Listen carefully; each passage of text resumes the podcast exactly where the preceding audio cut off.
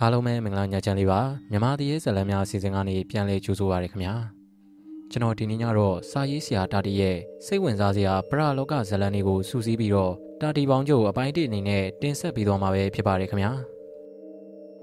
ဒီဇလံလေးမစခင်ကျွန်တော်ရဲ့ channel လေးကို subscribe လုပ်ထားပြီးဘေးကခေါင်းလောင်းလေးကိုလည်းနှိပ်ထားဖို့တောင်းဆိုချင်ပါတယ်ခင်ဗျာ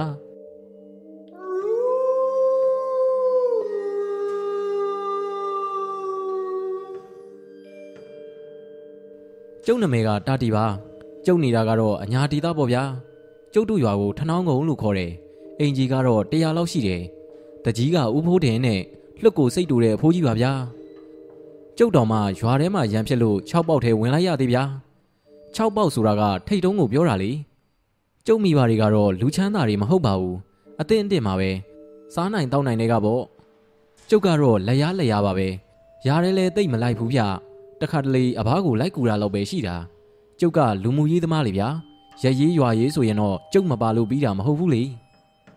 တာတရီအလူကိစ္စတိုင်ပင်ရင်လို့အိမ်မက်ကိုရှောက်ခဲ့ပါဦးကွာကဲအဲ့ဒါသာကြီးတော့ဗျာကျုပ်ကိုအဲ့ဒီလိုမျိုးတကူးတကလာပြီးတော့ဖိတ်မှန်တကပြုတ်ရတယ်ဗျကျုပ်ကလည်းရရေးရွာရေးလုံနေကြဆိုတော့အထာကတီးပြီးသားလေဗျာကျုပ်လို့ရင်လည်းဘာမဆိုတတ်တရရပြီးသွားတာဗျ အဘနဲ့အမေကလည်းကျုပ်ကရွာထဲမှာအရေးပါတဲ့လူဖြစ်နေတာကိုသဘောကျကြတယ်လေဒါပေမဲ့ခတ်တာကတခုရှိတယ်အဲ့ဒါကတော့ကျုပ်ရဲ့ဝါသနာပဲဗျဘာလဲဆိုတော့အာကြီးဆက်စုကျင်တာဗျကျုပ်ကငငယ်ကလေးကဘာမဆိုလွတ်တည်ကျင်တာလေဗျာထူးထူးဆန်းဆန်းကိစ္စဆိုရင်ပိုတော်ဆိုးသေးတယ်ဗျ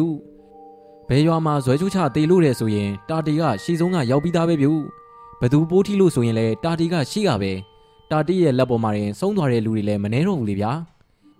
ဒီတော့လေထနောင်းကုန်းကတာတီဆိုရင်အနီးနားကဗန်ပွေးကုန်းဝက်စုငွေရင်ကုန်းတာယာကုန်းစားတဲ့ရွာတွေကပါမသိတဲ့သူကမရှိသလောက်ပဲဗျ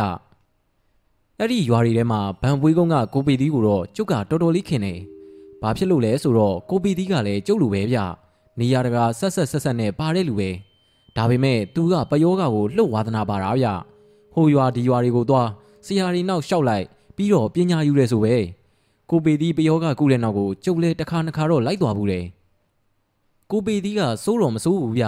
လူပုံကတော့အရက်ပူပြက်ပြက်ဂင်တိုတိုအသားကခက်မဲမဲနဲ့မျက်လုံးကလည်းပြူနှာခေါင်းကလည်းခက်ကြီးကြီးဗျ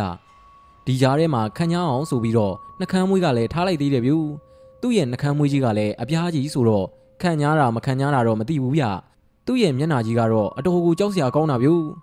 ပယောကချွတ်ပြီးဆိုရင်လည်းအတော်ကိုကြမ်းတာဗျ အရှိနေထွက်အနောက်နေဝင်တောင်တငါကုံမြောက်တူဝန်တွင်ပုံချင်းခိုချင်းကတ်ချင်းမရှိစေရဆရာဆရာကြီးတွေရဲ့တပည့်ကျော်ငါဆရာပေသည်ရဲ့အမိတ်အခုချက်ချင်းချင်းဆိုချင်းနင်းဆိုနင်းဝင်းဆိုဝင်ကတ်ဆိုကတ်ပူးဆိုရင်ပူးစမ်းကိုပေသည်ကအမိန်ပြန်တဲ့အစုံမှာလက်ထဲကစီးချိန်လုံးနဲ့ကျမ်းမြင်ကိုဗျံကနေရိုက်လိုက်တော့ပယောကတော့မသိဘူးဗျာဘေးကဝိုင်းကြည့်နေတဲ့လူတွေကလန့်ပြီးတော့ထအော်တော့တာဗျို့ကျုပ်တောင်မှနည်းနည်းတုံသွားသေးတယ်ကိုပေသည်ကတော့ခက်တီတီပဲဗျာ နှကမ်းမွေးပြပြကြီးကိုလက်နဲ့တစ်ချက်တက်လိုက်ပြီးတော့ပယောကကူးတဲ့မိမကိုသူ့ရဲ့မျက်လုံးပြူးပြူးကြီးနဲ့စိုက်ကြည့်နေတာမျက်တောင်တစ်ချက်မခတ်ဘူးဗျသူ့ရဲ့ရှေ့မှာကျုံကျုံလေးထိုင်ပြီးတော့ဖျားစင်ကိုလက်အုပ်ချီထားတဲ့မိမကလက်တီကွေးကောက်လာတော့တာဗျလာခဲ့အခုချက်ချင်းငါးစရာပေသီးရဲ့ရှေ့မောက်ကိုအရောက်လာခဲ့ချင်းဆိုချင်းနင်းဆိုနင်းကတ်ဆိုကတ်ဝင်းဆိုဝင်းအခုဝင်လိုက်စမ်းကိုပေသီးကကြမ်းမြင်ကိုစေးချိန်လုံးနဲ့ဗျံခနဲ့ရိုက်လိုက်လူတွေကလည်းလက်အောင်ကြတာပေါ့ဗျာဒါပေမဲ့ကြုတ်ကြည့်တယ်ဗျ သူတို့အားလုံးရဲ့မျက်လုံးတွေကတော့ပယောကပူးနေတဲ့မိမကိုစိုက်ကြည့်နေလိုက်ကြတာအသက်တောင်ရှူမိကြဖို့မပေါ်ဘူးဗျတဖြည်းဖြည်းနဲ့ကျုံကျုံထိုင်နေတဲ့မိမကတုံတုံရီရီဖြစ်လာပြီးတော့အတုံရက်သွားတဲ့အချိန်မှာကျုံကျုံထိုင်နေရကနေစက္ကနဲပဲတမင်ထချိတ်တော့တာပဲဗျပြီးတော့ဆရာကိုပေသီးကိုလည်းစူးစူးကြီးကြည့်နေတယ်ဗျကိုပေသီးကလည်းဘာရမလဲဗျာပယောကကိုမျက်တောင်မခတ်ဖဲနဲ့ပြန်ကြည့်တယ်ဗျ။အော်ယောက်ျားကိုငါကမိမကတ်နေတယ်ထင်တာ။ကဲပြောစမ်းဟဲ့ကောင်မင်းဘသူတုံး ကိုပေသီးကလက်ထဲကစေးကျိန်လုံးကိုမြောက်ပြီးရိုက်မလို့လှုပ်ပြီးတော့မေးတယ်ဗျ။ဒါပေမဲ့ဝင်ပူးနေတဲ့တရေကတော့နည်းနည်းတော့မတွန်းဘူးဗျ။မင်းငါ့ကိုရိုက်ရဲရင်ရိုက်လေကွာ။ဒီမိမအသက်ကိုအခုချက်ချင်းနှုတ်ပစ်လိုက်မယ်။ငါ့ကိုဘာများအောင်းမိနေလဲ။အေးဒါဆိုရင်မင်းကငါမရိုက်ဘူး။မင်းဘသူလဲဆိုတာပြော။ငါကအနောက်ဘက်တောထဲမှာနေတဲ့ကောင်ဟေ့ဟင်အနောက်ဘက်တောမှာနေတဲ့ကောင်ကမပူကြီးကိုဘာလို့ဝင်ကတ်နေတာတော့ ဟော်ဒီကောင်မကအာကြီးနှုတ်ကျန်းတာငါနေတဲ့ကြီးပင်ကြီးအောင်မှာလာပြီးတော့စရဲချတယ်ချက်ပြုတ်စားတယ်တောထဲကိုဝါလာခုတ်တိုင်းငါအပင်အောင်မှာပဲစရဲချတာပါဇက်ကလည်းလွတ်ကြမ်းတဲ့မိန်းမကွာငါတို့လိုတက်ကြီးဝါကြီးတွေကိုအစားအသောက်လေးတဆုပ်တလုတ်ကျွေးရမှန်းလည်းမသိလင်းကိုဆဲလို့ဆဲရုပ်ရုပ်မာမာတွေလည်းပြောလိုက်တာလွန်မာရောဒင်းကိုကြောင်းမန်းကံမန်းတိအောင်ငါလှုပ်ထားတာဒီကောင်မတနေ့သုံးကဘိုက်အောင်နေမလားလှိတ်နေအောင်ကိုခံရတာလေအေးမှတ်လောက်သားလောက်ရှိအောင်ငါလှုပ်ထားတာပဲ မင်းနာမည်ကဘာတူလဲငါနာမည်တော့ငါလည်းမသိဘူးတခြားတရေတွေခေါ်ကြတာတော့မှုေးနေကြီးတဲ့မင်းအသက်ကရောဘယ်လောက်ရှိပြီလဲငါနောက်ဖက်တော်ကိုရောက်တော့နင်တို့ရွာကဒီနေရာမှာတော့မရှိသေးဘူးငါရဲ့အသက်က400ကျော်နေပြီကျုပ်တို့အားလုံးလည်းတန်တော်ဖြစ်သွားကြတာဗျို့ငါလှုပ်ရင်နင်တို့တရွာလုံးတန်းစီပြီးတော့တည်သွားမယ်ဘာမှတ်နေတော့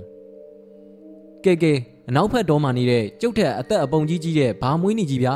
ကျုပ်ဆရာပေသီးကမြတ်တာရက်ခံပါတယ်မပုကြီးကိုကျုပ်တို့အားလုံးဝိုင်းဝန်းဆုံးမပါမယ်နောက်ကိုလည်းနှုတ်အားမကြမ်းတမ်းမှုပြီးတော့ဘာမွေးနီနေတဲ့ကြီးပင်ကြီးအောင်မှာစတဲ့ချချက်ပြုတ်စားတဲ့အခါတိုင်းဘာမွေးနီကိုလည်းဖိတ်မှန်တကားပြုတ်ပြီးတော့ကျွေးဖို့မွေးဖို့ပြောပြပါမယ်အခုဘာမွေးနီကဘာများအလိုရှိပါသလဲကိုပေသီးကလေပြေကလေးနဲ့မြစ်တာရက်ခံနေဗျမွေးနီကြီးကိုနည်းနည်းလန့်သွားသလားတော့မပြောတတ်ဘူးဗျူအမြဲတမ်းတဝင်းဝင်းလုံနေတဲ့သူ့ရဲ့စီးကျိန်လုံးကိုတော့ကြမ်းမြင်မှာချထားလိုက်တယ်ဗျ ငါ့ကိုအမဲသားကျွေးကြဟာကျွေးပါမယ်ဗျာကျွေးပါမယ်ဘယ်လောက်များစားကြင်ပါသလဲသုံးပိတ်သာကျွေးရမယ်သုံးပိတ်သာဟုတ်လားကျွေးမယ်ဗျာကျွေးမယ်မနှက်ဖြန်ညက်နေနရိုင်းသွင်းချိန်မှာဘာမွေးနေနေတဲ့ကြီးပင်ကြီးအောက်ကိုလာပို့ပေးမယ်ကျုပ်ကိုယ်တိုင်လာပို့ပါမယ်အခုတော့ပူကြီးမကိုလှုပ်ထားတာတွေတခုမကြံပြန်နှုတ်သွားပေးပါဗျာမြစ်တာရက်ခံပါတယ်ပူကြီးမကိုမိမွေးတိုင်းဖမွေးတိုင်းဘာမှကန့်ညိပြီးမကြံခဲ့အောင်နှုတ်ယူသွားပေးပါဘာမွေးနီအေးကောင်းပြီ ငါလှုပ်ထားတာတွေကိုအခုငါပြန်သိမ်းလိုက်မယ်နင်တို့ဂရီမတီလိုကတော့တရွာလုံးကိုငါအသေးသက်ပြမှာနော်ဟာမလုပ်ပါနဲ့ဗျာကျွေးပါမယ်ဘေးကကြည်နေတဲ့သူတွေကလန့်ပြီးတော့တယောက်တစ်ပေါက်အော်ချတော့တာဗျို့ဒီအတွက်တော့စိတ်ချပါကျုပ်ကတီလာသမารီနဲ့ပြည်စုံတဲ့ဆရာပေသီးပါကျုပ်ကအာမခံပါတယ်ကိုပေသီးကရုတ်တီကြီးနဲ့ပြောလိုက်တော့မတ်ပူကြီးရဲ့တကူလုံးတဆက်ဆက်တုံလာတော့တာဗျို့လက်ကြီးတွေကားပြီးတော့လေထဲကိုမြောက်တက်လာတယ် ပြီးတော့သူ့ရဲ့တကူလုံးကိုလက်ဖွားနဲ့တက်ချတယ်ဗျလေးငါးကတက်ချလိုက်ပြီးမှဝါကနေပါဇက်ဖြဲပြီးတော့တန်းလိုက်တယ်မပူကြီးလည်းထိုင်နေရာကနေပျောက်ခွေကျသွားတော့တာဗျို့ဟဲ့ပူကြီးပူကြီးကိုပေသီးရဲ့အာကျေကျေကြီးနဲ့ခေါ်တဲ့အတန်ကြောင့်မပူကြီးကစက်ကနေဖြစ်ပြီးတော့ခေါင်းမော့လာတယ်ကိုပေသီးကသူ့ရဲ့ရှေ့မှာချထားတဲ့ရေစင်ခွက်ထဲကရေနဲ့မပူကြီးကိုနှစ်ခါသုံးခါတောက်လိုက်တယ်ဗျပြီးတော့မျက်လုံးထဲကိုလည်းမျက်စင်းခတ်ပေးလိုက်တယ်ကဲအားလုံးတော့ရှင်းသွားပြီ ပူကြီးရေနင့်ပါဇက်ကိုနင်ဒီနေ့ကစပြီးတော့နိုင်အောင်ထိမ့်ပြီးတော့နင်ကန်ကောင်းလို့မသိတာငါလူဆရာနဲ့တွေ့ပြီလို့ပေါ့တော်ယုံတန်ယုံဆရာနဲ့တွေ့လို့ကတော့နင့်အသက်ပါပါသွားတော့ပြီဟိနဲတဲ့အကောင်ကြီးမဟုတ်ဘူးဟဲ့ခမားတို့အားလုံးကြားလိုက်တဲ့အတိုင်းပဲလေဟုတ်ပါပူကြီးရဲ့နင့်ကိုဆရာကိုပေတီကယ်လိုက်လို့ပဲနှုတ်မို့ဆိုရင်တော့နင်းမလွယ်ဘူးနင့်ပါဇက်ကလည်းတဲ့ကျန်းတာကိုကဲကဲမနှက်ဖြန်မျိုးကိုစောစောသွားအမဲသားသုံးပိတာဝဲခဲ့ အကြီးတော်လုံးကြီးကပြောလိုက်တော့မပူကြီးရဲ့ယောက်ျားကိုသာထုံးကဝင်ပြီးပြောတယ်ဗျစိတ်ချအကြီးရေကျုပ်မနက်ခင်းကိုဝေလီဝေလင်းထသွားပြီးတော့ဝယ်လာခဲ့မယ်ဗျမနက်ဖြန်ညနေသွားရင်တော့ဆရာကိုပေတီလိုက်ခဲ့ပါဗျာကျုပ်တို့ကြီးပဲမသွားရဲဘူးဗျအေးပါငါလိုက်ခဲ့ပါမယ်တာတွန်းရပြီးတော့မနှက်ဖြန်ကြရင်ငပြောဘက်ကြီးကြီးသုံးလီရွက်လဲခုတ်ထားကြဟိစိတ်ချစိတ်ချကိုပေတီကျုပ်တို့အားလုံးအစင်သင်းလှုပ်ထားလိုက်ပါမယ်ပယောကထုတ်တဲ့ပွဲကတော့အောင်အောင်မြင်မြင်ကိုပြီးသွားတာဗျို့ နေတိုင်းဘိုင်းအောင်လို့အော်နေရတဲ့မပူကြီးလဲယူပြစ်တယ်လို့ကိုပျောက်သွားတာဗျရွာသားတွေကလည်းအားလုံးအံ့ဩကြတာပေါ့ဗျာကိုပေတီရဲ့တရင်ကလည်းကြော်ထွက်လာတာပေါ့လေဟိုရွာကလာခေါ်ဒီရွာကလာခေါ်နဲ့လက်တောင်မလဲဘူးဆိုပဲကျုပ်လဲနောက်ပိုင်းမှာတော့ကိုပေသီးနဲ့တိတ်ပြီးမတွေးပြတော့ပါဘူးဗျာတနေ့တော့ကျုပ်လဲပြင်းပြင်းရှိတာနဲ့မကြီးပင်အောက်ကကိုပြက်မှာတုံးလုံးလဲနေတယ်ဗျကိုကြီးတာတွေကိုကြီးတာတွေဟေးဘသူတုံးဟာလာခဲ့လေကွာငါဒီမှာရှိတယ် ကျုပ်ကမကြီးပင်အောက်ကအတန်ပြူလိုက်တော့ဝိုင်းထဲကိုကောင်းလေးတစ်ယောက်ဝင်လာတယ်ဗျဟာမြက်ပြူပါလားလာလေကွာမြက်ပြူးကကြုတ်လှဲနေတဲ့ကိုပြည့်ရဲ့အဆက်မှာဝင်ထိုင်လိုက်တယ်ဗျကိုကြီးတတွေရွာအပြင်ကဇရက်ကြီးပေါ်မှာလူကြီးတယောက်ရောက်နေတယ်ဗျအဲ့ဒီလူကြီးကပြောခိုင်းလိုက်လို့ကျုပ်လာပြောတာဟေးဘသူလုံးကွာအဲ့ဒါတော့ကျုပ်လည်းမသိဘူးဗျကျုပ်တို့ထနောင်းကုန်းကတော့မဟုတ်ဘူးဗျလူပုံစံလဲပြောဦးလေမြက်ပြူးရဲ့ လူပုံစံကတော့အသားမဲမဲမျက်လုံးပြူပြူနှာခမ်းမွေးကြီးနေဗျသူ့ရဲ့ပုံစံကတမျိုးကြီးပဲကိုကြီးတတရ။အော်အရက်ပူပူနဲ့လား။ဟုတ်တယ်ကိုကြီးတာတရေအရက်ပူပူနဲ့ပဲဗျ။အော်ဒါဆိုရင်ငါသိပြီမြက်ပြူရဲ့အဲ့ဒါကိုပေသီးပဲ။အေးငါသွားလိုက်မယ်။ဒီလူဘာကိစ္စများရှိလို့ပါလေမျက်ပြူးပြန်သွားတော့ကျုပ်ကလည်းပစိုးတစ်ထဲပခုံးပေါ်တင်ပြီးတော့ထွက်လာခဲ့တယ်ဗျ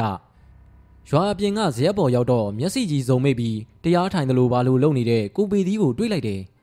ကျုပ်ရဲ့ခြေတံကြတော့မျက်စိပြူးပြူးကြီးကိုဖွင့်ကြည့်တယ်ဗျဟာတာတီလာလီကွာငါကမင်းနဲ့တွေ့ကျင်လို့လာခဲ့တာကွာကိုပေသီးကလည်းဗျာရွာထဲဝင်ခဲ့ရင်ပြီးရောအိမ်လဲတည့်ရတာနဲ့ကဲကဲလာအိမ်ကိုသွားမယ်ကိုပေသီးကကြပြားကြရလက်ကပြတယ်ဗျမဟုတ်ဘူးတာတရဲ့ငါတို့ကဆရာသမားတွေကွာ ရွာတရွာကိုဝင်ကျင်တိုင်းဝင်ထွက်ကျင်တိုင်းထွက်လို့မကောင်းဘူးလေကွာရွာတိုင်းမှာရွာသူဆိုတာရှိတယ်ရွာဆောင်နေလည်းရှိတယ်ကွာသူတို့ကိုအကြောင်းပြုပြီးမှဝင်လို့ထွက်လို့ရတာအဲ့ဒါကြောင့်အလုရှုပ်လို့မဝင်တော့တာဒီမှာပဲပြောစရာကိစ္စကိုပြောကြတာပေါ့ကွာဩဒါကြောင့်လားဗျကဲဒါဆိုရင်လည်းဒီမှာပဲပြောကြတာပေါ့ဗျာကိုပီသီးကသူ့ရဲ့လွယ်ကြီးတွေကတနက်ဖက်ဆေးလိပ်အတစ်တလိပ်ကိုထုတ်ပြီးတယ်ဗျကဲဆေးလိပ်လေးပါလေးဖွာလိုက်ပါအောင်ကွာအမောပြေပေါ့ ကိုပေသီးကပြောရင်းနဲ့မိခက်ကလေးလည်းထုတ်ပြီးတယ်ဗျကိုပေသီးကင်နေကြမိခက်လေးလေးဗျာဒနုဖြူကလှုပ်တဲ့ကြီးဝါမိခက်လေးကျုပ်လဲဆေးလိပ်ကိုမင်းညစ်ပြီးတော့တဖွာနှစ်ဖွာဖွာလိုက်တယ်ကိုပေသီးကစကားဆတယ်ဗျငါလာတာကိစ္စတစ်ခုရှိလို့တာတရဒီနေ့မနက်အစောကြီးငါတို့ရွာတောင်ဘက်ကငွေရင်းကုန်းမှာကောင်မလေးတစ်ယောက်ပိုးထိပြီးတော့တည်သွားတယ်ကိုပေသီးကမွေးကူးနိုင်တာပဲသွားမကူဘူးလားဗျငါ့ကိုလာပင့်လို့လိုက်သွားတယ်ကွာ ဒါပေမဲ့ငါရောက်တော့မမီတော့ဘူးတာတရေကောင်မလေးကဆုံးသွားပြီဟာဖြစ်မှဖြစ်ရလေဗျာအေးကွာမွေစိတ်ကလည်းတကူလုံးကိုပြန့်နေပြီငါရောက်တော့တိမ်လုံးကလည်းငိုနေကြပြီငါလည်းအိမ်ပေါ်မတက်တော့ဘူးလေကွာလှဲ့ပြီးတော့ပြန်လာခဲ့တယ်ဒီမှာနေမဲ့ငါအရန်အံ့ဩသွားတယ်ကွာဟင်ဘာဖြစ်လို့လဲဗျဒီလိုတာတီရဒီနေ့ကတနင်္ဂနွေနေ့မလားဟုတ်တယ်လေဗျာဒီနေ့တနင်္ဂနွေပဲအေးကွာ ကောင်မလေးဆုံးတာကမနက်9နာရီထိုးလောက်ပဲအဲ့ဒါကတနင်္ဂနွေခါပဲကွာပြီးတော့ဒီနေ့ကပြာသူလာစံတရက်လေးပိုးထီးတဲ့ကောင်မလေးကအသက်16နှစ်တဲ့အပြူစစ်စစ်ပဲနာမည်ကမအေးဝင်းနဲ့တနင်္ဂနွေသမီးတယ်ကွာအဲ့ဒီတော့ဘာဖြစ်လို့တော့ကိုပေးသေးရဲ့ဟာအဲ့ဒါမျိုးကအင်မတန်ကိုကြုံတောင်းကြုံခဲတာတရပီရစေးကွာပီရစေးဗျာပီရစေးဟုတ်လားကိုပေးသေးဟုတ်တယ်လीကွာပီရစေးဖော်လို့ရတယ်ကွာ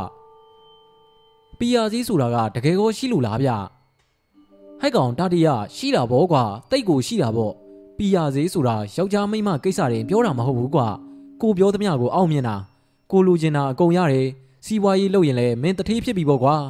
မင်းမလိုချင်ဘူးလားဟာဒီလိုဆိုရင်တော့လိုချင်တာဗောဗျဒီစေးတာရရင်မြုပ်တက်ပြီးတော့ပဲပွဲယုံနှံပွဲယုံတွေထောင်ပစ်လိုက်မှာဗောအေးဗောကွာတတိယကဲပြောပြကိုပေသည်ဘလို့လုပ်ရမှာလဲ ဟာဒါတွေကငါတက်ပါတယ်ကွာငါပိုက်ပါတယ်အခုလိုမျိုးလာတလရဲ့လာဇန်ရက်မှာတနင်းကနေကြဖို့အဲ့ဒီတနင်းကနေကြတဲ့လမှာတနင်းကနေရဲ့ခါမှာပဲတနင်းကနေသမီးအပြူစစ်စစ်တယောက်အစိမ့်နေသေးဖို့ဆိုတာတွေကကြုံဖို့မလွယ်ဘူးကွာအခုကတော့ကြုံပြီဟိစောစောကပဲသူတို့အာတုဘချလိုက်ကြပြီမြုပ်ထားတဲ့မြေပုံကိုတေးသေးချာချာမှတ်ပြီးမှငါမင်းစီကိုလာခဲ့တာကွာဟင်သူတို့ကချက်ချင်းတကြိုတာလားဟာဒါမျိုးကရက်မထားကြဘူးလေကွာအစိမ့်သေးကွာချက်ချင်းချရတယ် ရက်ထားရင်ရွာခိုက်တတ်တယ်ကွာ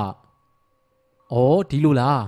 ။အေးဟုတ်တယ်ဟေးညာမိုးချုပ်တာနဲ့မင်းပေါက်တူးတက်လက်ဆွဲပြီးတော့ငွေရင်းကုန်းတုတ်တန်ကိုလာခဲ့ပြီးတော့ငါလည်းပေါက်တူးတက်လက်ယူခဲ့မယ်။ပြီးတော့လိုရာတွေကိုလည်းငါအားလုံးယူခဲ့မယ်။မင်းလာရဲမှလားတာတီ။ဟာကိုပေဒီကလည်းကျုပ်ကတာတီပါဗျ။ဒီလိုထူးထူးဆန်းဆန်းကိစ္စမျိုးဆိုရင်တာတီတို့ကအခုလားဆိုတာမျိုးပဲစိတ်သာချပြူညကြရင်ကျုပ်အရောက်လာခဲ့မယ်။အေးကောင်းပြီကွာ။ ငါတို့ကသကောင်းမကြောခင်လုံးရမှာနော်ဟိုဘက်ရက်ကိုခူးသွားရင်မအောင်တော့ဘူးကွာ။အော်ဒီလိုလားတနင်္ဂနွေမကြောခင်အပြီးစီရင်ရမှာပေါ့။အေးဟုတ်တယ်တာတီကြီးကဲကဲငါရွာပြန်ပြီးတော့စီစဉ်စရာရှိတာတွေစီစဉ်လိုက်အောင်မယ်။ကိုပေဒီကပြောပြောဆိုဆိုနဲ့လွယ်ကြီးလွယ်ပြီးတော့ထွက်သွားတယ်ဗျ။ကျုပ်ကလည်းရွာကိုပြန်လာခဲ့တာပေါ့ဗျာ။ကိုပေဒီပြန်သွားတော့ပဲညနေ၄နာရီလောက်ရှိနေပြီ။ကျုပ်ကလည်းမကြီးပင်အောက်ကကိုပြက်မှာအသာပြန်ထိုင်ပြီးတော့ကိုပေဒီပြောတာတွေကိုပြန်တွေးနေမိတယ်။ ပီယာဈေးဆိုတာတကယ်ရှိတာ哦ဒီဈေးရရင်တော့ပြောတိုင်းအောင်ဆိုပဲပြီးပြီပေါ့ဗျာတာတီတယောက်ကတော့တထေးဖြစ်ပြီပေါ့ကျုပ်ရဲ့မျက်စိထဲမှာအခုကိုမြင်နေတာဗျကျုပ်ကအင်ဂျင်အကောင်းစားပစိုးအကောင်းစားတွေနဲ့ကျုပ်ပိုင်နဲ့ပဲပွဲယုံကြီးရှိကမော်တော်ကားတစ်စီးပြီးမှရက်နေတာဗျပွဲယုံနာမည်ကလည်းဗါတဲ့တာတီပဲနှန်းရောင်းဝယ်ရေးတယ်ဗျကျုပ်ရဲ့အလုပ်သမားတွေကလည်းပဲအိမ်နှဲအိတ်တွေထမ်းလို့ပေါ့ဗျာဟဲ့တာတီငုတ်တုတ်ကြီးထိုင်ပြီးပြုံးပြုံးကြီးတော့ဘဘာရီများသဘောကျနေတာတော့ဟဲ့ လာလီထမင်းစားရအောင်အမေအော်တန်ကြားလိုက်တော့မှပဲကျုပ်ကလန့်ပြီးတော့အတွေးတွေရက်သွားတာပေါ့ဗျာငကားစီးဘောလေးလေးတလိပ်ဖွာရင်းနဲ့ပေါက်တူးကိုမကြီးပင်ရင်မှထောင်ထားလိုက်တယ်သုံးတောင်ထိုးဓမီကိုလည်းမတိမတာပဲကျုပ်ကယူထားလိုက်တယ်မိုးဆုံဆုံချုပ်ပြီးဆိုတော့မှဓမီလေးခါမှထိုးပြီးပေါက်တူးကိုပခုံးမှထမ်းပြီးတော့ကျုပ်ကထွက်လာခဲ့တယ်လားကွယ်ညားပြကျေရောင်လေးပဲရှိတာဒါပေမဲ့ကျုပ်အတွက်တော့ဒီလမ်းတွေကကြိုက်တဲ့အချိန်ထသွားနေကြလမ်းတွေပါဗျာ ငွေရင်းကုန်းတုတ်တန်ကိုရောက်ဖို့ဆိုရင်ဗန်ပွေးကုန်းဘက်ကိုရင်သွားရမယ်ပြီးတော့ဗန်ပွေးကုန်းတောင်ဘက်ကညောင်ကျက်ပင်ကြီးရောက်ရင်အနောက်ဘက်ကိုချိုးချလိုက်ရုံပဲလေစုစုပေါင်း2နာရီလောက်တော့သွားရမယ်ထင်တယ်ကျုပ်လည်းပေါက်တူးတစ်လက်ထမ်းပြီးတော့တုတ်ချီတင်ရတာပေါ့ဗျာတစ်ချက်တစ်ချက်တော့ကြောထဲကစိတ်သွားတယ်ဗျပီယာဈေးလိုချင်တဲ့ဇောကကတ်နေတော့တိတ်တော့မကြောက်လှဘူးပေါ့လေဗန်ပွေးကုန်းတောင်ဘက်ကညောင်ကျက်ပင်ကြီးအောက်ရောက်တော့တစ်ပင်ကြီးပေါ်ကဇီးခွက်တကောင်လားမသိပါဘူးဗျာထအော်လိုက်တာကြက်သိန်းတွေကိုဖြန်းကနေထသွားတာပဲ စိတ်ထဲကနည်းနည်းကြောက်လာလိုက်ပီယာဈေးအကြောင်းတွေးလိုက်နဲ့အနောက်ဘက်ကိုချိုးလိုက်တယ်ငွေရင်းကုန်းတုတ်တန်ရှိတဲ့ဘက်ပေါ့ဗျာကိုပေဒီကြီးကတော့ရောက်နေလောက်ပြီထင်ပါရဲ့ဗျူငွေရင်းကုန်းတုတ်တန်အဝါရောက်တော့တစ်ပင်အုပ်အုပ်ကြီးတွေနဲ့တော်တော်ကိုမှောင်ရိပ်ကြီးကြနေတာဗျရုတ်တရက်ကြီးခွေးဥတန်ကိုကြားလိုက်ရတော့ကျုပ်စပင်းနေတောင်ထောင်သွားသလားလို့ထင်လိုက်ရတယ်ဗျူကျုပ်ကလည်းခါးကြကဓမီလေးထုတ်ပြီးတော့ထိုးရတော့တာပေါ့ဗျာမွေပါကင်းပါကလည်းရှိသေးတယ်မို့လားဓမီနဲ့ဟိုထိုးတီထိုးလုပ်ပြီးတော့တုတ်တန်စရက်ကိုရှာရတာပေါ့ ကိုပေဒီရောက်နေရလဲကျုပ်လာတာကိုတွေးအောင်ပေါ့ဗျာမီးထိုးပြီးတော့ဇရက်ကိုရှာရတာလေဟောတွေးပြီဗျို့ကုတ်ကိုပင်အုပ်အုပ်ကြီးတွေရဲ့အောက်မှာဇရက်ကလေးဗျကျုပ်ကဇရက်ပေါ်ရောက်တော့ကိုပေဒီကိုရှာလိုက်တယ်မတွေ့ဘူးဗျို့ခွေးဥတန်ကြီးကရုတ်တရက်ထွက်လာပြန်တော့ကျုပ်ကလန့်သွားလိုက်တာပြောမနေပါနဲ့ဗျာမဟုတ်သေးပါဘူးကိုပေဒီကကြိုပြီးတော့ရောက်နေရမှာဘလို့ဖြစ်လို့နောက်ကျနေပါလိမ့်ဇရက်နောက်ဘက်ကတစ်ကိုင်းကြောက်ကိုတက်နေတဲ့အတန်ကြားလိုက်ရလို့ကျုပ်ကချက်ချင်းပဲလှည့်ကြည့်လိုက်တယ်။ အော်ကိုပီသီးကရောက်နေပြီကိုဇရက်ပေါ်တက်လာတဲ့ကိုပီသီးကိုကျုပ်ကပြောလိုက်တယ်ဗျ။ကိုပီသီးမရောက်သေးဘူးမှတ်နေရဗျ။ငါရောက်နေတာကြားပါပြီတာတရားတနင်းကနေသမီးကိုထားတဲ့တင်းချိုင်းကိုတေးချအောင်သွားကြည့်တာကွာ။ငါတို့တွေမြေကိုတော့တိတ်တူရမှာမဟုတ်ဘူးကွာ။မြုပ်တဲ့သူတွေကခက်ဖွားဖွားပဲဖိုးခဲ့တာ။ကိုပီသီးကဆေးဘောလိတ်ကိုမင်းညှိပြီးတော့ဖွာနေတယ်ဗျ။အဲ့ဒီအချိန်မှာပဲခက်လန်းလန်းကခွေးဥတန်ကြီးကထပ်ပြီးတော့ထွက်လာတာဗျို့ ဒီတစ်ခါခွေးဥတန်ကပျောက်မသွားဘဲနဲ့ကျုပ်တို့ဘက်ကိုလာနေသလိုပဲဗျကျုပ်ကခွေးဥတန်ကိုနားဆွနေတယ်ကဲတာတီကြီးငါတို့ကိုလှုပ်ရှားလိုက်ကြရအောင်ကိုပီဒီကပြောပြောဆိုဆိုထားလိုက်တယ်ဗျကျုပ်ကလည်းပေါက်တူးကိုဆွဲပြီးတော့ထားလိုက်တယ်ငါပေါက်တူးကတော့မြေပုံနားမှာထားခဲ့တာဟိကျုံနဲ့ကိုပီဒီမြေပုံနားကိုရောက်တော့ကိုပီဒီကပြောတယ်ဗျဒီမြေပုံမဲတာတီကဒါတနင်္ဂနွေသမီးရဲ့မြေပုံမဲလေကိုပီဒီကမြေပြင်ပေါ်ကိုထိုင်ချလိုက်တယ် သူယူလာတဲ့မီးအိမ်လေးကိုမှန်ပြောင်းမှပြီးတော့မီးထွန်းလိုက်တယ်ဗျမီးအိမ်လေးကသင်းဘောတွေမှာတုံးတဲ့လေကာပါတဲ့မီးအိမ်လေးလေးဗျာကဲမင်းရဲ့ဓမီကိုချထားလိုက်တော့တာတရေလိုမှပဲဓမီကိုသုံးกว่าအဝေးကနေလှမ်းမြင်နိုင်တယ်ကျုပ်တို့နှစ်ယောက်လည်းပစိုးခတ်တူတူပြင်ဝင်းလိုက်ကြပြီးတော့မြေပုံကိုတူးဖို့လုပ်ရတာပေါ့ဗျာဒီမှာရင်မဲကိုပေသီးကမြေပုံရဲ့ခေါင်းရင်းကသွားပြီးရက်လိုက်တယ်ဗျအရှိနေထွက်အနောက်နေဝင်တောင်တငါကုံမြောက်တူဝန်အတွင်း ကျုပ်ဆရာပေသီးရဲ့အမိန့်ပြန်တန်းသည့်ပြန့်နှံ့ရောက်ရှိစေသည်ကျုပ်ဆရာပေသီးကခုနှစ်ရက်သားသမီးတို့ရဲ့အကျိုးကိုလိုလားသောအဖြစ်ဒီတနင်္ဂနွေသမီးရဲ့အကူအညီကိုယူလိုပါတယ်ဒီကလေးမလေးရဲ့ဝိညာဉ်ကိုဟန်တားထားခြင်းထိမ့်သိမ်းထားခြင်းလှည့်ပြားထားခြင်းအရှင်းမရှိစေရတနင်္ဂနွေသမီးကရောက်ရအရက်ကနေအခုချက်ချင်းကျွန်ုပ်ထံသို့အရောက်လာခဲ့ရမည်ကျုပ်ဆရာပေသီးရဲ့အမိန့်ကိုပေသီးကလက်ထဲမှာကင်ထားတဲ့သူ့ရဲ့စေးကျိန်လုံးနဲ့မြေပုံမုံမို့ကြီးကိုဖြန်းကနေမိအောင်ရိုက်လိုက်တယ်ဗျ ကဲတာတီတူးကြစို့ဟေ့မီးအိမ်ရဲ့အလင်းရောင်လေးနဲ့ကျုပ်တို့နှစ်ယောက်တင်းချိုင်းကိုစပြီးတော့တူးတာပေါ့ဗျာတော်တော်လေးတူးပြီးတော့ထောက်ကနေအတန်ကြားလိုက်ရတယ်ဗျဖြည်းဖြည်းလှုပ်တာတီတစ်တာကိုထိနေပြီကွာကျုပ်တို့နှစ်ယောက်ချွေးလီပြန်လာတဲ့အချိန်လောက်မှာပဲတစ်သားခေါင်းကြီးကပေါ်လာတာဗျရုတ်တရက်ဆုံးရုတ်တရက်တကြိုရတာဆိုတော့အခေါင်းကတော့အကျန်းထည်ကြီးပေါ့ဗျာကဲတာတီအခေါင်းကိုဖွင့်မယ်ဟိမင်းနောက်ဆုတ်လိုက် ကျုပ်တို့နှစ်ယောက်ဖော်ထားတဲ့တစ်သားအခေါင်းကြီးကိုကားရခွက်ရက်ပြီးတော့ကိုပေဒီကအသိယူလာတဲ့တန်ကလော်နဲ့အခေါင်းဖုံးကိုဖွင့်နေဗျအေးရပြီကွာပွင့်ပြီပြောပြောဆိုဆိုနဲ့ကိုပေဒီကအခေါင်းဖုံးကြီးကိုမပြီးတူးထားတဲ့မြေကြီးပုံပေါ်ကိုတင်လိုက်တယ်မီးအောင်အောင်မှာကျုပ်မြင်လိုက်ရတာကတကူလုံးမဲပြနေတဲ့ကလေးမလေးရဲ့အလောင်းပြနမေကမအေးအေးဝင်နဲ့တနာပါတယ်ဗျာသူ့ခမရအရွယ်ကောင်းလေးရောက်မှတေးရတာ ကိုပေဒီကတော့သူ့ရဲ့လွယ်ကြီးကိုယူပြီးအထက်ကကြောက်ပြန်လေးကိုထုတ်လိုက်တယ်ဗျပြီးတော့တနခါးတုံးတုံးနဲ့ရေးထည့်ထားတဲ့ပလင်းတစ်လုံးကိုလည်းထုတ်လိုက်တယ်အလောင်းရဲ့ရင်ဘတ်ပေါ်ကိုကြောက်ပြင်ကိုတင်လိုက်တယ်ကြောက်ပြင်ပေါ်မှာတနခါတုံးလေးတင်ထားတယ်ဗျရေပလင်းကလည်းဘေးမှာထောင်ထားတယ်တနင်္ဂနွေသမီးအေးအေးဝင်းငါဆရာခေါ်တယ်အခုချက်ချင်းရောက်လာဘသူမှမဟန်တားစီရငါဆရာရဲ့အမိန့်ကျုပ်ကလည်းမျက်လုံးကိုပြူးနေအောင်ကြည့်တာပေါ့ဗျာဘာမှတော့မထူးခြားဘူးဗျ အလောင်းကလည်းငြိမ်နေတာပဲဗျတနင်္ဂနွေသမီးငါဆရာပေသီးရဲ့အမိန့်အခုချက်ချင်းလာခဲ့ဒီကိုယ်တဲကိုပြန်ဝင်လိုက်အခုပြန်ဝင်လိုက်အနောက်ဘက်ကလေအေးလေးကတစ်ချက်ဝိတ်တိုက်သွားတယ်ဗျကျုပ်ရဲ့တကူလုံးစိတ်ငနေဖြစ်သွားတာကိုတတိထားမိလိုက်တယ်ဆွဲဆွဲငင်ငင်ဦးလိုက်တဲ့ခွေးဥတန်ကြီးတတန်ကထွက်လာပြန်တယ်ဗျစရက်ခေါင်မိုးပေါ်ကငှက်တကောင်ထပြန်သွားတဲ့အတန်ကိုလည်းကြားနေရတယ်ခွေးဥတန်ကမရက်တော့ဘူးဗျဇက်တိုက်ကိုထွက်နေတယ် အနာကတစ်ပင်ဒီပေါ်မှာအိတ်တန်းတက်နေတဲ့ဗျိုင်းနေတော်မှထပြီးပြန်ကုန်တယ်ဗျတခုခုပဲဆိုတာတော့ကြုတ်တွေးမိတယ်မီးအောင်ဖြော့ဖြော့လေးအောင်မှာတကူလုံးမဲပြနေတဲ့လူသေးရလောင်းကြီးဗျပြီးတော့မြေချင်းပိမှာထိုင်ပြီးတတွတ်တွတ်နဲ့အမိန်ပေးနေတဲ့ဆရာကိုပေသီးရဲ့တင်းချိုင်းတစ်ပြင်းလုံးဟိမ့်ထွက်နေတဲ့ခွေးဥတန်ကြီးရဲ့တဖြန်းဖြန်းထပြန်နေတဲ့ငှက်တရဲ့အတန်ရဲ့တော်တော်ကိုခြောက်ချားစရာကြီးပါဗျာကျုပ်ဖြင့်ကြက်သိန်းတွေကိုတဖြန်းဖြန်းထနေတာဗျဟာအဲ့ဒီအချိန်မှာပဲကျုပ်လုံးဝထင်မထားတာတခုဖြစ်သွားတာဗျ ကျုပ်ကတော့တကိုယ်လုံးကိုစက္ကနဲ့တုံသွားတယ်ဗျဘာဖြစ်တာလဲသိလားအလောင်းကြီးကမျက်စိတွေဖြတ်ကနေပွင့်လာတာဗျဟုတ်ရဲ့လားလို့ကျုပ်ကတိတ်တိတ်ချာချာကြည့်တယ်ဟုတ်ပါဗျာမျက်လုံးကြီးကိုပြူးနေတာပဲအေးဟုတ်ပြီတနင်္ဂနွေသမီးရောက်ပြီငါဆရာရဲ့အမိန့်ထားထိုင်လိုက်ဆရာကိုကူညီရမယ်ဟောဗျာထားပြီပြိုးထားပြီအလောင်းကမျက်လုံးပြူးကြီးနဲ့ထားထိုင်နေပြီဗျအောင်မလေးဗျာတကယ်ကိုထိုင်တာပါ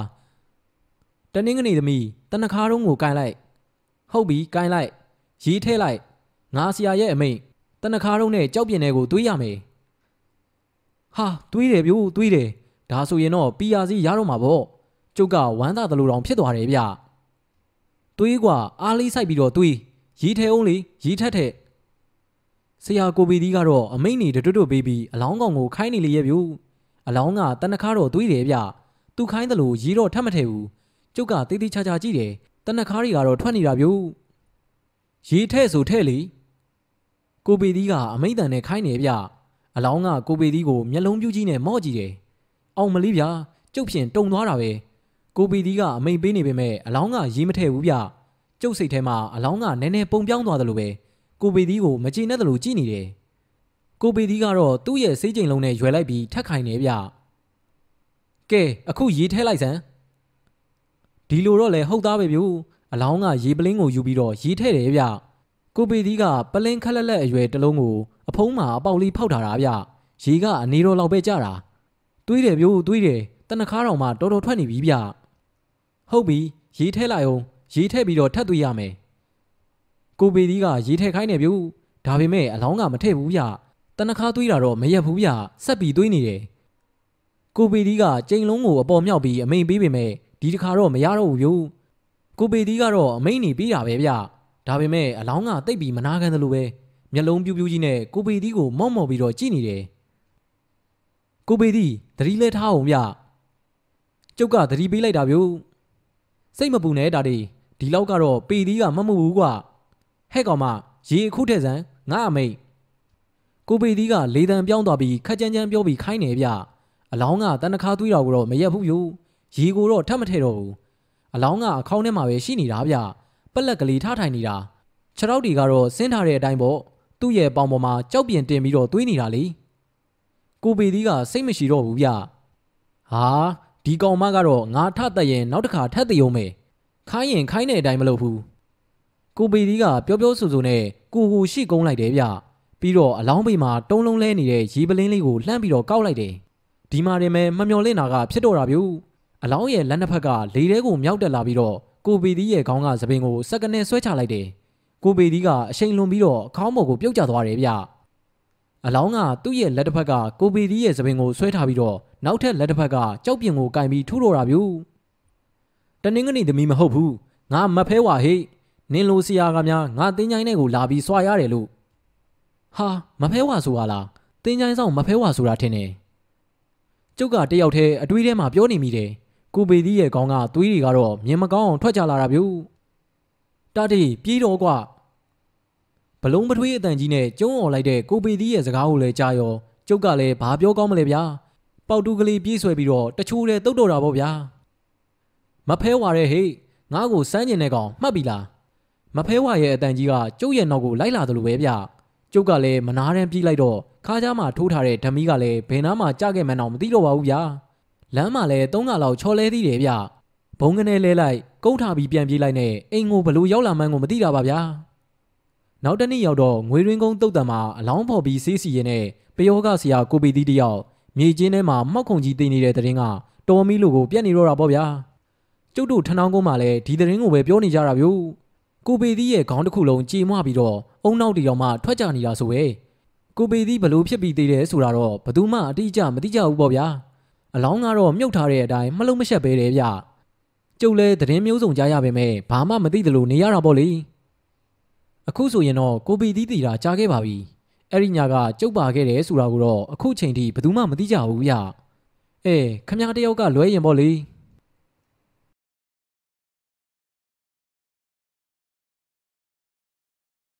ဆရာကိုပေသီးတယောက်ကျုပ်ရဲ့မျက်စိအောင်မှာတည်းမရှုမလဖြစ်ပြီးတဲ့နောက်တော့ကျုပ်လည်းတော်တော်ကိုချိန်ငိန်သွားတာဗျို့ ထနောင်းကုန်းမှာပဲရရေးရွာကြီးလှုပ်တယ်ရွာဦးကရွှေတောင်ကုန်းဖျားပွဲအတွက်ပြဆက်တိုက်တယ်ဥရွှေရိုးကတိုက်ရတယ်ဗျဒေါ်မိုးကနေကြလှဖေကရန်ကုန်ကိုပြောင်းသွားလို့ဒေါ်မိုးကမဲ့မိုးသီးကိုအကတင်ပေးရတာဖက်ဖက်ကိုမောနေတာဗျို့ထနောင်းကုန်းရွာဦးကရွှေတောင်ကုန်းဖျားပွဲဆိုတာနှစ်စဉ်တပေါင်းလားပြည့်နေမှာကျင်းပနေကြဗျလွတ်စီတဲ့ဖျားပွဲပါဗျာအနီးနားကဗန်ပွေးကုန်းငွေရင်းကုန်းမပြောနဲ့ဆယ်မိုင်လောက်ဝေးတဲ့လက်ပံလှတို့ဆရာမနိုင်တို့ကတော့ဥရွှေရိုးဒေါ်မိုးကတွေဝင်ပြိုင်ကြတာဗျာ တိုနီယာအခပြိုင်ပွဲကလည်းလှုပ်ကိုလူကြိုက်များတာဗျဒုံးလွတ်ပွဲလည်းပါတယ်လေနွားလေးပြိုင်ပွဲခေါင်းရိုက်ပွဲချောတိုင်တက်ပွဲတွေစုံနေတာဗျလောင်ကစားပွဲတွေကလည်းနားလည်မှုနဲ့ခက်ကြိတ်ကြိတ်လေးပါသေးတယ်ဗျအိုးစီပြိုင်ပွဲနဲ့ဒိုးဘက်ပြိုင်ပွဲကတော့ညပိုင်းစင်ပေါ်မှာလှုပ်တာဗျဘယ်ကမှပွဲငားစရာမလိုဘူးဗျကျုပ်တို့ဘာသာစီစဉ်ပြီးတော့ကားကြခုံကြတာပေါ့ဗျာဖျားပွဲစကန်ဒီ၃ရက်လောက်လို့ဆိုရင်ဟိုရောက်ဒီရောက်ရောက်နေတဲ့ကျုပ်တို့ရွာသားတွေလည်းရွာထဲမှာအရှူရှူပြန်ပေါ်လာတာဗျ မတွေ့တာကြာနေတဲ့ငယ်ပေါင်းကြီးပေါ်တငယ်ချင်းတွေပြန်တွေးကြရတဲ့ပွဲပေါ့ဗျာတချို့လည်းမတွေ့ရတာကြာနေတော့ပြန်တွေးတဲ့အချိန်မှာဖက်ပြူငိုကြအလွမ်းတယ်ကြညနေဆောင်တော့ရွာတောင်ဘက်ကထတော်တွေကိုရောက်သွားကြပေါ့ဗျာအဲ့ဒီနေ့ကကျုပ်ကလည်းဖျားပွဲအတွက်ကျုပ်တာဝန်ယူရမယ့်ကိစ္စတွေပြီးသလောက်ရှိသွားတော့ဘယ်မှမသွားပဲအနားယူလိုက်အောင်မယ်လို့တွေးထားတာဗျအဲ့ဒါနဲ့ပဲအိမ်ဝိုင်းထဲကမကြီးပင်ကြီးအောင်မှာကိုပစ်ပေါ်ဖြာချမ်းခင်းဝဘိုးကောင်းပေါ်မှာစောင်းကောက်ကလေးခုပြီးတော့တုံးလုံးလဲနေရပါဗျာ လက်ထဲမှာလည်းငကားစီးဖိုးလေးလေးညက်လို့စီးစိမ်ကလေးလုံးမဲ့ကြံယုံရှိသေးတယ်ဗျအောင်မတာတီစီးစိမ်ရစ်နေတာပေါ့လေ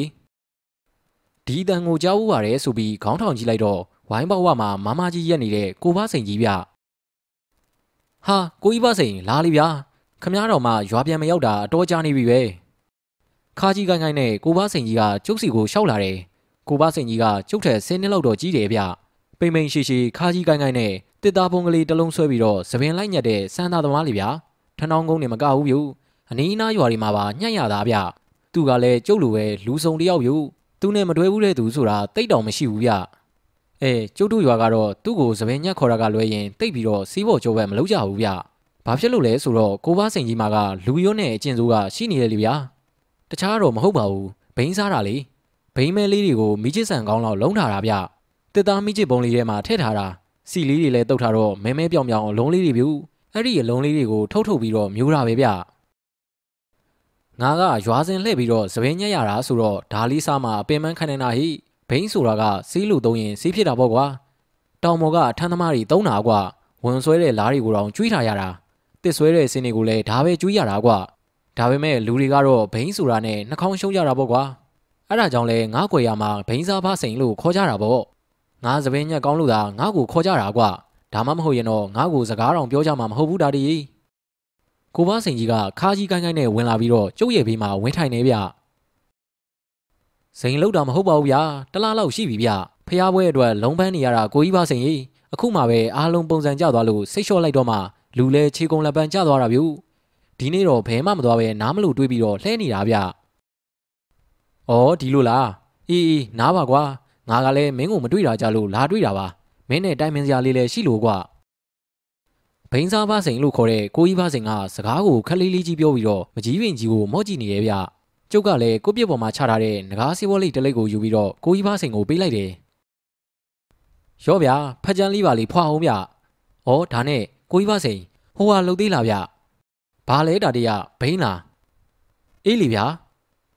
ဟာတာတီကလည်းကွာလောက်တာဘောကွာ မင်းကငါပြောမှုပါတယ်ဒါကငါအတွက်စီးပါလို့ဟုတ်ပါတယ်ဗျဒါပေမဲ့ခမည်းကမြို့ပြောင်းသွားတာကြာပြီဆိုတော့ဟိုမှာရောဓာရီဝယ်ရတာလွယ်ရလားလို့မေးတာပါဟာတာတီကလည်းမြို့ဝါဆိုနေမှကြိုက်တာဝယ်လို့ရတာပေါ့ကွာမဟုတ်ဘူးလေကိုကြီးပါစင်ရဲ့ဟိုမှာကရဲတွေစစ်တပ်တွေထောက်လန်းကြီးတွေကပေါ်မှာပေါ်တဲ့ဒါတွေကလွယ်ရလားလို့မေးတာဗျအေးကွာမင်းပြောတာတော့ဟုတ်တယ်နာမည်မထွက်အောင်တော့နေရတာပေါ့ကွာ ဒီမှာလူသားဘိန်းစားပါစိန်လို့လူတကာသိနေရင်တော့အဖမ်းခံရတာကြာပြီပေါ့ကွာမြို့ဆိုတော့လေလူကအများသားလားကွာသူ့လည်းငါမသိငါလည်းသူမသိဆိုတော့လွတ်လပ်မှုတော့ရှိတာပေါ့ကွာတူတူတိတ်တိတ်တော့ရှိရတာပေါ့ကွာအေးဗျကျုပ်ကအဲ့ဒါကိုပြောတာကိုကြီးပါစိန်လည်းတတိထားအောင်ဗျစိတ်ချပါတာတရားဒါနဲ့ဗန်ပွေးကုန်းကပေးသီးတဲ့ရင်ကိုငါကြားတယ်ကွာဟိုတလောကငွေရင်းကုန်းကငထုံးတို့ညီကိုမြို့ကိုလာလို့သူတို့ပြောမှငါသိရတာမပြောတတ်ပါဘူးဗျာ လူတွေပြောမှပဲကျုပ်လည်းသိတာဗျဒါနဲ့သူ့ကိုတကြူတော့ဗန်ဝေးကုန်းမှာလားငွေရင်းကုန်းမှာလားဒါကလူတက်မှုလူဖြစ်နေတော့စခန်းကအလောင်းကိုယူပြီးတော့မျိုးကစီးုံပို့ပြီးစစ်ဆေးခံရတာပေါ့ဗျာအဲ့ဒီကနေပြန်တယ်လာတော့ဗန်ဝေးကုန်းကိုပဲတဲလာပြီးတော့သူ့ရဲ့အိမ်ကပဲတကြူတာပေါ့ဗျာမင်းနဲ့လည်းအတော့ခင်တာပဲမင်းလိုက်ပုံမှာပေါ့ဟာမပုတ်ရဘူးပြူအဲ့ဒီနေ့ကကျုပ်ကလည်းဖျားနေတာဗျအဲ့ရထဲမှာတပတ်လောက်ကိုလဲနေတာစေးထိုးစရာတော့မှခေါ်ပြီးတော့ထိုးလိုက်ရသေးတယ်ဗျာ ကျုပ်ပြောတာတကယ်ဗျကိုပေသီးနဲ့လိုက်သွားပြီးအိမ်ပြန်ရောက်တော့နောက်တနေ့မှကျုပ်အပြင်းဖျားရောဗျတပတ်လောက်ကိုကြာတာဗျလမ်းဖျားဖျားတယ်ပဲခေါ်မလားဗျဒါနဲ့ပဲဆရာကိုပေသီးရဲ့အာသူဝကိုကျုပ်သွားပြီးတော့မပုတ်နိုင်ဘူးဗျဒါနဲ့ကိုကြီးပါစိန်စောစောကပြောတဲ့တိုင်ပင်စရာရှိတယ်ဆိုတာဘာများတော့ဗျဩဖြည်းဖြည်းပေါ့ကွာမင်းလဲနားကျင်တယ်ဆိုရင်နားပါဦးဟာဗျာကိုကြီးပါစိန်ကလည်းခမ ्या ကပြောမဲ့သူကျုပ်ကနားထောင်ရမဲ့သူဘာပင်ပန်းစရာရှိလဲဗျာပြောစမ်းပါ အေးအေးဒါဆိုရင်လည်းပြောတာပေါ့ကွာဩဒါနဲ့မင်းအမေရီးလင်းငွေစိန်နဲ့အဘတို့ရောမမြင်မလားကွာအမေနဲ့အဘတို့ကမရှိကြဘူးဗျသူတို့ကလည်းစွန်းတော်ကြီးအဖွဲလေဗျာချက်ဖို့ပြုတ်ဖို့တွေစားလုံးနေပြီပေါ့ဗျာအေးဒါဆိုရင်တော့ဟန်ကြတော့ကွာလွတ်လွတ်လပ်လပ်ပြောလို့ရတာပေါ့ကိုကြီးပါစိန်ပြောမဲ့ကိစ္စကဘာများတော့မြဒီလိုကွာတာတရမင်းကြောင့်ကိုငါကဟိုတဲကတီးပြီးသားလေကွာမင်းကအင်မတန်ကိုစိတ်တက်မာတဲ့ကောင် ပြီးတော့စွန့်စွန့်စားစားလုပ်ရတာလေအားကြီးဝါသနာပါတာမလားအဲ့ဒါကြောင့်အခုကိစ္စမှာမင်းနဲ့တွဲမှာဖြစ်မှာကွာအလိုဘာကိစ္စများတော့ကိုကြီးပါစိန်ရဲ့မင်းကြားဘူးမလားတော့မသိဘူးတာတရဟိုဘက်ရွာဗန်ပွေးကုန်းမှာနေသွားတဲ့တရုတ်ကြီးဟုတ်စိန်လေဟာကြားဘူးတာဗောဗျရွှေသွားဟုတ်စိန်ဆိုတဲ့တရုတ်ကြီးမို့လားအေးဟုတ်တယ်ကွာသူ့မိမကဒေါ်ကျင်ဖော့တဲ့အဲ့ဒါတော့ကျုပ်မသိဘူးဗျရွှေသွားဟုတ်စိန်ဆိုတာတော့ကျုပ်ကြားဘူးတယ် ကျုပ်တို့မမွေးခင်ကလေးကတိတ်သွားတဲ့လူတွေမလားဗျသူတို့အကြောင်းတော့တေးသေးချာချာမသိဘူးပေါ့ဗျာအေးဟုတ်တာပေါ့ကွာကဲကဲငါပြောပြမယ်အဲ့ဒီဟုတ်စိန်ဆိုတဲ့တရုတ်ကပြည်ကြီးပေါက်တရုတ်စစ်တယ်ကွာငါလည်းမမီလိုက်ပါဘူးကွာသူများပြောတာပါသူမိမမက်ကျင်ဖော်ကတော့ဒီမှာမွေးတဲ့တရုတ်မကြီးတယ်ကွာဗန်မွေးကုန်းမှာနမယ်ကြီးတရုတ်ဆိုင်ကြီးလေကွာငါတို့ထဏောင်းကုန်းတို့ငွေရင်းကုန်းတို့ဆိုတာတော်ယုံနဲ့မြို့ကိုတက်ပြီးတော့ဈေးဝယ်နိုင်တာမှမဟုတ်တာဗန်ဝေးကုန်းကိုပဲဈေးသွားဝယ်ရတာ ပြီးတော့ရွှေသွားဟုတ်စိန်ဆိုတဲ့တရုတ်ကြီးကအပေါင်းနှံလဲခန့်နေကွာပဲပေးနှံပေးလဲပြီးတယ်ဆိုတော့ဒီနီးနားကရွာတွေကအဆင်ပြေတာပေါ့ကွာဟာဒါဆိုရင်ဒီတရုတ်လင်မယားကတော်တော်ကိုချမ်းသာမှာပဲဗျချမ်းသာတာပေါ့တာတရားသူတို့မှာတားတယောက်ပဲရှိတာကွာနာမည်ကကျင်စိန်နဲ့အဲ့ဒီလူကိုရန်ကုန်မှာပဲထားတာကွာတခါတလေမှပဲရွာကိုပြန်လာတာနောက်တော့လဲပြန်ပြောင်းသွားတယ်ဆိုလားပဲကွာဒါဆိုရင်အသက်ကြီးလာတော့ခတ်မှာပေါ့ဗျအေးအဲ့ဒါပြောမလို့ကွာ ရွှေသွားဟုတ်စိန်ကြီးတွေတော့တရုတ်ရိုးရာအတိုင်းအကြီးအကျယ်ကိုအာတုဘအခမ်းနာလောက်တာတဲ့ဟိမြို့ကဘုံကျောင်းကလူတွေဆင်းလာပြီးတော့လုတ်ပြကြတာတဲ့ကွာဗန်မွေးကုန်းတုတ်တံမှာအုတ်ကူကြီးအကြီးကြီးလှုပ်ထားတာမင်းလည်းမြင်သားပဲတနေ့လောက်ကြာတော့တရုတ်မကြီးဒေါ်ကျင်ဖော့ကတိတ်မမာတော့ဘူးကွာအဲ့ဒီမှာပဲမြို့ကဘုံကျောင်းကလူတွေကလာပြီးခေါ်သွားတယ်သူတို့နေတဲ့အိမ်ကြီးကိုလည်းဗန်မွေးကုန်းကဥတက်ခါတို့ကဈေးပေါ်ပေါ်နဲ့ဝယ်ယူလိုက်ကြတာတဲ့ကွာ။အော်ဒီလိုလားဗျ။ ဒါနဲ့နေပါအောင်ကိုကြီးပါစင်ရဲ့ကျုပ်ကိုပြောပြမှာဒီတရုတ်လင်မယားရဲ့ဇလန်းလား။ဟာမဟုတ်ရပါဘူးကွာမင်းကလည်းအေးစီစီနားထောင်စမ်းပါလာမပေါ်ကွာ။ကဲကဲပြောပါတော့ဗျာ။တရုတ်ကြီးကပတ်စံချမ်းသာတော့ပါဇက်ထဲမှာလဲရွှေသွားတွေဆယ်ချောင်းလောက်ကိုစိုက်ထားတာတဲ့တာတီ။ဟုတ်မှာဗောဗျ။ကျုပ်ဘာကပြောဘူးတယ်ရှေးခေတ်ကတရုတ်ကြီးတွေကပတ်စံရှိလာရင်ရွှေသွားစိုက်တယ်ဘိန်းရှူတယ်ဆိုပဲဗျ။အေးကွာ ဒီတရုတ်ကြီးတွေတော့တရုတ်မကြီးဒေါ်ကျင်ဖော့ကသူတို့ရဲ့တရုတ်ထုံးစံအတိုင်းနောက်ဘဝမှာမစင်းရအောင်လို့ဆိုပြီးတော့တရုတ်ကြီးကိုအခေါင်းသွင်းကန်ဒီမှာကြောက်စိမ့်လက်စွပ်ကြီးတိတ်တိတ်လေးဝစ်ပေးတာတယ်ဗျာအဲ့ဒီကြောက်စိမ့်လက်စွပ်ကြီးကအခုဆိုရင်ဘလောက်တန်မယ်လို့မင်းထင်လဲဟာမသိဘူးလေဗျာကိုကြီးပါစိန်ကလည်းအ ਨੇ ဆုံး10သိန်းလောက်တော့တန်မယ်လေဗျာနေပါဦးကိုကြီးပါစိန်ရဲ့ခမားဟာကတေချာလာကြီးလားဟောတာတီရဲ့တေချာဆိုငါ့ကိုပြောပြတဲ့သူကအကြီးပူးမလေးကွာ ဗန်မွေးကုန်းကအေးကြီးမရဲ့အမေလားအေးလေကွာအဲ့ဒီတော့ကအကြီးပူးမကဒေါ်ကျင်ဖော်ကြီးနဲ့အာကြီးခင်တာဆိုပဲ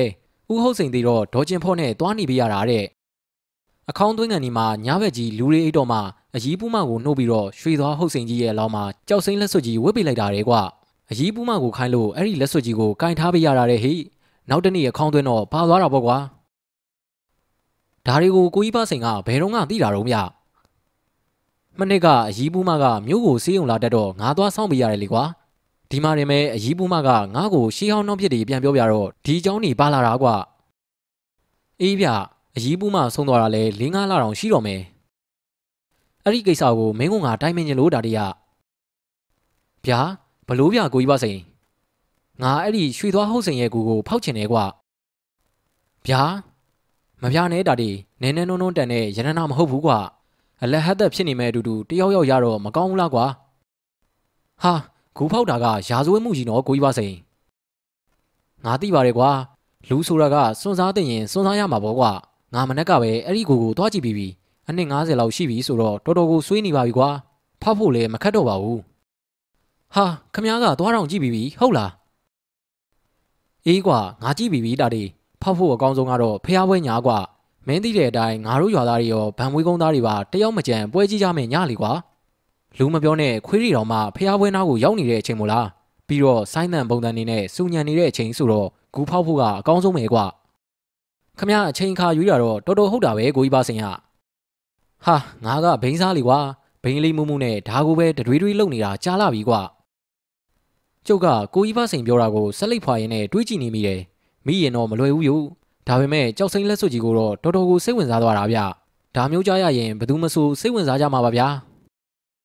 ကဲဘလို့လဲတာတီဟာကိုကြီးပါစင်ရကျုပ်ကတာတီပါဗျကြိုက်ပြီတာတီရငါလည်းသိပြီးသားပါ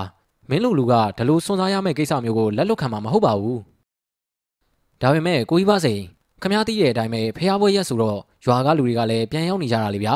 တခြားရွာကလူတွေလည်းရောက်နေကြတာဆိုတော့ရွာမှာကလူတွေပြည့်နေပြီဗျ တော်တော်တော့တည်တည်တက်တက်လောက်ရမှာနော်ဟုတ်တာဗောကွာအဲ့ဒီတော့မင်းနဲ့ငါနဲ့ထပ်မတွေ့တော့ဘူးမင်းသဘောတူကြီးဆိုတော့ငါလည်းဘာမှထပ်ပြောစရာမရှိတော့ဘူးလေလာပြညမှာည10နာရီရောက်ဗန်ပွေးကုန်းတုတ်တန်ကိုမင်းရောက်လာခဲ့ရွှေသွားဟုတ်စိန်ရဲ့ကိုကတော့မင်းသိတယ်မလားဟာသိပါတော့ကောဗျာတင်းချမ်းရဲ့မြောက်ဖက်ကိုကိုဝင်းကြီးတွေရောက်ကဂူကြီးကြီးလေဗျာအေးဟုတ်ပြီဟုတ်ပြီလူတဲ့ပစ္စည်းကိရိယာတွေငါအကုန်ယူခဲ့မယ်လူသာရအောင်လာခဲ့မင်းဝေစုကတော့တဝက်တိတိပဲ ဟာရပါတယ်ဗျာကျုပ်ကစွန်းစွန်းစားစားလောက်ရရင်ကြည်နေနေတဲ့ကောင်ပါဗျာအေးကောင်းပြီဟိဒါဆိုရင်ငါသွားမယ်တာတီပြောပြောဆိုဆိုနဲ့ဘိန်းစားဖစိန်ကခါကြီးကိုင်းကိုင်းကိုင်းကိုင်းနဲ့အိမ်ဝိုင်းထဲကနေထွက်သွားလေရဲ့ဗျာကျုပ်မျောလင်းနေတဲ့လာပြင်းညာကတော့ရောက်ပြီဗျို့ကျုပ်တို့ရွာဖျားပွဲကလည်းလှုပ်ကိုစီးတာဗျာကျုပ်စိတ်ထဲမှာတော့ခါတိုင်းထက်ကိုပို့စီတယ်လို့ထင်တယ်ဗျပွဲကင်းကြီးထဲမှာညနေတွေကကိုလူတွေပြည့်နေတာဗျို့ဈေးထဲမှာလည်းတိုးလို့တော့မပေါက်ဘူးဗျ ကျုပ်ကတော့အချိန်တကြီးကြီးနဲ့ပေါ့ဗျာကျုပ်ကလည်းလူတိုင်းမြင်အောင်လို့ဟိုဟာလှုပ်တယ်လို့ဒီဟာလှုပ်တယ်လို့လှုပ်ပြရသေးတယ်ဗျ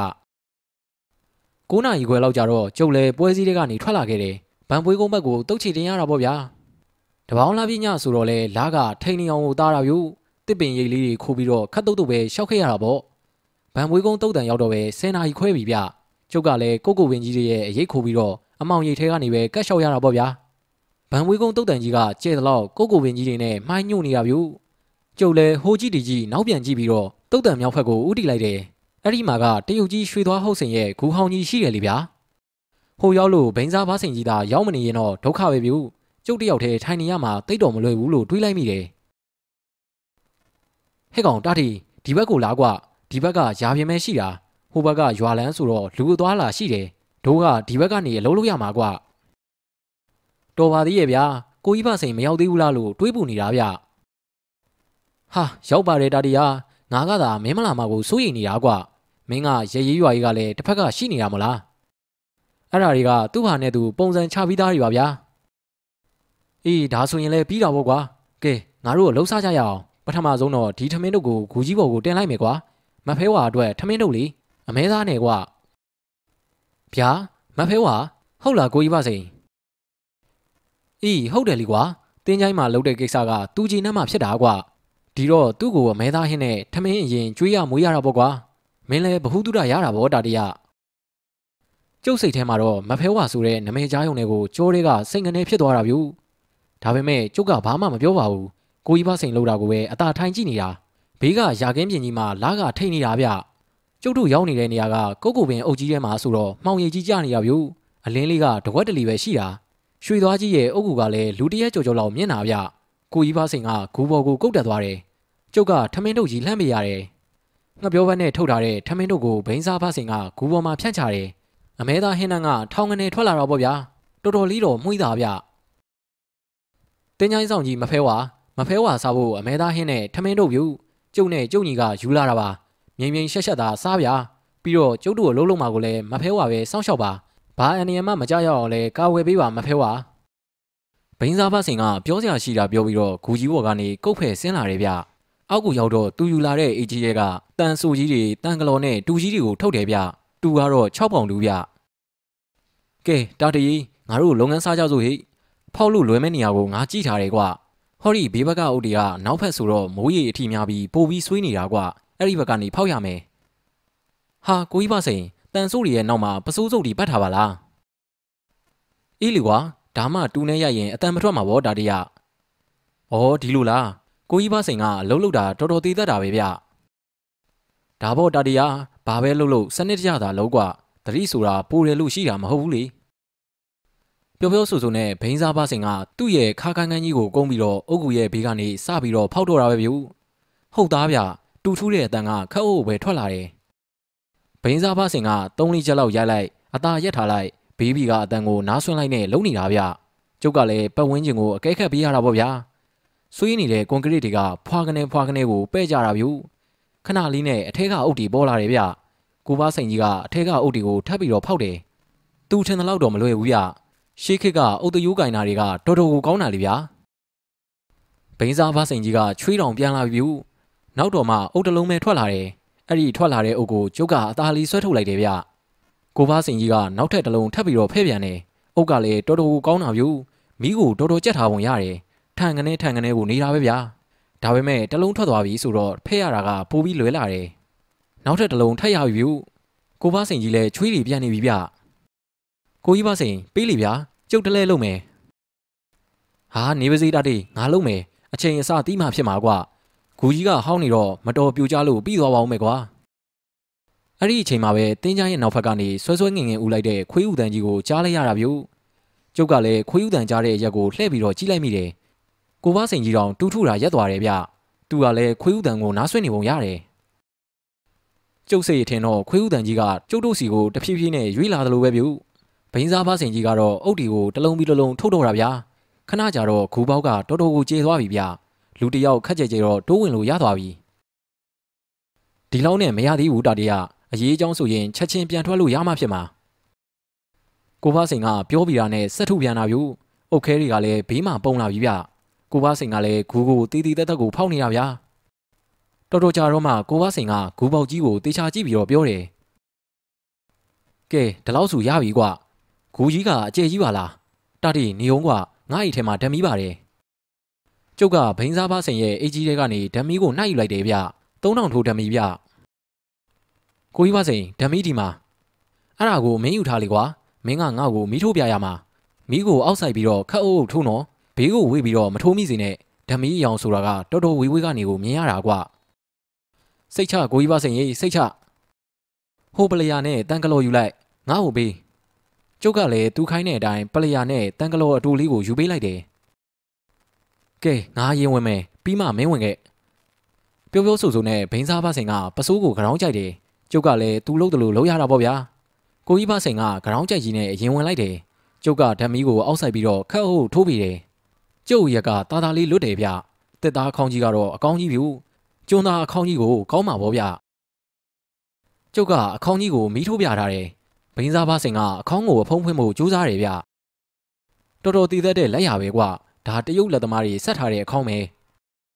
ဘိန်းစားဖားစိန်ကတန်ကလော်ကိုတနေရာမှာစိုက်ချပြီးတော့လက်ဖက်နှောင်းနဲ့ရိုက်ကြည့်တယ်။တာတီမရဘူးကွာဂူပြင်ပြန်ထွက်ပြီးတော့တူနဲ့ဆိုသွားယူဓမီငါ့ကိုပေးခဲ့။ကျုပ်ကလည်းဂူပြင်ကိုပြန်ပြီးတော့ထွက်တာပေါ့ဗျာ။ဟာခွေးဦးတန်ကြီးကဆွဲဆွဲငင်ငင်ကြီးထွက်လာပြန်ပြီဗျို့။ဒီတစ်ခါအတန်ကတော်တော်ကိုနီးနေသလိုပဲဗျ။ကျုပ်လည်းတူနဲ့တန်ဆိုကိုကောက်ယူပြီးတော့ဂူထဲကိုခတ်တုတ်တုတ်ပြန်ဝင်တာပေါ့ဗျာ။ဘိန်းစားဖားစိန်ကကျုပ်ကိုဓမီထိုးပေးတယ်။ အဲ့ဒါငါ့ကိုပေးမင်းဓမီထိုးပြ။ကျုပ်ရဲ့လက်ထက်ကတန်ဆိုးနဲ့တန်ကလော်ကိုဆွဲပြီးတော့ယူလိုက်တယ်။ကျုံခေါင်းကြီးကိုတန်ဆိုးနဲ့ရိုက်ပြီးတော့အစလန်အောင်လုံနေတယ်ဗျ။ပြီးတော့တန်ကလော်နဲ့ကလော်ထုတ်တယ်။ကြွီဆိုတဲ့အတန်ကြီးတော့ထွက်လာပြီဗျ။အခေါင်းဖုံးကြီးကနည်းနည်းဟလာတယ်။ဘိန်းစားဖားစိန်ကလန်သွားတဲ့နေရာကစပြီးတော့တန်ကလော်နဲ့လိုက်ကလော်တယ်ဗျ။တန်တွေကတချောင်းပြီးတချောင်းကျွတ်ကုန်ပြီဗျ။နောက်ဆုံးတော့အခေါင်းဖုံးကြီးကပွင့်သွားပြီ။ကိုဘစိန်ကအခေါင်းဖုံးကြီးကိုမယူပြီးတော့ဘေးကိုတွန်းချတယ်။ ကျုပ်ကဓမီကိုအခေါင်းထဲကိုထိုးတယ်ဗျ။ဟင်အမုံနေဖြစ်နေပါလားဖြစ်ပြီပေါ့တာတရားအနှစ်90ကျော်ကြီးဆိုတော့မြေကြီးဖြစ်ပြီပေါ့ခေါင်းကုန်နဲ့လက်ဖြန့်ယူတော့ကြံနေသေးတာပဲပြောပြောဆိုဆိုနဲ့ကိုဘစိန်ကြီးကခါကိုင်းကိုင်းကြီးကိုကုန်းလိုက်ပြီးတော့အမုံနေထဲမှာတခုခုလိုက်ဆန်တာဗျတော်တော်ကြောင်ဆန်းပြီးတော့မှလက်ထဲမှာတခုခုစုပ်ထားတယ်ဗျလက်ကိုလည်းစကြည့်သေးတယ်ဟုတ်လောက်ပါတယ်ဆိုပြီးတယောက်တည်းပြောပြီးတော့ကြုတ်ထိုးပြထားတဲ့မီးအောင်မှာသူ့ရဲ့လက်ကိုဖြန့်ပြီးတော့ကြည့်တယ် မဲမဲအရာနှစ်ခုကိုလက်နှစ်ဖက်နဲ့ပုတ်တိုက်ကြည့်တယ်ဗျဟာလက်စွပ်ကြီးဗျအေးလီကွာငါတို့လာရှာတဲ့ဟာဘောကွာဒါတရပြောပြောဆိုဆိုနဲ့ပစိုးကပုံစားကိုဆွဲပြီးတော့တိုက်နေပြန်နေပြီ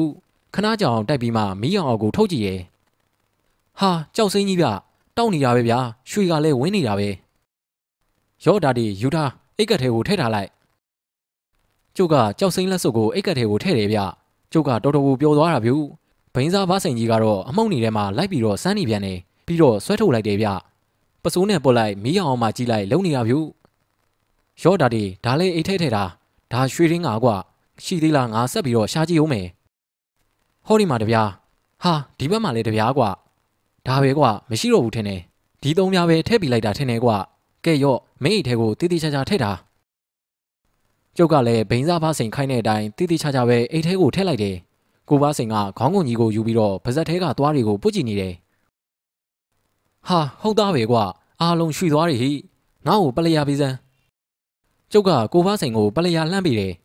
ကိုဖားစိန်ကြီးကခေါင်းကုန်ကြီးတွေကသွားတစ်ချောင်းကိုဆွဲနှုတ်တယ်ပြီးတော့ကျုပ်ကိုလှမ်းပြီးတယ်ဗျကျုပ်ကလည်းလက်ဝါးဖြန့်လိုက်တယ်ကိုဖားစိန်ကသူ့ရဲ့ပလျာမှာညှက်ထားတဲ့သွားကိုကျုပ်ရဲ့လက်ဝါးတွေကိုထည့်လိုက်တယ်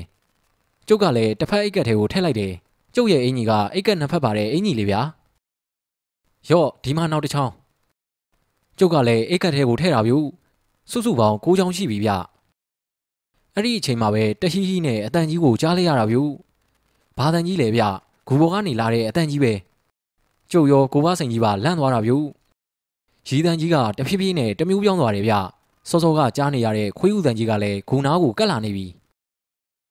ကိုကြီးဘစိန်ဘလို့လောက်ကြမလဲဒါမဖဲဝါပါကွ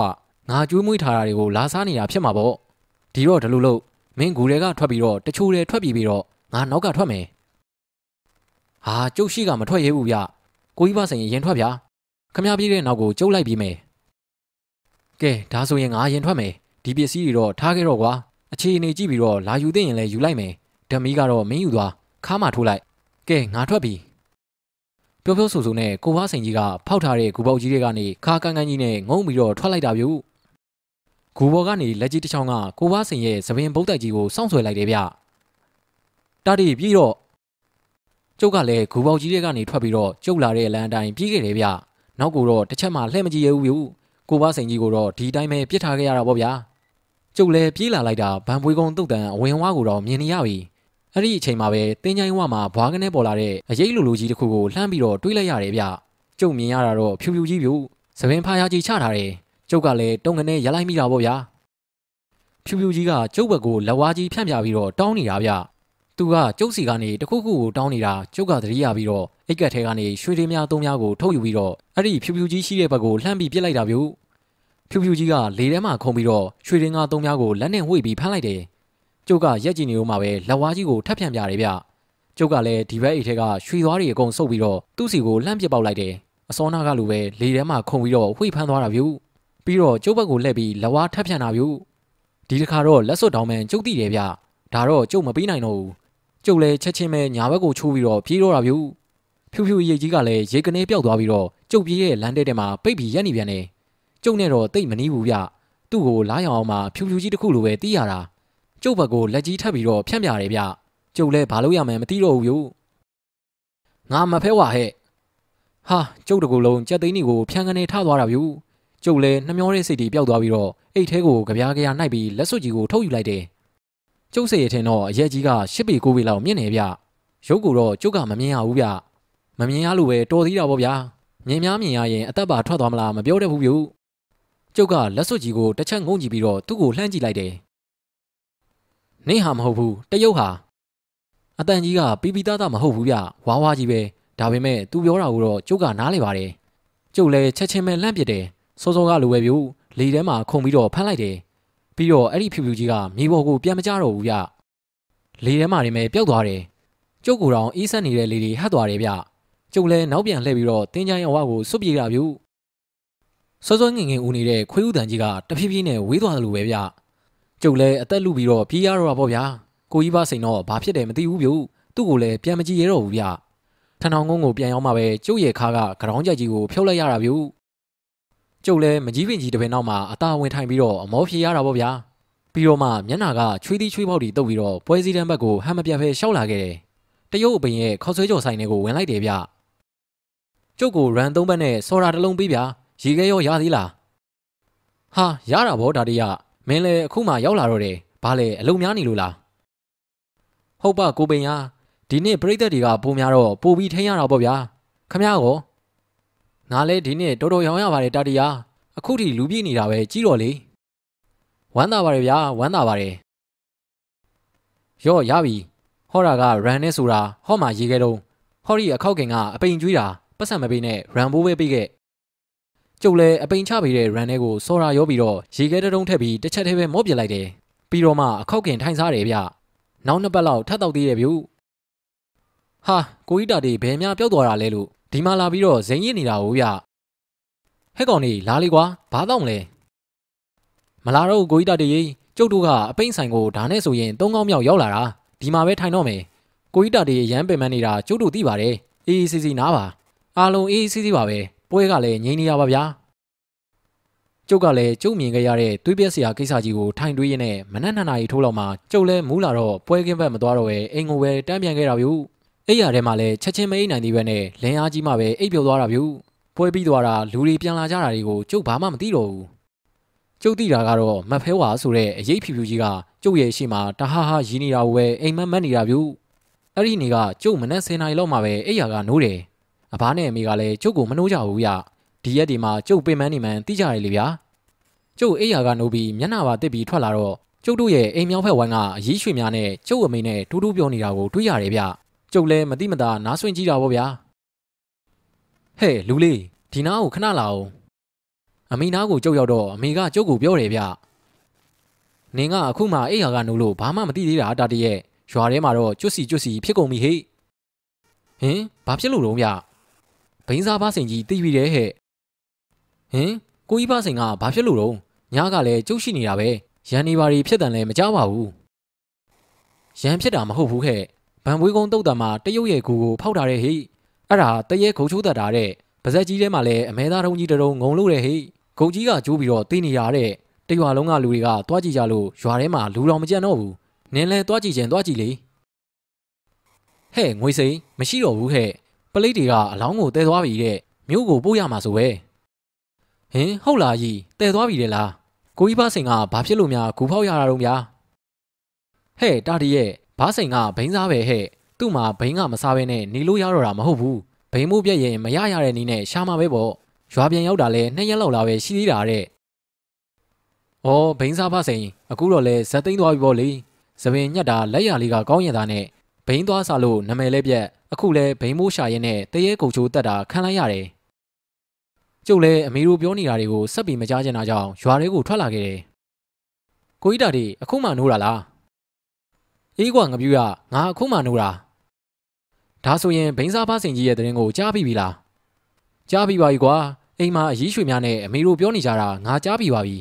။ဘိန်းစားဖစင်ကဂူဖောက်တာဗျတရေကုတ်ချိုးတက်တာခံလိုက်ရတာသူ့ရဲ့ပါဇက်ထဲမှာအမဲသားတုံးကြီးကထမင်းစီတွေရောငုံထားတာဆိုပဲ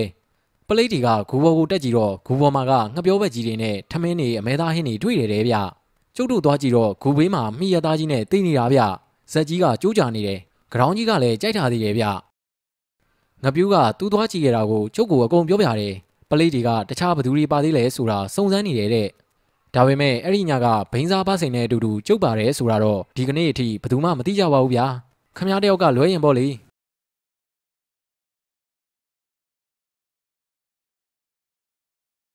ကျုပ်တို့ရွာမှာကရွာဦးကျောင်းရဲ့ပုပ္ပါယုံကျောင်းရဲ့ဆိုပြီးတော့ဘုံကြီးကျောင်းနှစ်ကျောင်းရှိတယ်ဗျပုပ္ပါယုံကျောင်းကပို့ပြီးတော့ရှိကြတယ် ကျောင်းဝင်းကလည်းအခြေကြီးဗျာရှိလက်ရာတိုက်ကျောင်းကြီးဗျကျောင်းကလည်းတော်တော်ကိုခံညားတာဗျကျောင်းဝင်းထဲမှာလည်းတရက်ပင်အုံးပင်မယမ်းပင်တွေအစုံပါပဲဗျာနေပြောင်မထိုးအောင်ကိုရှိနေတော့တာဗျနွေရာသီများဆိုရင်တော့ပုပ္ပါယုံကျောင်းဝင်းကြီးကအေးစိတ်နေတာဗျရွာတွေကအသက်ကြီးကြီးလူတွေပုပ္ပါယုံကျောင်းထဲသွားပြီးတော့အပူဒဏ်ကိုခိုးကြရတာပုပ္ပါယုံဆရာတော်ကလည်းသဘောကောင်းနေဗျသူ့เจ้าဝင်းကြီးထဲမှာငပြောတော်ကြီးကလည်းရှိနေတော့ငပြောသီးဆိုတာကသူ့เจ้าမှာပြက်တယ်လို့ကိုမရှိပါဘူးဗျာ ဆရာတော်ရဲ့ဘွဲကဦးကုန်းနာတဲ့သူ့เจ้าမှာကဦးစင်၅ပါးလောက်နဲ့ကိုရင်၁၀ပါးလောက်ရှိတယ်စာပါလဲချတယ်လေဗျာပုပ္ပါယုံเจ้าဝင်းကြီးရဲ့တောင်ဘက်ဆုံးမှာတရက်ပင်အုပ်ကြီးရှိတယ်ဗျအဲ့ဒီတရက်ပင်အုပ်ထဲမှာတစ်သားနဲ့နံကက်ဆောက်ထားတဲ့အုပ်ချောင်းလေးတစ်ချောင်းရှိတယ်အဲ့ဒီမှာကဆရာတော်ဦးကုန်းနာရဲ့မေတော်ကြီးနေတယ်မေတော်ကြီးကလည်းတော်တော်ကိုအိုးနေပါပြီဒီမေတော်ကြီးရဲ့နာမည်ကတော့ကျုပ်လည်းမသိဘူးဗျဖုန်းကြီးရဲ့ဒူမနှစ်ယောက်ကမေတော်ကြီးကိုအဖော်လုပ်ပြီးလာနေပြီတယ် ဖုန်းကြီးကလည်းသူ့မေတော်ကြီးကိုအတော်ကိုဂယုစိုက်တာဗျအစားအသောက်နေထိုင်လဲဂယုစိုက်တယ်လို့ကျမ်းမာရေးမမာတာရှိရင်လဲဗန်ဝေးကုန်းမှာစေကန်းဖွင့်ထားတဲ့ကျမ်းမာရေးမှုကိုပင့်ပြီးတော့တိတိကျကျကိုကုပေးတာဗျဒါပေမဲ့လည်းဇရာဆိုတာကိုတော့ဘသူကလွန်ဆန်နိုင်မှာလဲဗျာအသက်ကလည်းကြီးလာပြီဆိုတော့တဖြည်းဖြည်းနဲ့အပြင်းအောင်မထွက်နိုင်တော့ပါဘူးသူ့เจ้าလေးထဲမှာပဲလူတွဲနဲ့သွာလာနေရတာကြာပါပြီ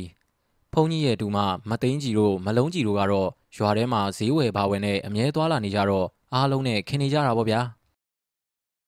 လုံးကြီးရေမဲတော်ကြီးရောနေကောင်းရဲ့လားဟဲ့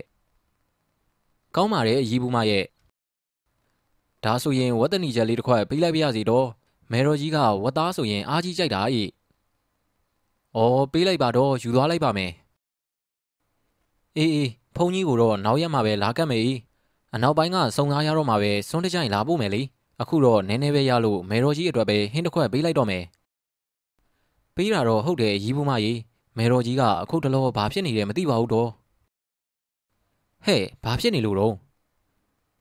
ဟိုတနေ့ကဘယ်ကစွန်းချိုင်ပို့တယ်မသိပါဘူးတော့ဖုန်ကြီးကဝတ်သားဟင်းတကြိုင်ကျုပ်တို့စီကိုပို့ပေးတယ်မနှဲပါဘူးဂျိုင်ကြီးနဲ့ကိုတလုံးအပြည့်ပဲအဲ့ဒါအရီးဘူးမကြီးမေတော်ကြီးတယောက်တည်းစားဖြစ်တာကုံမာရောလားဟေးဟုတ်ရဲ့လားလုံးကြီးရဲ့ဟုတ်ပါတော့ထမင်းနေလဲတအိုးချက်ကြီးကုံရောပဲအဲ့ဒါကိုညနေရောက်တော့မေးသေးတယ်တော်ကြီး ဟင်ဘာမေးလို့တော့ဟဲ့ဝတ်သားဟင်းကြံသေးလားတဲ့ငါမဝသေးဘူးထက်စားခြင်းသေးတယ်ဆိုပဲဟေးနင်တို့ဟာကဟုတ်မှာဟုတ်သေးရဲ့လားလုံးကြီးရဲ့ဟုတ်ပါတယ်တော့အဲ့ဒီလောက်စားပေမဲ့သူဘာမှဖြစ်တာမှမဟုတ်တာနေထိုင်မကောင်းလဲဘာမှမဖြစ်ဘူးတော့ဒီအကြောင်းကိုဆရာတော်ကိုနင်တို့ပြောပြသေးလားမပြောပါဘူးတော့လူဆိုတာအသက်သိပ်ကြီးလာရင်တငယ်ပြန်တတ်တာပဲတော့မေတော်ကြီးလည်းအခုတငယ်ပြန်တာဖြစ်မှာပေါ့ ငယ်ငယ်ကလိုအများကြီးပြန်စားချင်နေတာနေမှာပေါ့တော့တခါတလေကြတော့လေအဲ့ရထဲမှာတယောက်တည်းနဲ့ဘာရီရည်နေလဲမသိပါဘူးအတန်အော်အော်ကြီးလုပ်ပြီးတော့ရည်နေတာတော့ဘာရီရည်နေလဲဆိုတာနင်တို့ကမေးစမ်းမကြည့်ဘူးလားတခါတော့မေးကြည့်ပါတယ်တော့အဲ့ဒါဘာပြန်ပြောတယ်ထင်လဲ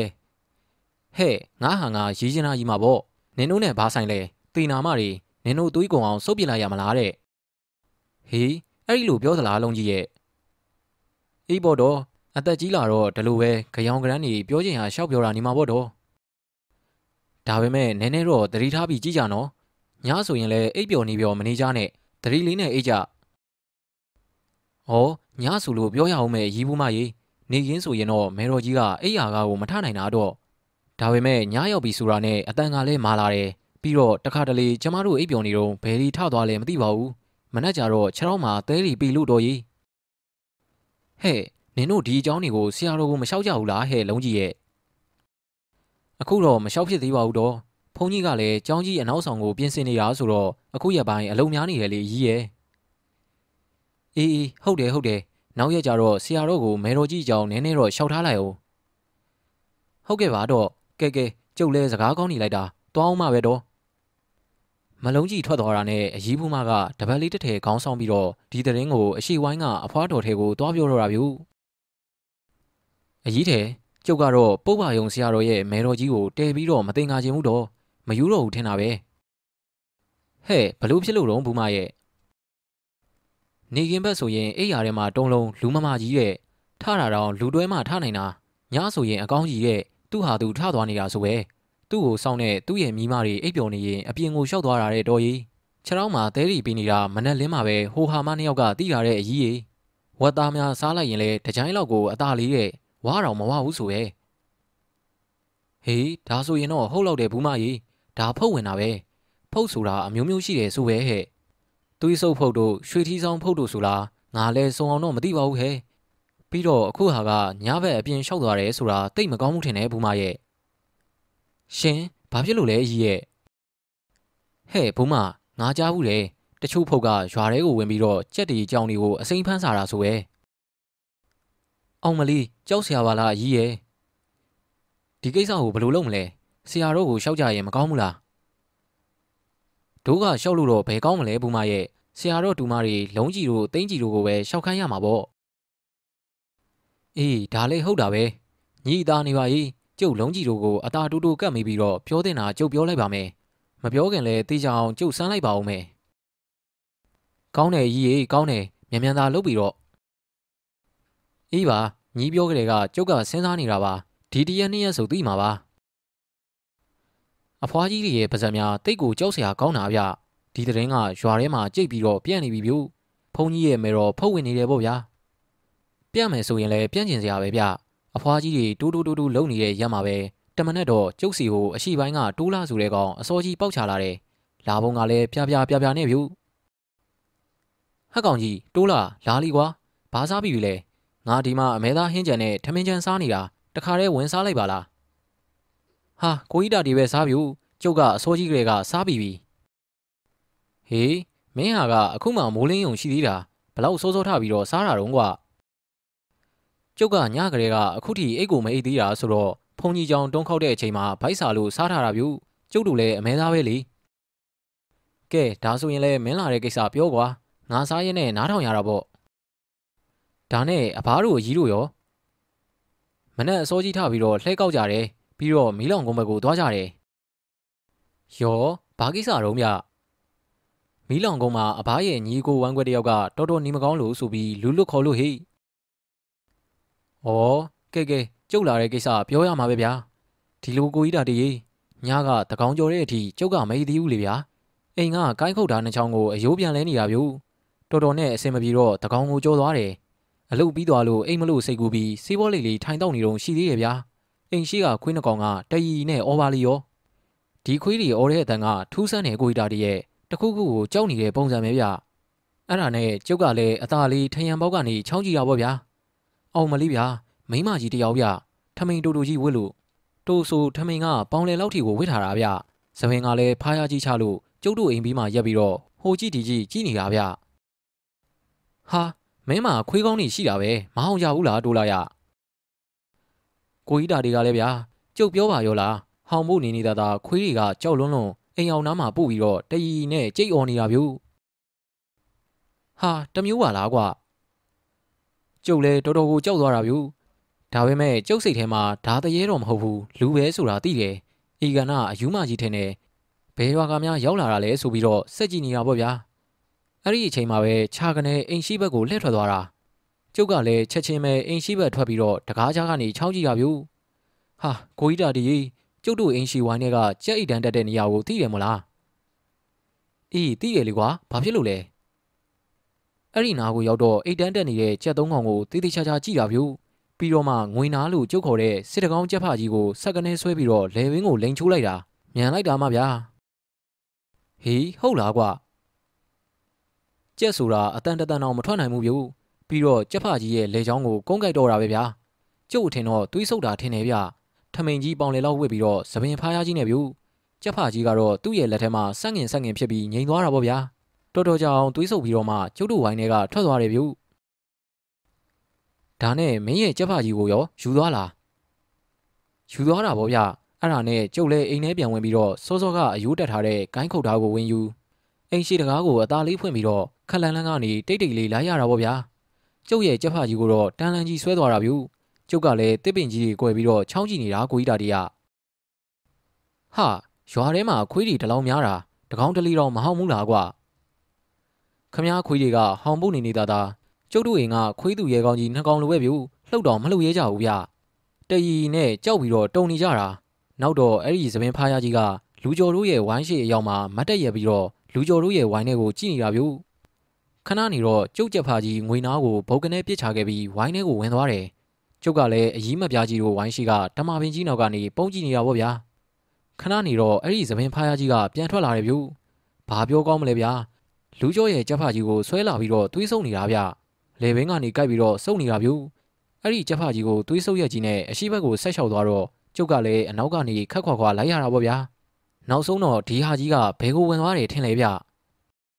ဟေးဘဲကိုဝင်သွားလို့တော့ကွာ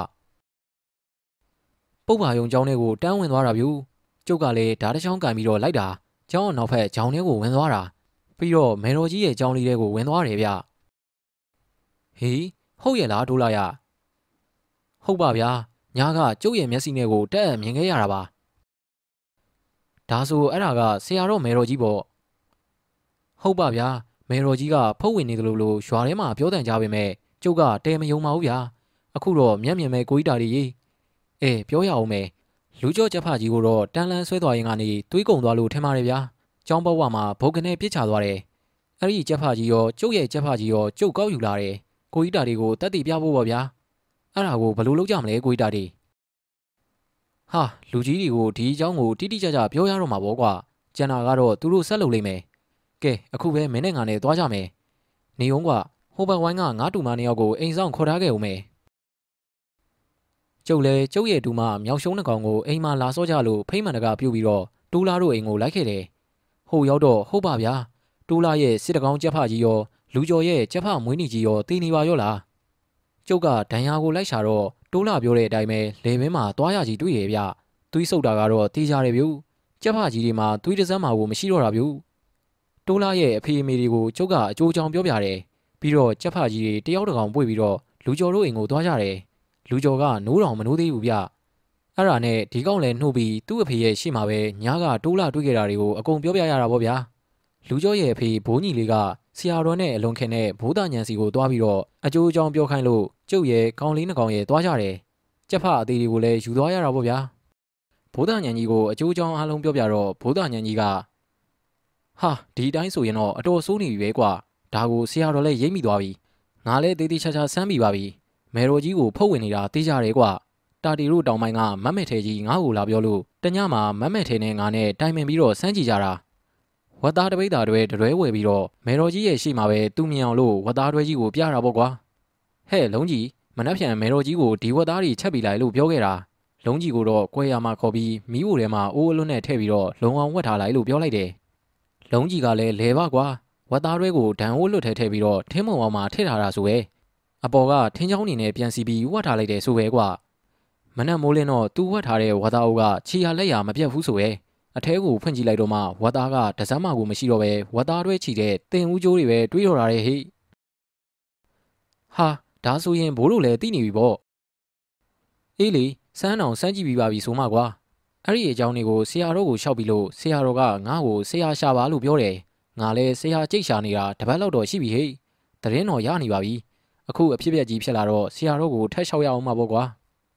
ကဲကဲမင်းတို့ချက်ဖကြီးတွေပြန်ယူသွားချက်တော်မစားနဲ့နော်မြေချင်းနဲ့နဲ့တူးပြီးတော့မြုပ်တာပြလိုက်ဒါမျိုးဆိုတာယောဂဗျာဖြစ်တတ်တယ်ကွဟုတ်ကဲ့ဘို့ကျုပ်တို့ဓာတွေကိုမြင်းမြုပ်ပြလိုက်မယ်အေးကြည့်ရတာတော့မဲတော်ကြီးကိုဝင်တဲ့ဖုတ်ကတွေးဆုပ်တဲ့ဖုံမျိုးထင်တယ်ကွာ ရွာထဲဝင်မွေတာတော့ခွေးမဟောင်ရဲဘူးဆိုတော့နဲတဲ့အဆင့်တော့မဟုတ်ဘူးတင်တယ်သူ့ကိုနိုင်လောက်တဲ့ဆရာနဲ့မှဖြစ်မှာကွာမတောက်တစ်ခေါက်ဆရာမျိုးနဲ့ဆိုရင်တော့သူ့ကိုသွားဆွာသလိုဖြစ်ပြီးတရွာလုံးကိုဒုက္ခပြီးမှစိုးရင်ရတယ်တာတရဟုတ်တယ်ဘိုးကြီးဘိုးပြောတာဟုတ်တယ်တော်တော်ကိုထက်တဲ့ဆရာနဲ့မှရမှာဗျပုတ်ပါယုံဆရာတော်ကလည်းဒီအကြောင်းတွေကိုအားလုံးသိသွားပြီဆိုတော့ညဆိုရင်မေတော်ကြီးရဲ့အကြောင်းရှိမှဦးစင်းနှစ်ပါးစီအလှည့်ကျစောင့်ကြတယ်အဲ့ဒီတော့ရွာထဲကိုတော့မလာတော့ဘူးရ ဒါပေမဲ့သူ့ကိုစောင့်အိတ်တဲ့လုံးကြီးနဲ့တင်းကြီးကိုအမြဲတမ်းထိထားနေတာဆိုပဲလူတွေပြောတာတော့တွေးဆုပ်တာလို့ပြောတာပဲဗျဟုတ်တော့လေဟုတ်နိုင်တာပဲဗျလုံးကြီးတို့တင်းကြီးတို့ဆိုတာတနေ့တခြားပိန်ချောက်လာတာဗျဒီကြားထဲဆရာကြီးပြင့်ပင်လာပြီးတော့ပြကြည့်ပါတယ်တချို့ဆရာတွေဆိုရင်မဲတော်ကြီးနာမှာထိုင်တော်မထိုင်ကြဘူးဗျတချို့လေးကိုတုတ်တော်တာပဲတချို့ကြတော့လေဖះစာတွေရုပ်ဖက်တဲ့စရုံရှိသေးတယ်ဟဲ့ကောင်နင်းသေးချင်းလို့လားဆိုပြီးထားအောင်လိုက်တာလန့်ပြီးတော့ပြေးတော့တာပေါ့ဗျာ ဆရာတယောက်ဆိုရင်စီးလွေကြီးပါထားပစ်ခဲ့လို့မနှဲကိုခေါ်ပေးရတာဆိုပဲမဲတော်ကြီးကလည်းတနေ့ထက်တနေ့ပို့ပြီးတော့ကြမ်းလာပုံပဲဗျထမင်းတစ်ခါစားရင်နိုးစီဘူးသုံးလုံးချက်လောက်ကုန်းလာတယ်ဗျအမဲသားနဲ့ကြွေးဝတ်သားနဲ့ကြွေးဆိုတာပဲအမြဲပြောနေတာဗျဆရာတော်ကလည်းဘိုးသားညံတို့ကိုအပီးလွှဲလိုက်ပြီဗျဒါပေမဲ့ဘိုးသားညံကလည်းဆရာရှာမတွေ့သေးလို့တီးခန့်ပြီးတော့ကျွေးမွေးနေတာပေါ့ဗျာအမဲသားဆိုရင်လည်းတပိတ်သားချက်ကိုပြိုက်ကနေပဲတဲ့ဝတ်သားဆိုရင်လည်းတပိတ်သားချက်ကိုပြိုက်ကနေပဲဗျ နည်းနည်းဝါအောင်ကျွေးထားတော့ငြိမ်နေရပေါ့ဗျာတစ်ဖက်ကလည်းဆရာကိုနဲနှံ့စုံစမ်းရတာပေါ့လေတွေးတဲ့ဆရာတွေကလည်းမေတော်ကြီးရဲ့ကိုယ်ထဲမှာဝင်နေတဲ့ဖုတ်ကောင်ကိုနိုင်တဲ့သူတယောက်မှမရှိဘူးဖြစ်နေတာပေါ့ဗျာဒီကိစ္စကကျုပ်တို့ရွာထဲတင်မကတော့ဘူးဒီအနီးနားကရွာတွေအထိတရင်ကပြန့်နေပြီလေပုတ်ပါယုံဆရာတော်ကြီးရဲ့မေတော်ကြီးဖုတ်ဝင်နေလို့တဲ့ရွာတွေကကြက်တီတော်ညဘက်ထွက်ဖမ်းပြီးတော့တွေးဆုပ်တာတဲ့ဆိုတာတွေကိုဘလို့မှတားဆီးလို့မရတော့ဘူးပေါ့ဗျာဒီအချိန်မှာပဲဘိုးသားညံတို့အဖွဲ့တွေကဆရာတယောက်ရလာတော့တာဗျ ဆရာကအသက်50လောက်တော့ရှိမယ်ထင်တယ်ဆရာနာမည်ကဦးကျော်တဲ့ဆရာကျော်လို့ခေါ်ကြတယ်အသားညူညူပိမ့်ပိမ့်ပါပါဗျ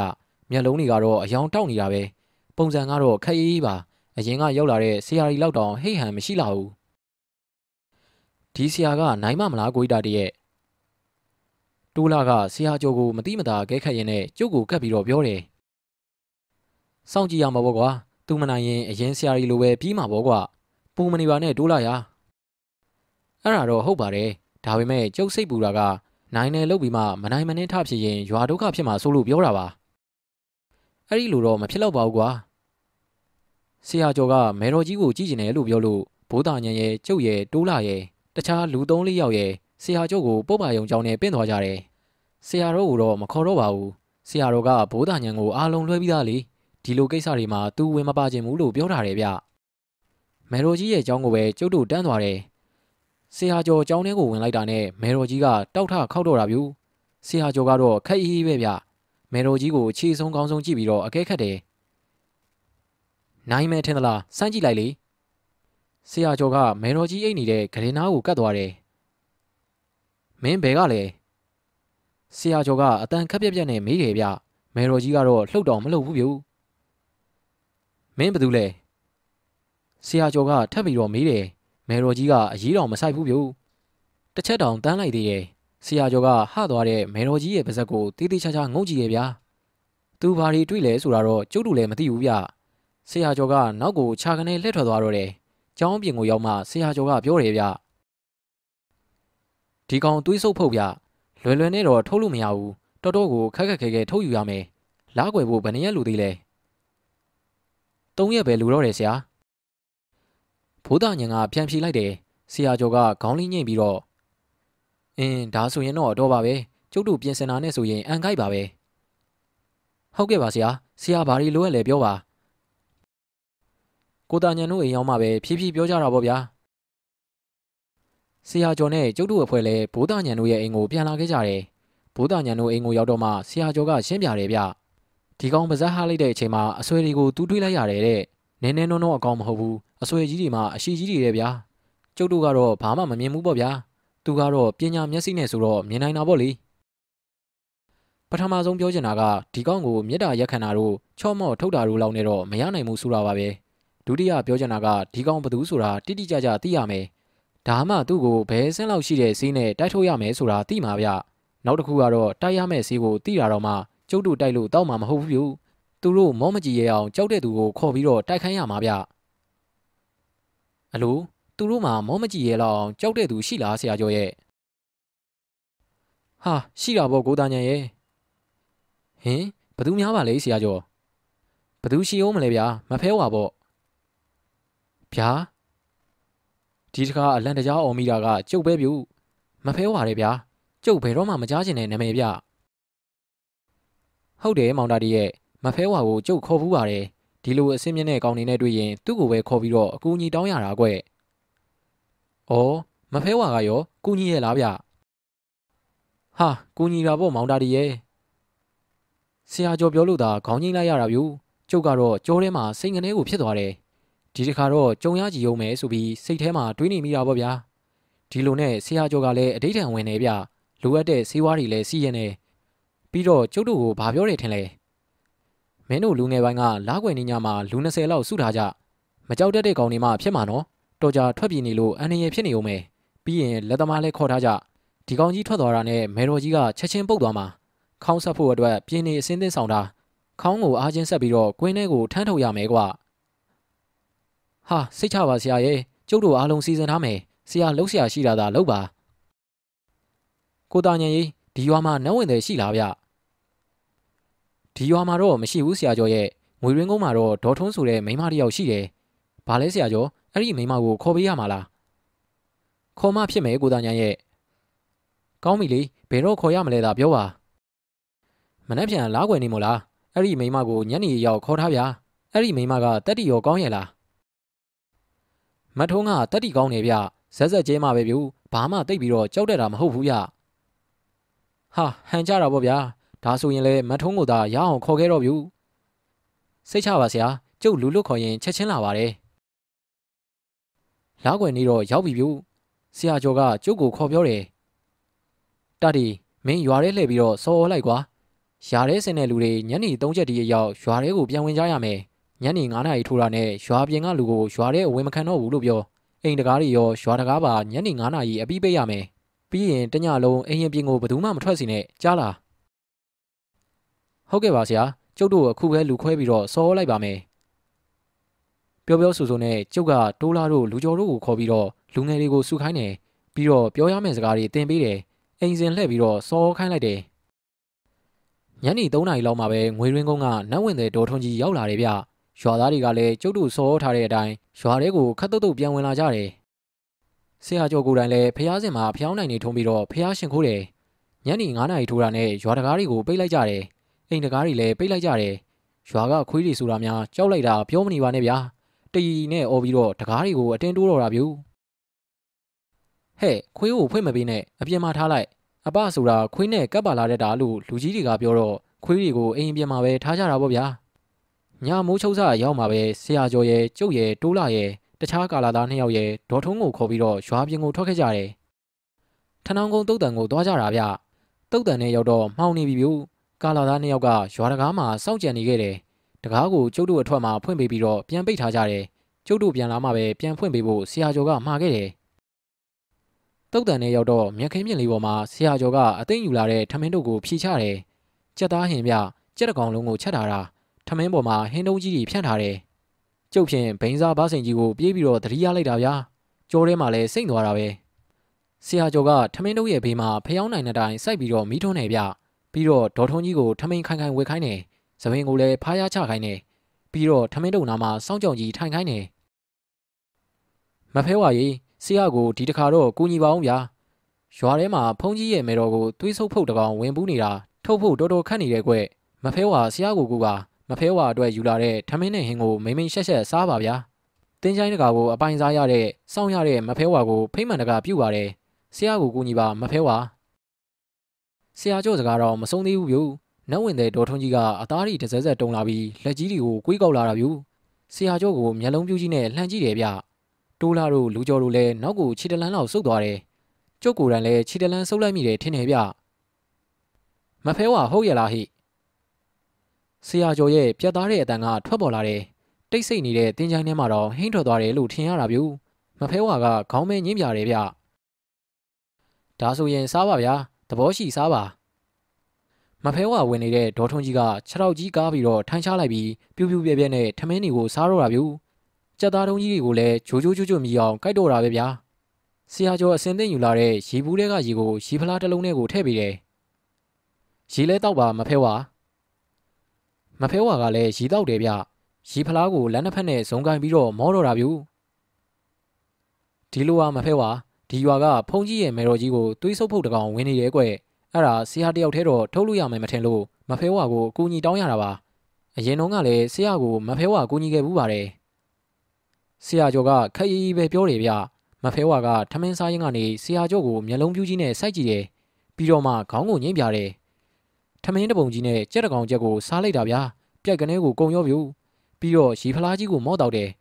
ကြံတဲ့ရေတွေနဲ့လက်စည်းလိုက်သေးတယ်ဗျ ပြီးတော့မှဝုံကနေထားလိုက်တယ်ကျုပ်တို့ကတော့မဆောင်မဲရှေ့ကနေရွာဘက်ကိုသွားတော့တာဗျူဆရာကျော်နဲ့ကျုပ်တို့လည်းနောက်ကနေအပြေးလိုက်ရတာပေါ့ဗျာ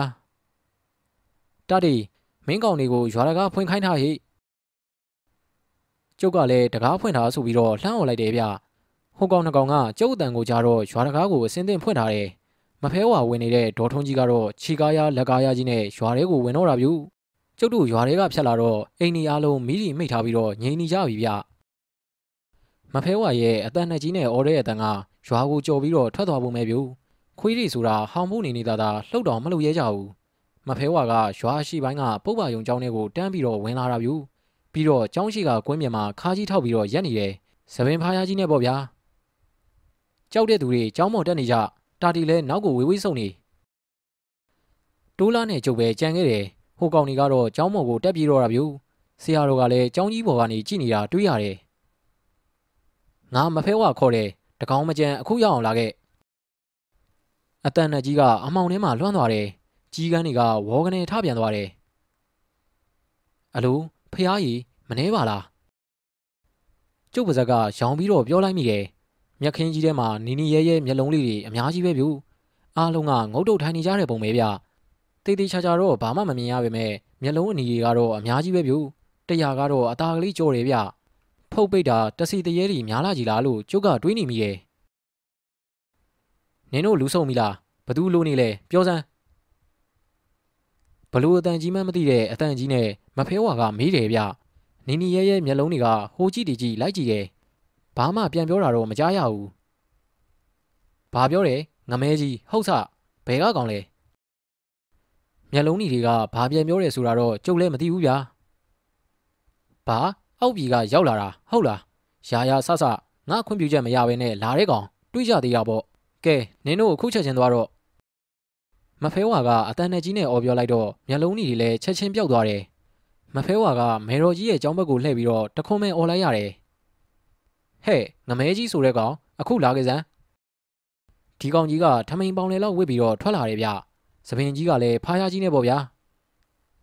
ဟဲ့ဒီကိုလာစမ်းငါရှိမှဒူးထောက်စမ်း မေတော်ကြီးကတကြီးတရိုင်နဲ့ရှောက်သွားပြီးတော့ဒေါ်ထုံးကြီးရဲ့ရှိမှဒူးထောက်တော့တာပေါ့ဗျာတကယ်ကတော့မဖဲဝါရှိမှငမဲကြီးဆိုတဲ့ဖုတ်ကောင်ကြီးကဒူးထောက်နေတာလေဗျာနင်းဒီလိုသွားချင်နိုင်သွားပြီးတော့လှုပ်ချင်နိုင်လို့လို့ရမလားဟဲ့ဆရာစီးတက်လိုက်နင့်မှာဆေးအစင်သင်ရှိတာငါသိတယ်နောက်ဆုံးဆေးဟဲ့သိလားလူသေးသွေးနဲ့ဖော်တဲ့ဆေးပဲမဖဲဝါကပြောတော့ဆရာကျော်ကပြပြတလဲရေတခွက်ခတ်ပြီးတာနဲ့ဆေးရိတ်ထဲကဆေးပလင်းကိုထုတ်တယ်ဗျကျုပ်ကဓမီနဲ့ထိုးပြရတယ် ဆရာကျော်ကနီနီစီးမုံနဲနဲကိုရေထဲကိုထည့်ပြီးတော့မှွေလိုက်တယ်ကဲငမဲအခုချက်ချင်းတောက်လိုက်ဆရာကျော်ကငမဲကိုအမိန်ပြီးတယ်ငမဲကြီးကဆရာကျော်ကိုမျက်လုံးပြူးကြီးနဲ့လှန်ကြည့်တယ်ဟဲ့ကောင်အခုတောက်လိုက်စမ်းမဖဲဝါကအတန်နဲ့ကြီးနဲ့អော်လိုက်တာကြောင်းထဲမှာကိုဟိန်းသွားတာဗျူငမဲကြီးကလည်းကြောက်ကြောက်ရွံ့ရွံ့နဲ့ဆရာကျော်ရဲ့လက်ထဲကရေခွက်ကိုယူတယ်ချက်ချင်းမတော့ဖဲချီတုံချတုံလုံနေသေးရဲ့ဗျဟဲ့မတော့ဘူးလား မဖဲဝါကအော်ရင်းနဲ့လက်ကွေးကွေးကြီးကိုမြောက်ပြီးတော့ရိုင်းမယ်လို့တော့မှငမဲကြီးကဆေးခွက်ကိုမောက်တောက်လိုက်တာဗျူဆေးဒီဝင်သွားတာနဲ့တပြိုင်နက်ဘုံကနေပဲလဲကြပြီးတော့ဆက်ငင်ဆက်ငင်ဖြစ်နေတယ်ဗျတေးပြီမို့လားဟဲ့တေးပြီမို့လားမဖဲဝါကပြောရင်းနဲ့အတန်နဲ့ကြီးနဲ့အော်ကြီးနေတာဗျကျုပ်ဖြင့်ကြက်သိန်းကြီးကိုတဖြန်းဖြန်းထားနေတာဗျာတာဟာအော်ကြီးပြီးတော့မဖဲဝါထွက်သွားတယ်ထင်တယ်ဗျဒေါ်ထုံးကြီးလည်းမျက်ခင်းပေါ်မှာလဲကျသွားတယ်ဆရာကျော်ကဒေါ်ထုံးကိုပြေးဝေပြီးတော့ရေမန်းနဲ့တော့ဂါရာတွေရွတ်တယ် ခဏနေတော့ဒေါ်ထုံးကပြန်တရီရလာတယ်သူကဘာမှသိပုံမရဘူးဗျဆရာတော်နဲ့ရွာသားတွေလည်းကျောင်းမော်ကဆင်းလာကြတယ်ဘိုးသားညံကမဲတော်ကြီးကိုစမ်းသက်ကြည့်တယ်မရှိတော့ပါဘူးကဲကဲမဲတော်ကြီးကိုမပြီးတော့ကြောင်းလေးတဲ့ကိုပြန်တယ်ကြဟိအလောင်းပြင်မဲ့သူကပြင်အခေါင်းဆက်တဲ့သူကဆက်တော့ကဲဝင်းကြီးတို့လူစုကအောက်လင်းတမီတွေထွန်းကွာဘိုးသားညံကကျိုးတင်စီစဉ်ထားတဲ့အတိုင်းလှုပ်ချဖို့ပြောလိုက်တော့မှကျောင်းဝင်းထဲမှာမီးတွေကိုထိန်လင်းသွားတော့တာပေါ့ဗျာ အခေါင်းရိုက်တဲ့သူကရိုက်အလောင်းပြင်တဲ့သူကပြင်ပေါ့လေကိုကြီးတာတည်းအခေါင်းရိုက်တဲ့သူတွေကိုမြန်မြန်သာရိုက်ခိုင်းမျိုးဒီမှာတော့ချက်ချင်းကိုပုတ်စော်နန်းလာပြီဗျတိုးလာကကျုပ်ကိုအော်ပြောတယ်ဟုတ်ပါဗျာဖုတ်ထွက်သွားတာနဲ့ချက်ချင်းကိုပုတ်လာတော့တာဗျကျုပ်လည်းအခေါင်းဆက်တဲ့သူတွေကိုအကြမ်းမဲမြန်မြန်ရိုက်ခိုင်းပြီးတော့မယ်တော်ကြီးရဲ့အလောင်းကိုအခေါင်းမြန်မြန်သွင်းပြီးကွင်းနဲ့ထမ်းထုတ်ကြတာပေါ့ဗျာကွင်းထဲရောက်တော့ပုတ်လိုက်တာပြောမနေပါနဲ့ဗျာကျုပ်တို့တွေလည်းအာတုဘကိုကွင်းထဲမှာပြင်ပြီးတော့ထားခဲ့ကြရတယ် မနဲ့မိုးလင်းတော့မှပဲရွာသားတွေလည်းဟင်းကနေတက်ပြင်းချနိုင်တော့တာပေါ့ဗျာတရွာလုံးလည်းတညလုံးမေးကြရဘူးလေကြောက်နေကြတာပေါ့ဗျခွေးကအစကြောက်ကြတာမလားနောက်နေ့ကျတော့မနက်စောစောပဲမေတော်ကြီးကိုတကြိုးကြရတယ်အဲ့ဒီညကဖုတ်ထုတ်တဲ့နေရာမှာကျုပ်ပါတာကိုအားလုံးသိကြတာပေါ့ဗျာ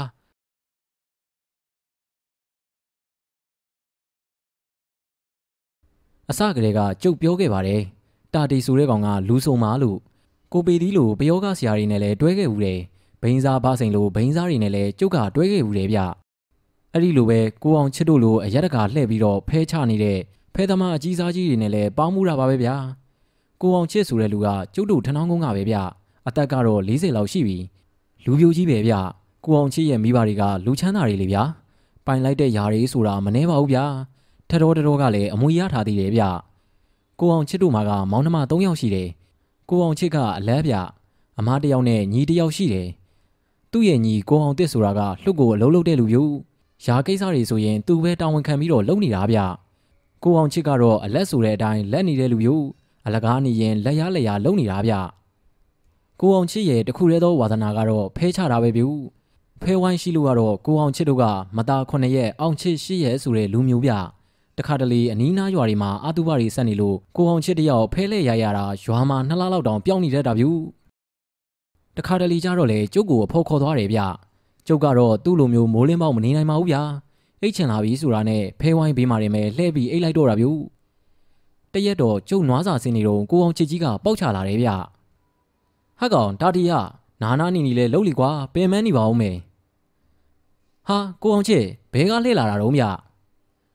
ဘယ်ကမှလှည့်လာတာမဟုတ်ပါဘူးကွာမင်းစီကိုပဲလာခဲ့တာ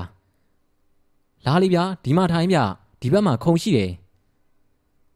ကိုအောင်ချစ်ကအသားညွညွထောင်းထောင်းမောင်းမောင်းနဲ့နှကမ်းမွေဆဆနဲ့ဗျလူကတော့လူပုံဖြောင်မဲပြူဒါပေမဲ့နမေကတော့စိုးသားလားဗျာဖဲသမားအောင်ချစ်ဆိုရင်မသိတဲ့သူရှိတာမှမဟုတ်တာဗျာရွာထဲမှာဆိုရင်လည်းဒီလိုမျိုးရှိတယ်ဗျအဲ့ဒီကိစ္စကဘသူပြောတာတော့ကွာကိုအောင်ချစ်ပြောတာဗျဘာအောင်ချစ်ဟုတ်လားဘဲအောင်ချစ်တုံးကွာဖဲသမားအောင်ချစ်လားမင်းကွာဖဲသမားစကားများယုံစားလို့ဖဲသမားစကားဆိုတာနှဲသမားပါဇက်လူပဲကွာ ပိန်လိုက်ဖောင်းလိုက်နဲ့တွေးဘူးတယ်မလားပူပြောလိုက်ရော့ပြောလိုက်လုံနေတဲ့လူစားမျိုးကွာကိုအောင်ချစ်တို့ကရွာမှာအဲ့ဒီလူကိုကြော်ကြားတာဗျူလူချမ်းသာရဲ့သားဆိုပေမဲ့သူ့ကိုဘယ်သူမှလေးစားတာမဟုတ်ဘူးဗျဖဲသမားအောင်ချစ်လိုပဲခေါ်ကြတာဗျူကျုပ်ကငကားစီးပေါ်လီလေးတလိပ်ကိုမင်းညိပြီးတော့ကိုအောင်ချစ်ကိုဆေးလိုက်တယ်တယ်ကိုအောင်ချစ်ကစင်းကုံဘေးကတက်သားကလတ်ထိုင်မှာအကြာနာထိုင်ပြီးတော့ငကားစီးပေါ်လေးကိုအားရပါရဖွာနေတာဗျူကျုပ်ကတော့နွားစာဆက်ပြီးဆင်းရတာပေါ့ဗျာဟက်ကောင်တာတီ မင်းပြောင်ယူတွေကတဲကောင်းမှလားကွာဒါတောင်ဘက်အခင်းကလားဟုတ်တယ်ဗျတောင်ဘက်အခင်းကပြောင်းနေရိတ်လာတာလေဒီနှစ်တော့နွားစာမပူရတော့ဘူးဗျပြောင်းနေကလှုပ်ကောင်းတာဗျအေးဟုတ်တယ်ကွာဒီနှစ်ပြောင်းကတော့တော်တော်ကိုကောင်းတာဟိအေးကွာနွားစာအတွက်စိတ်အေးရတာပေါ့နေပါအောင်ကိုအောင်ချစ်ရဲ့ကျုပ်စီကိုလာတာကိစ္စများရှိနေလို့လားအေးရှိတယ်ကွာတာတရပြောလေဗျာဘာများတော့ဒီလိုဟိ အနောက်ကမီးလောင်ကုန်းရွာမှာအာတုဘရှိတယ်လေကွာ။အော်ဒါများအဆန်းလို့လို့ကိုအောင်ချစ်ရ။စမ်းတော့မဆမ်းပါဘူးကွာ။ဒါပေမဲ့ခါတိုင်းနဲ့တော့ကွာနေတယ်ကွာ။ဟင်ဘာတွေများကွာနေလို့တော့ဗျ။မီးလောင်ကုန်းကတရုတ်ဆိုင်ကြီးကိုမင်းသိတယ်မလား။ဟာသိတာပေါ့ဗျာ။ဦးအမိန်ဆိုတဲ့တရုတ်ကြီးရဲ့ဆိုင်လေဗျာ။ဆိုင်ကြီးကိုဟီးနေတာပဲလေ။အေးကွာအမိန်ကြီးဆုံးသွားပြီဟေ့။ဟာဟုတ်လားကိုအောင်ချစ် အေးကွာဟုတ်တယ်အဲ့ဒီအာသူဘကိုရန်ကုန်ကအမင်းရဲ့ညီတွေတူတွေရောက်နေတယ်တတိတွေကအားလုံးဖဲချကြတယ်ကွာဒါကပွဲကြီးပွဲကောင်းဖြစ်လိမ့်မယ်ဟိဩဒီလိုလားဒါနဲ့ကြုတ်ကြားတာရောဟုတ်လားဗျဘာတုံးကွာတတိယဩဒီလိုပါဗျာအခုတလောကိုအောင်ချစ်ကဖဲသိမ့်မလိုက်ဘူးဆိုဖဲချတိုင်းရှုံးနေတယ်လို့ကြားလို့ဟာဖဲသမားပဲတာတရာရှုံးတဲ့အခါလဲရှုံးနိုင်တဲ့အခါလဲနိုင်မှာပေါ့ကွာ ရန်ကုန်ကတရုတ်တွေကိုခမားကရှင်းနိုင်မှမလားဗျမပူပါနဲ့တာတီယာငါမှနီးလန်းနေအများကြီးရှိပါတယ်ကွာအဲ့ဒီတော့ကိုအောင်ချစ်ကကျုပ်ကိုခေါ်သွားကြလို့လားအေးလေကွာညကြရင်မင်းနဲ့ငါနဲ့မီးလောင်ငုံကိုသွားရအောင်ဟိုးလှုပ်လိုက်လေဗျာတာတီကတော့ဒါမျိုးဆိုလိုက်ပြီးသားပဲဗျူကဲဒါဆိုရင်ငါတို့တွေမိုးချုပ်ဆာကိုသွားကြတာပေါ့ငါလာခဲ့မယ်လို့မီးလောင်ငုံကကောင်းတွေကိုမှားထားတယ်ကွာ စိတ်သာချပြူကျုပ်အစင်းသင်းစောင့်နေမယ်ကျုပ်ဝင်ကိုပဲကိုအောင်ချစ်လာခေါ်လေဗျာအေးပါကွာတတိယငါမင်းကိုလာခေါ်ပါမယ်ပြောပြောဆိုဆိုနဲ့ကိုအောင်ချစ်ကထားပြန်သွားတယ်ကျုပ်လဲနွားစာရီပြီးအောင်ဆက်ပြီးတော့ဆင်းရတာပေါ့ဗျာအမေနဲ့အဖကိုလည်းကြိုးပြောပြထားလိုက်တယ်ဗျတာတရီသွားစို့ဟိညာမိုးချုပ်ပြီးတော့တိတ်မကြခင်မှာပဲကိုအောင်ချစ်ကြီးရောက်လာတယ်ကိုအောင်ချစ်ထိုင်အောင်လေဗျာ ဟဲ့အောင်ချစ်ထိုင်အောင်လေဟဲ့အမေကပါကိုအောင်ချစ်ကိုလှမ်းခေါ်တာဗျူကိုအောင်ချစ်ကတော့အိမ်ပေါ်မတက်တော့ဘူးဗျမတက်တော့ဘူးရီးငွေစိန်ကြီးတာတိကိုဒီကပဲစောင်းတော့မယ်ဗျူအေးအေးဒါဆိုလဲပြီးရောဒါနဲ့မီးလောင်ကုန်းကအမင်းကြီးဆုံးသွားပြီဆိုတာတီပြောမှသိတာဟိဟုတ်တယ်ကြီးရဲ့အမင်းကြီးကတော့ဆုံးပြီဗျို့ကျုပ်တို့ကအခုအဲ့ဒီကိုသွားမှာအေးပါဟဲ့တာတီပြောပါတယ်ရန်နေပါတွေတော့မဖြစ်ကြနဲ့နော် စိတ်ချပါကြီးရဲ့စိတ်ချပါကျုပ်အိမ်မော်ကဆင်းလာတော့ကိုအောင်ချစ်ကလက်ထဲမှာအထုပ်ထုပ်ဆွဲပြီးတော့စောင့်နေတယ်ဗျကျုပ်တို့နှစ်ယောက်လဲရွာမြောက်ဖက်တကားကထွက်ပြီးတော့အနောက်ဘက်ကိုလာခဲ့တာဗျကိုအောင်ချစ်လက်ထဲကဘာတို့တုံးဗျဟဲဟဲမဖဲဝါအတွက်လीကွာဗျာမဖဲဝါအတွက်အီးကွာဒီနေ့ညငါကစီးပွားဖြစ်ရိုက်มาလေကွာဒီတော့ငါအစွမ်းတစ်ခုတည်းနဲ့ဘယ်ဖြစ်မလဲကွာမဖဲဝါရဲ့အကူအညီယူရမှာပေါ့ ဟာဒါဆိုရင်အခုဘယ်ကိုသွားမှာတော့ဗျမီးလောင်ကုန်းတင်းချိုင်းကိုရင်ဝင်မဲ့ဟိအဲ့ဒီမှာမဖဲဝါကိုဒီခေါက်ဆွဲကြော်ဝင်ကျွေးမယ်လीပြီးတော့မဖဲဝါနဲ့အပီးယူလောက်ကြရမှာပေါ့ဒီခေါက်ဆွဲကြော်ကအပိတ်ဆိုင်ကလားဗျအေးဘောတာတရအပိတ်ခေါက်ဆွဲကြော်ပေါ့ရွာမှာကအပိတ်ငါလွဲရင်ဘသူရှိသေးလို့တော့ဩမဟုတ်ပါဘူးဗျာဟိုတလောကအပိတ်ဆိုင်ပိတ်ထားတယ်လို့ကြားလို့ပါအေးဟုတ်တယ်ကွာအခုမှပြန်ဖွင့်တာ သူ့အတော်နေမကောင်းလို့မြို့သွားပြီးတော့သတင်းမိတာဆိုပဲကွာကျုပ်ကတော့ကြောထဲမှာစိတ်ငနေကိုဖြစ်သွားတာဗျူကိုအောင်ချစ်ခမရအရင်ကရောဒါမျိုးတွေလုပ်ဖူးလို့လားဗျဘာကူလဲကွာမဖဲဝကိစ္စလားအေးလီဗျာကိုဟာကိုလုပ်ပါလားခမ ्या မှာနိုင်မဲ့ကန်ရှိရင်နိုင်မှာပါဗျဟာတာတီယာအောင်ချစ်ဆိုတဲ့ကောင်ကကန်သမားမဟုတ်ဘူးကွာညံသမားညံသမားမို့လို့ဖဲချတာဗောကွာ ဖဲဆိုတာကညံသမားတွေရဲ့အလုပ်လေကွာဖဲသမားတယောက်ဖဲနိုင်မို့ဆိုရင်ဘာမဆိုလုပ်ရမှာပဲတာတီယာဘာလဲမင်းကမဖဲဝါကိုကြောက်နေလို့လားဟာဒီလူတော့လည်းမဟုတ်ပါဘူးဗျာဒါဆိုရင်ပြီးရောပေါ့ကွာဟောပြောရင်းဆိုရင်နဲ့မီးလောင်ကုန်းတင်းချိုင်းတော့ရောက်ပြီကွာလာကွာနေရာကောင်းလေးရှာလိုက်ရအောင်ဟောတွေးပြီကွာဟိုရှိကတကြီးဥသူတော်ရဲ့အုတ်ကူပေါ်မှာကျွေးတာပေါ့ကွာ ပြောပြောဆိုဆိုနဲ့ကိုအောင်ချစ်ကအပိမ့်ဆိုင်ကဝယ်လာတဲ့ခောက်ဆွဲကြော်တို့ကိုဖြီးလိုက်တယ်ဗျတောတလိဆိုတော့ခောက်ဆွဲကြော်ကိုငပြောဘက်နဲ့ပဲထုတ်ထားတာပေါ့ဗျာပူပူနွေးနွေးပဲရှိသေးတယ်ဗျကိုအောင်ချစ်ကခောက်ဆွဲကြော်တို့ကိုတေးသေးချာချာပြင်လိုက်တယ်ပြီးတော့ရေပလင်းကိုလည်းဖွင့်ချထားတယ်ဗျတင်းချိုင်းဆောင်ကြီးမဖဲဝါရောက်ရရက်ကဒီကိုအမြန်လာပါကျုပ်ကဖိမှန်တကပြုတ်ပါတယ်အနီးနားမှာရှိတဲ့နာနာဘာဝအပေါင်းကလည်းမဖဲဝါကိုအမြန်ဆုံးအကြောင်းကြားပေးပါ ကျုပ်ကမဖဲဝါကိုခောက်ဆွဲကြော်နဲ့တင်မြောက်ပါတယ်ဗျာကိုအောင်ချစ်ကခေါင်းကြီးမော့ပြီးတော့ဟိုကြီးဒီကြီးလုပ်ပြီးပြောနေတာဗျူကျုပ်ကဂူဘော်ကခောက်ဆွဲကြော်တို့ကိုကြည့်နေတာဗျဟာကျုပ်ကရောင်ပြီးတော့ဟာကနေတော့အွန်လိုင်းမိတယ်ဗျာခောက်ဆွဲကြော်တွေကပြက်ကနေပြက်ကနေရောသွားနေတာဗျဟဲ့ကောင်တာတီဘာလို့អော်တာတုံးကွာကိုအောင်ချစ်ခမားခောက်ဆွဲကြော်တွေကြည့်ပါဦးဟေးဟုတ်သားပဲ ဟာမဖဲဝါကတော့စားနေပြီဟေးကိုအောင်ချစ်ကလက်ဖွားနှစ်ဖက်ကိုပို့ရင်းနဲ့ပြုံးပြုံးကြီးလုံနေတယ်ဗျဝမ်းသာအားရဖြစ်နေတဲ့ပုံပဲဗျူမဖဲဝါကျုပ်ဒီနေ့ညမီးလောင်ကုန်းကတရုတ်အမင်းရဲ့အာတုပမှာဖဲချမလို့ဗျရန်ကုန်ကတတိတွေနဲ့ချရမှာကျုပ်ကိုတဝိုင်းလုံးရှိသမျှငွေတွေတင်းကြုံယူနိုင်အောင်လုပ်ပေးပါကျုပ်မဖဲဝါကိုအမဲသားသုံးပိတာချက်ကြွေပါမယ်ကျုပ်ကိုနိုင်အောင်သာလုပ်ပြီးဟော်ရီဂူပေါ်မှာကိုအခုလိုလာကြွေးမှာဒီကောင်တာတီတက်တည်ဗျာ ဖះဖះသူ့ဟာသူပြောတာမဟုတ်ဘူးဗျာကျုပ်နမယ်ကိုပါထဲ့ပြောလိုက်တယ်တော်တော်ဆိုးတယ်ကိုအောင်ချစ်ပြူကျုပ်ကြည့်နေတော့မှပဲခောက်ဆွဲကြော်တွေကကုံသွားပါရောလားဘယ်ရောက်သွားလဲဆိုတာတော့ကျုပ်လည်းမသိဘူးဗျာဟာရေဒီပါကုန်ပြီပြူအေးကွာမဖဲဝါလဲစားနေပုံရတယ်ဟိဟုတ်ပြီမဖဲဝါကျုပ်ကသာကျုပ်ပြောသလိုဖြစ်အောင်လုပ်ပေးပါကျုပ်အမဲသားသုံးမိသားတိတိချက်ပြီးတော့လာကျွေးမယ်ကိုအောင်ချစ်ကလက်သုံးချောင်းအောင်ထောင်ပြလိုက်သေးတယ်ဗျူ အားလုံးကျွေးမွေးပြောဆိုပြီးတော့ကျုံနဲ့ကိုအောင်ချင်းနဲ့မီးလောင်ကုန်းရွာတွေကိုဝင်ခဲ့တယ်ဗျတရုတ်အမိန်ကရွာလေပိုင်းမှာနေတာဆိုတော့ကျုပ်တို့နှစ်ယောက်လည်းရွာလေးကိုလာခဲ့ကြတယ်အာတုဘအိမ်ကအောက်လင်းတက်မီတွေထွန်းထားတယ်ဗျလင်းထိန်နေတာပဲဗျမနှက်ဖြန်အာသူကချမှာဆိုတော့လူတွေကချက်ပြုတ်နေကြတယ်ဟာကိုအောင်ချစ်ပါလားဗျမီးလောင်ကုန်းကကာလာသားကောင်ဖိုးချွန်းဆိုတဲ့ကောင်ကကိုအောင်ချစ်ကိုခီးဦးကြိုပြူတာဗျူဟောဒါကကြုတ်ပြောတဲ့ကိုအောင်ချစ်ပါပဲဗျာ ထနောင်းကုန်းကလူချမ်းသာရဲ့သားဖဲဝိဇာအောင်ချစ်ပေါ်ဗျဟာဖဲဝိဇာလားကောင်းတာဗောဟွာတို့လည်းဖဲဝိဇာတွေပါပဲပြောစရာကောင်းတာဗောဒါနဲ့ပတ်စံရောများများပါလာတယ်မလားဟာထောင်ခဲရပါပါတယ်ဗျဒါပေမဲ့ကျုပ်ကပတ်စံအိတ်ထက်ဂုံနီအိတ်ကိုဂယူးတဆိုင်ယူလာရတာဗျဘလို့ဂုံနီအိတ်ဟုတ်လားဂုံနီအိတ်ကဘာလို့ဖို့တော့ထောင်ကဲတို့စီကကျုံနိုင်မဲ့ငွေတွေပတ်စံတွေထည့်ရအောင်လေဗျာ။အော်ဒီလိုလား ဖဲဝိဇာကရီးစရာလဲအပြောကောင်းပါလား။ကဲပျော်ပျော်ပါပါပေါ့။ခဏကြာတော့ဖဲဝိုင်းကစပြီဗျ။ကိုအောင်ချစ်နဲ့မျိုးဝါကတရုတ်ဒီပွဲစားပြီပေါ့ဗျာ။ကျုပ်ကကိုအောင်ချစ်ရဲ့နောက်မှာဗျ။ပြောရမှာတော့အံ့ဩစရာပါဗျာ။ပွဲစားကလေးကကိုအောင်ချစ်နိုင်တာတိတိတသားကြီးကိုဖြစ်တော့တာပါဗျာ။တခြားတယောက်တက်လဲလောက်နိုင်ရင်ကျုပ်ကမပြောဘူးဗျ။ဒါပေမဲ့အခုဟာကအလှည့်တိုင်းကိုကိုအောင်ချစ်ကနိုင်နေရဗျ။ဘယ်သူမှတက်လဲတော့မနိုင်သေးဘူးဗျ။ ထောင်ကဲကြီးတွေကလည်းအံ့ဩပြီးတော့တယောက်မျက်နှာတယောက်ကြီးကုန်ကြတဲ့အထိကိုဖြစ်တာဗျ။တရုတ်ဒီဒေါသဖြစ်လာတော့ပုံမဲတာပေါ့ဗျာ။ငွေဒီဆိုတာပြောမနေပါနဲ့တော့ဖွေးနေတော့တာဗျာ။တေချာပေါက်နိုင်မီထင်တဲ့အလှဲ့ပါထောင်ကဲတွေကဖိပြီးတော့ထိုးတယ်ဗျ။နောက်ဆုံးတော့ကျုပ်ရဲ့လူကိုအောင်ချစ်ကပဲနိုင်တာပေါ့ဗျာ။မဖဲဝါလုတ်ပြီးနေတယ်ဆိုတာတေချာလိုက်တာမှဗျာ။တဖြည်းဖြည်းနဲ့ညနေရာကတကောင်ကျော်တကောင်ကျော်ရာကနေအာယုံတက်ဝိုင်းထဲမှာရှိသမျှငွေတွေကကျုပ်တို့အိတ်ကြီးထဲမှာဗျ ကိုအောင်ချစ်ပြောသလိုဂုံနီအိတ်တော်ကျုပ်တို့မှာမပါဘူးဗျ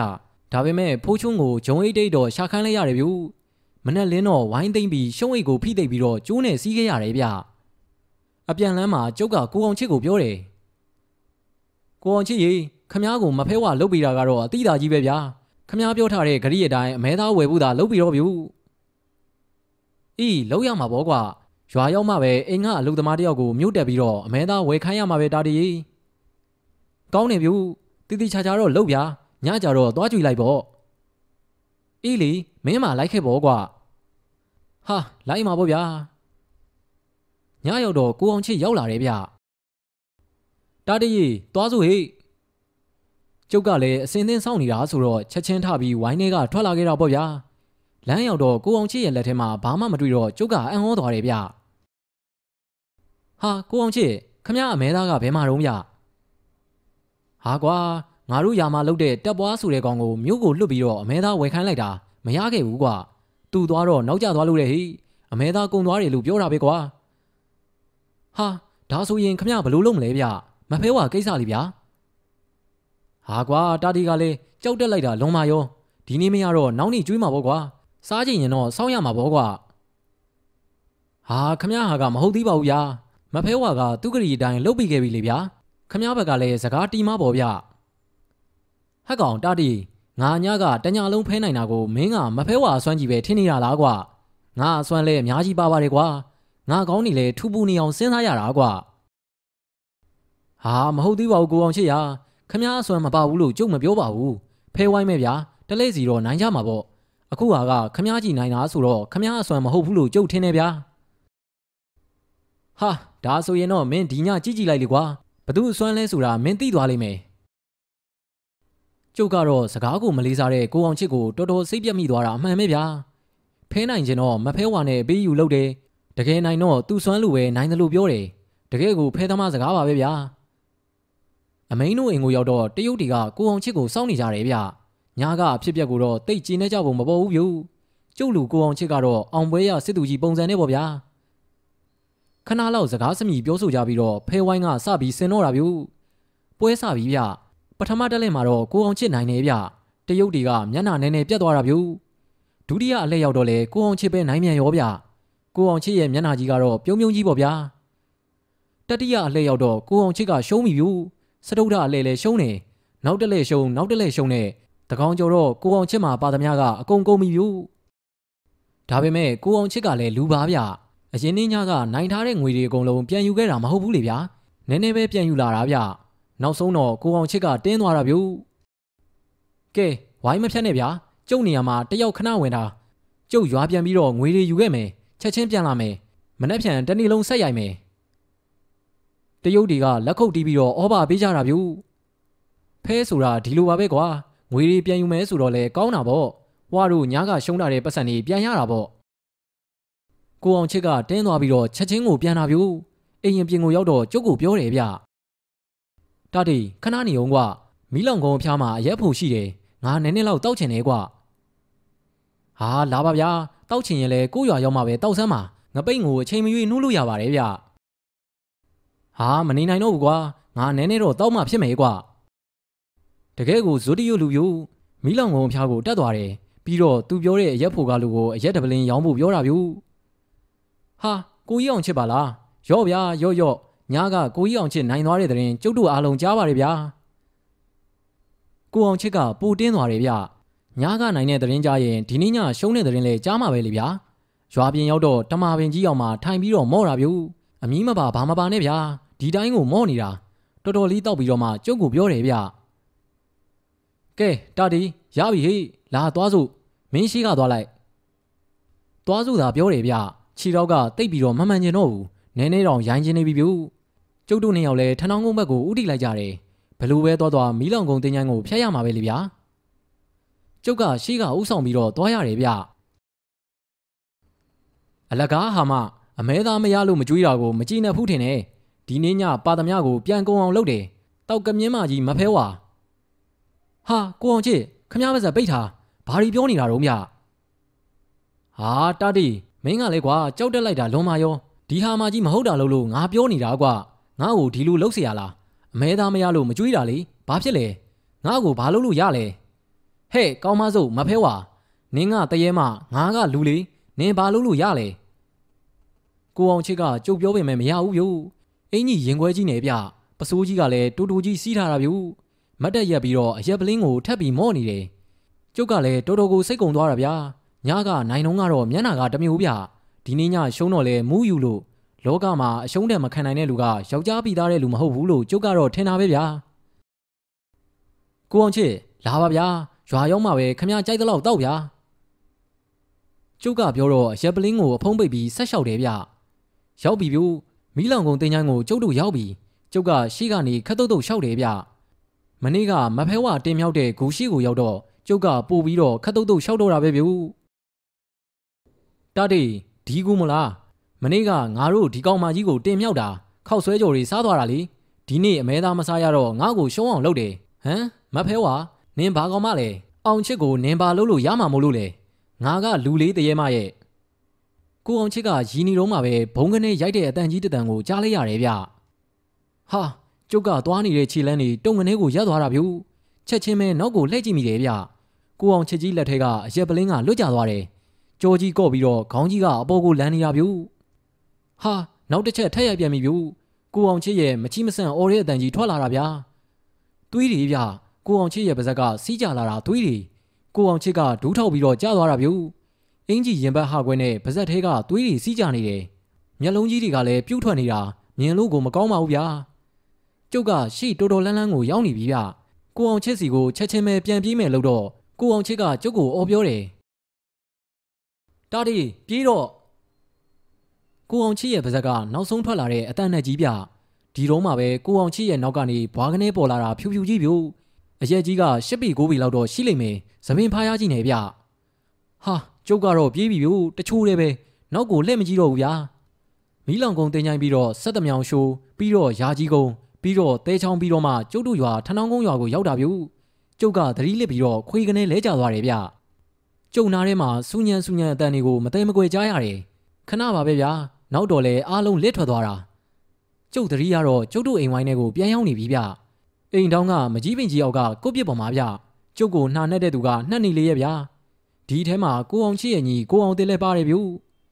ကျုပ်ကောင်းကောင်းတတိရတော့မှဝိုင်းမိကြတယ်ဗျကျုပ်ကလည်းဖြစ်သမျှတွေကိုအားလုံးပြောပြလိုက်တာပေါ့ဗျာဟဲ့အောင်ချစ်ကပောက်ကရတွေရှောက်လို့တာကိုနင်းကမတားဘူးလားတာတရဲ့ ကျုပ်အမိကတော့ကျုပ်ကိုအပြစ်ပြောတာဗျချက်ချင်းပဲရွာထဲမှာလူစုကြတယ်ဗျညနှစ်နာရီထိုးနေပြီဓမီတွေဒုတ်တွေဓားတွေနဲ့ရွာပြင်ကိုထွက်ကြတယ်ကျုပ်ကတော့လမ်းပြပေါ့ဗျာမီးလောင်ကုန်းကိုရောက်တော့မီးလောင်ကုန်းရွာသားတွေကလည်းအလန့်တကြားထွက်လာကြတယ်ဗျဟဲ့ဘသူတွေတော့ဘာဖြစ်တာတော့ကျုပ်ကဖြစ်ပျက်ဒီပြောပြတော့သူတို့ရွာသားတွေပါထွက်ပြီးတော့လိုက်လာကြတာဗျမီးလောင်ကုန်းတင်းချိုင်းကိုရောက်တော့တကြီးဦးသူတော်ရဲ့ခုနာမှာမှောက်ခုံကြီးလဲကြနေတဲ့ကိုအောင်ချစ်ကြီးကိုအလောင်းမဲ့တွေးကြရတော့တာဗျ အသက်မရှိတဲ့ကိုအောင်ချစ်ရဲ့ခန္ဓာကိုယ်ကြီးကမှောက်ခုံကြီးတည်နေတာဗျဓမီနဲ့ဝိုင်းထိုးပြီးတော့ကြည်ကြတာပေါ့ဗျာအလောင်းကိုကိုအောင်တင်းနဲ့ကျုံနဲ့ဆွဲလန့်လိုက်တော့မကြောက်တဲ့မလန့်တတ်တဲ့ထနောင်းကုန်းကလူငယ်တွေတောင်လန့်ပြီးတော့អော်ကြတာဗျကိုအောင်ချစ်ရဲ့အလောင်းမှာမျက်စိကြီးတွေကအပြင်ကိုပြူးထွက်နေပြီးတော့ပါဇက်ကြီးကလည်းဟနေတယ်ဗျဝေဒနာကိုမချိမဆန့်ခံစားရပြီးတည်သွားရတာကသူ့ရဲ့မျက်နှာမှာအထင်းသားကိုပေါ်နေတာပါဗျာအလောင်းကိုတစ်ခါမှောက်ပြီးတော့ကြောကုန်းကိုကြည့်တယ်ဗျဟာ ကြည့်နေတဲ့လူတွေကလန့်ပြီးတော့អော်ကြပြန်တာဗျကိုအောင်ချစ်ကြီးရဲ့ကြောကုန်းမှာလက်ဝါးရကြီးနှစ်ခုဗျာနဲတဲ့လက်ဝါးကြီးမဟုတ်ဘူးဗျကျုပ်တို့တွေလည်းစောင်းတထဲပြန်ယူပြီးတော့ပကတ်လို့အလောင်းကိုရွာရောက်တဲခဲ့ကြတယ်ထုံးစံအတိုင်းလူသိမှုဖြစ်နေတော့ရဲစခန်းအကြောင်းကြားပြီးစေးရုံကိုပို့ရတာပေါ့ဗျာဘာပြောကောင်းမလဲဗျာကျုပ်ကလည်းစစ်ကြတာပေါ့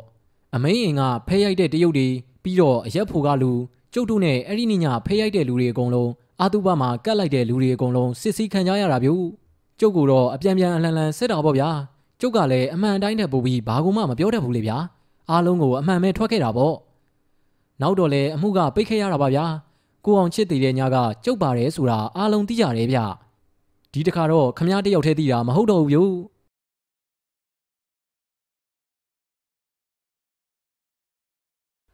သူ့ကိုတွေးတွေ့ချင်းပဲကျုပ်ကစိတ်ဝင်စားသွားတယ်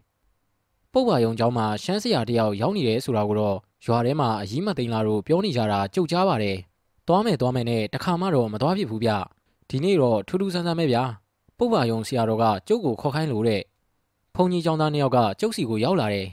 ။ဟဲ့တာဒီဒီမှာဘုန်းကြီးကျောင်းသားတွေရောက်နေတယ်။ဆရာတော်လွတ်လိုက်လို့တဲ့။ကျုပ်ကနွားစာဆင်းနေတာဗျ။အိမ်ရနောက်ဖက်မှာရောက်နေတာ။အမေလန်းခေါ်မှာပဲကျုပ်ကတိရပြူ။ ကျုပ်လည်းလုံးလက်ဆအလုပ်ကိုခဏရက်ထားပြီးတော့အိမ်မော်ကိုတက်လာခဲ့ရတာပေါ့ဗျာကိုကြီးတာတွေကိုဘုန်းကြီးကခေါ်ခိုင်းလိုက်လို့ဗျ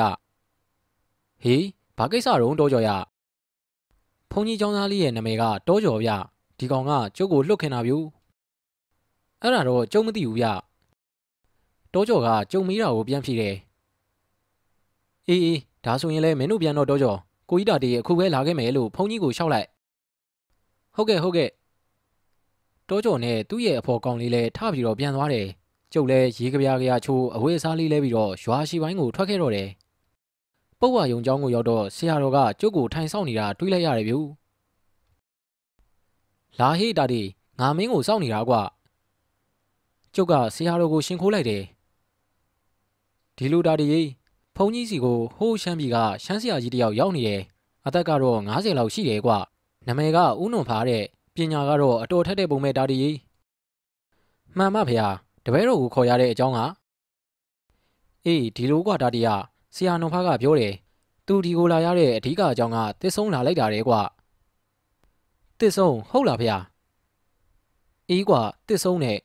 ဖုန်ကြီးလည်းမကြားဘူးပါဘူးကွာဒီတကားကြီးပြောမှပဲဒါမျိုးတွေရှိတာကိုသိရတာသူပြောတာတခုကနည်းနည်းတော့ထူးဆန်းနေတာတည်းကတစ်ဆုံးကတင်းချိုင်းနေမှာပေါက်တက်တာတဲ့ အဲ့ဒီလိုတစ်ဆုံးပေါက်လာပြီဆိုရင်အဆောင်တွေကရောက်လာတယ်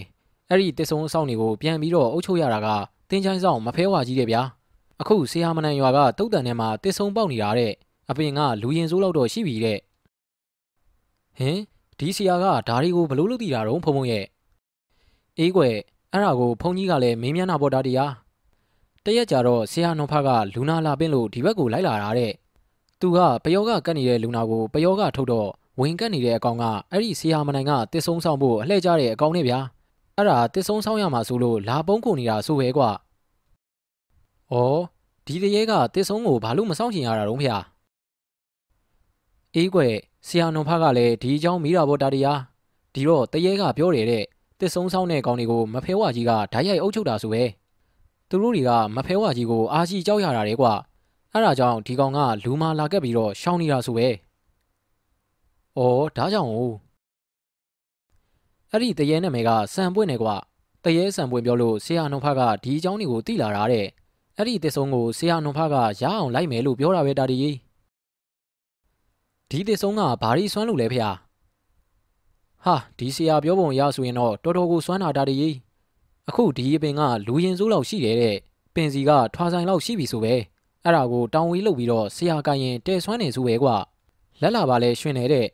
ပြီးတော့ဘလို့ပယောကမျိုးမဆိုတစ်ဆုံးတောင်ဝေးကိုကြောက်ကြတယ်ဆိုပဲအဲ့ဒါရရင်ဆရာနှုံဖကဖုံဖုံကိုလည်းတောင်ဝေးတစ်ချောင်းလှူမယ်တဲ့သူကတော့ကြံနာယူမှာပေါ့ကွာဒါမှလည်းဒိုးရွာထဲမှာပယောကလေးပါလေးကက်ရင်ဒီတောင်ဝေးနဲ့မောင်းထုတ်သိရင်မောင်းထုတ်ရမှာပေါ့ကွာအဲ့ဒါဆိုတပည့်တော်ကဘာလို့ရမှာလဲဖေဟာအေးအေးပြောမယ်ကွဆရာနှုံဖကပြောတယ်အဲ့ဒီတစ်ဆုံးမင်ကိုလူသားမှန်မျက်စိနဲ့မမြင်ရဘူးတဲ့။အော်တဲလေထူးဆန်းပါလားဖေ ဟာဟုတ်တယ်တာတကြီးဆရာနှုံဖတို့မှာမျက်ကွင်းစည်းဆိုတာရှိတယ်တဲ့အဲ့ဒါကိုတွေးပြီးကွင်းလိုက်ရင်မြင်ရောတယ်ကွမြင်နာမှတစ်ဆုံးနေမကဘူးလေမောင်ကြီးနာနာဘာဝတွေပါမြင်ရတာတဲ့ဟာဒါဆိုရင်ကြောက်စရာကြီးပဲဖေဟာအေးကွယ်အဲ့ဒါကြောင့်တက်တိရှိတဲ့လူငယ်တယောက်ရှာပြီးပါစနေသားလေးဖြစ်ရမယ်တဲ့ကွအဲ့ဒါကြောင့်ငါကမင်းကိုပြေးမြင်တာတာတိယဖုံဖုံကဆရာနှုံဖကိုပြောတယ်တာတိကိုဖုံဖုံခေါ်ပြီးတော့အကျိုးကြောင့်ပြောပြမယ်သူစိတ်ဝင်စားရင်တော့အဆင်ပြေတာပေါ့လို့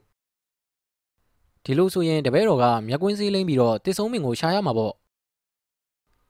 အေးဟုတ်တယ်တာတိယနောက်တော့ရောအဲ့ဒီမျက်ကွင်းစည်းကိုပြန်ဖြတ်လို့ရလားဗျာ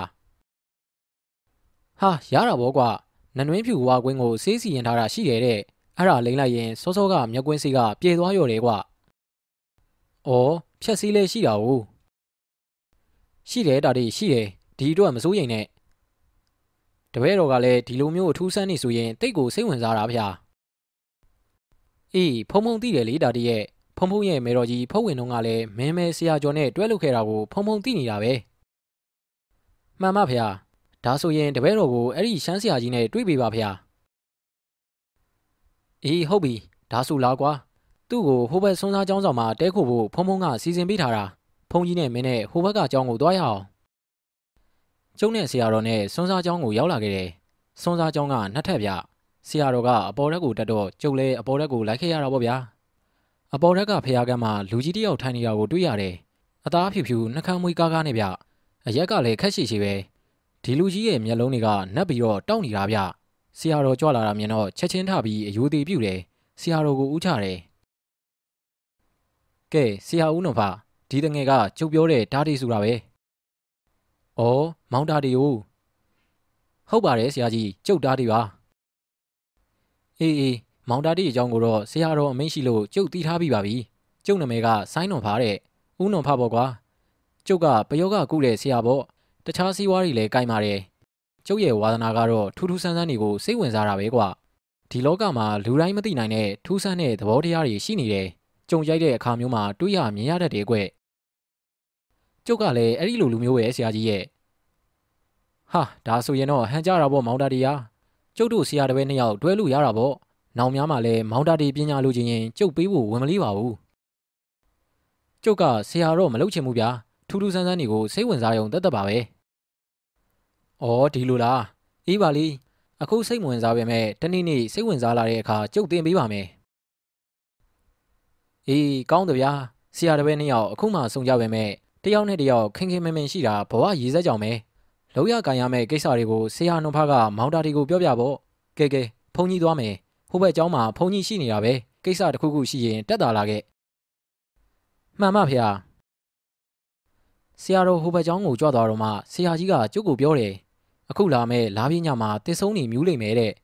ဒုက္ခတွေအားလုံးကြုံနေတာဒီလိုထူးဆန်းတဲ့မော်ဝင်တိုက်ဝင်အပင်တွေကအသက်ဝင်ကြလိမ့်မယ်တဲ့ဆရာတစ်ဆုံးဆိုတာကဘလို့ပုံစံရှိတာလဲဗျ အဲ့ဒါတော့ကျုပ်လည်းသိချမမြင်ဘူးဘူးကွ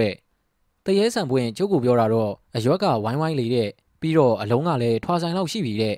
အမြင်ကတော့လူရင်စုလောက်ရှိနေပြီဆိုပဲအသားကတော့အင်မတန်မာတယ်တဲ့အနှစ်ကိုပြည့်နေတာတဲ့ကွတနှစ်ကိုတစ်ခါနက်ခတ်စုံတဲ့ညမှာတစ်ဆုံးမြူးတတ်တယ်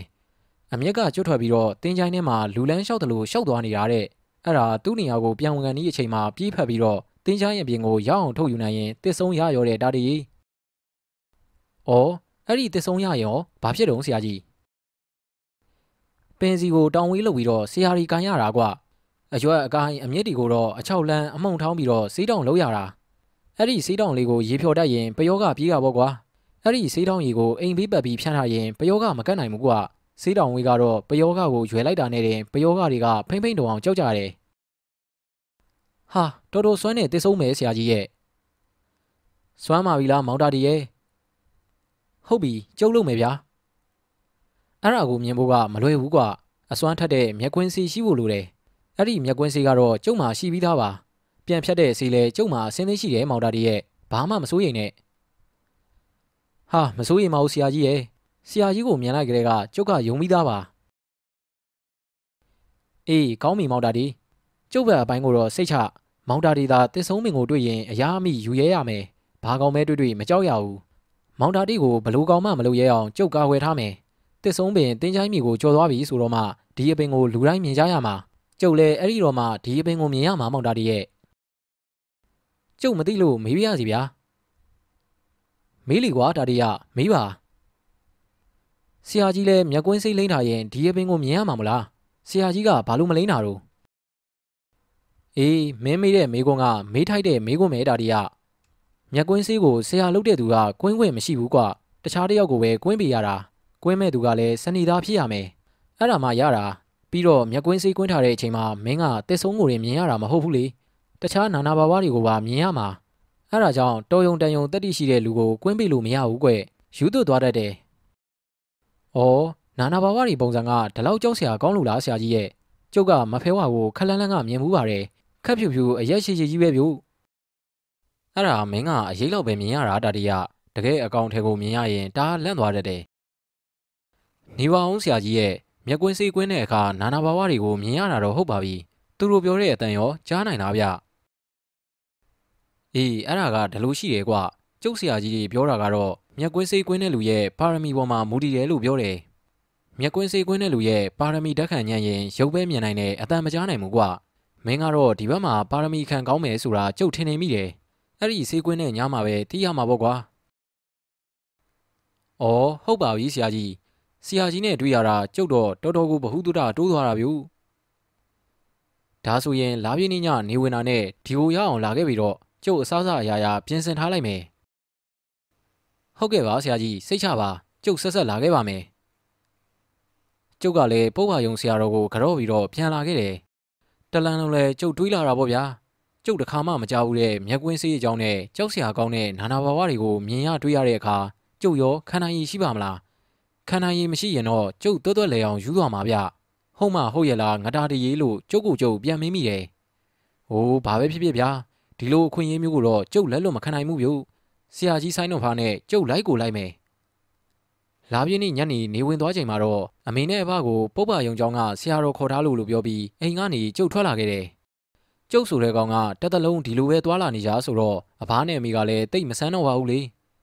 ကျုပ်ပုပ္ပယုံကျောင်းကိုရောက်တော့ဆရာကြီးကဖះကန်းထဲမှာစီးဝါးတွေစီးရင်နေတယ်ဗျရွတ်ဖတ်တာတွေလည်းလုံနေတယ်ကျုပ်လည်းဖះဦးတိုက်လိုက်ပြီးငင်ငင်လေးပဲထိုင်နေတော့တယ်ခဏနေတော့ဂရွင်းနဲ့နဲ့ချင်လာလို့စစ်လိတ်တော့ရင်ကောင်းမလားလို့စဉ်းစားမိတယ်ဆရာကြီးကကြိုက်ချင်မှကြိုက်မှလို့တွေးမိတာနဲ့မတော့ဖဲနေလိုက်တော့တယ်။မောင်တာဒီဆက်လိတ်တောက်ချင်ရင်တောက်ပါကွာရပါတယ်ကျုပ်ကိုနှောက်ရှက်မဖြစ်ပါဘူး ကျုပ်လုပ်တယ်လဲအားလုံးပြီးပါပြီ။ကျုပ်ကဆရာကြီးကိုတော်တော်အံ့ဩသွားတယ်ဗျ။ကျုပ်စိတ်ထဲမှာဖြစ်ပေါ်နေတာတွေကိုဆရာကြီးကသိနေတာကိုလို့တွေးလိုက်မိတယ်။ကျုပ်သိနိုင်စွမ်းရှိပါတယ်မောင်တာဒီအခုမောင်တာဒီကထမင်းစားလာခဲ့တယ်မို့လား။ဟုတ်ကဲ့စားလာခဲ့ပါတယ်ဆရာကြီး။မင်းထမင်းစားတာကြက်သားဟင်းနဲ့လေကြက်သားဟင်းကငရုတ်သီးဆက်လုံးလို့မင်းရေနှခါတောင်ထတော့ရတယ်မလားပြီးတော့အဲ့ဒီကြက်သားကမင်းတို့အိမ်တောင်ဘက်ဝိုင်းကအသားမလား ကြက်ကနည်းနည်းရစ်နေလို့မင်းအမေမနူးအောင်တော်တော်ကိုချက်လိုက်ရတာကွာကြက်ဖဆိုတော့အသားကမာတာပေါ့ကွာဗျာ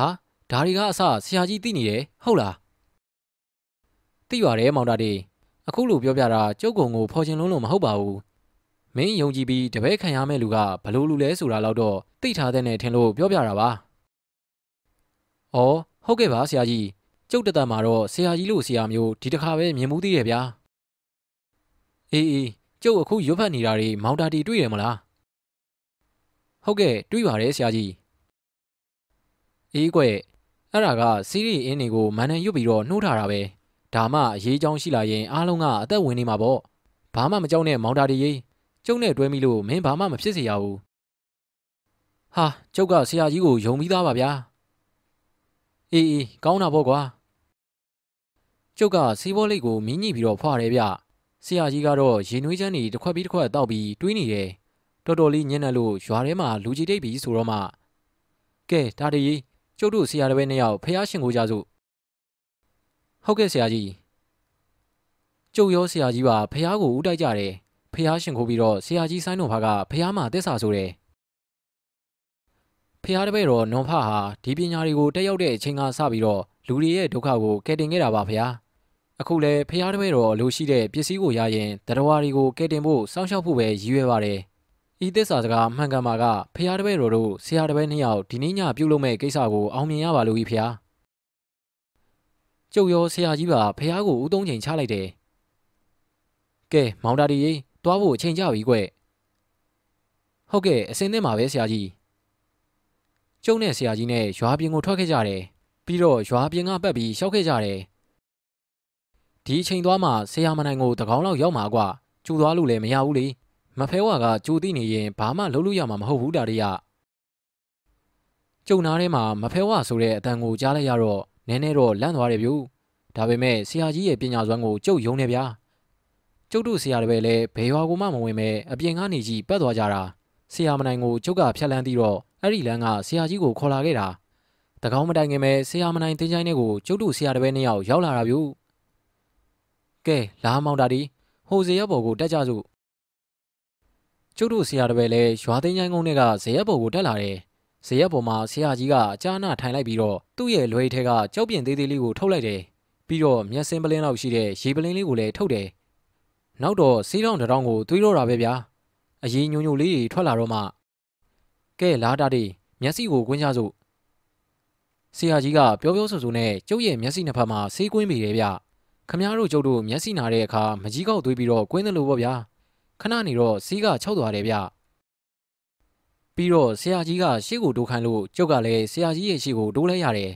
ဆရာကြီးကကျုပ်ရဲ့အိတ်ထဲကိုဆေးဥတူထည့်ပြီးတယ်ဒါကဝါကွင်းနဲ့နနွင်းဖြူကဆေးစီရင်ပြီးသားဒါတရမင်းမသာမင်းတွေးပြီးတော့မျက်စိကိုကွင်းလိုက်ရင်အောက်ကမျက်ကွင်းဆေးအာနိတင်ပြေသွားလိမ့်မယ်ဟောဒီမှာမင်းအိတ်ထဲကိုထည့်ထားပေးမယ် ပြီးတော့အင်ကြီးစားအိတ်ကိုကျုပ်ကျဲရက်နဲ့ပိတ်လိုက်မယ်ထွက်ကြပြီးတော့မပြောင်းအောင်ပေါ့ကွာဟုတ်ကဲ့ပါဆရာကြီး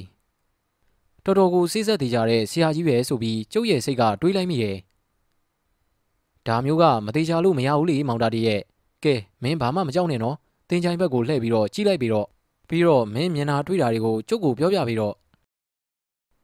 ကျုပ်ကခပ်ဖြည်းဖြည်းပဲတင်ချိုင်ကုန်းကြီးဘက်ကိုလှည့်လိုက်တယ်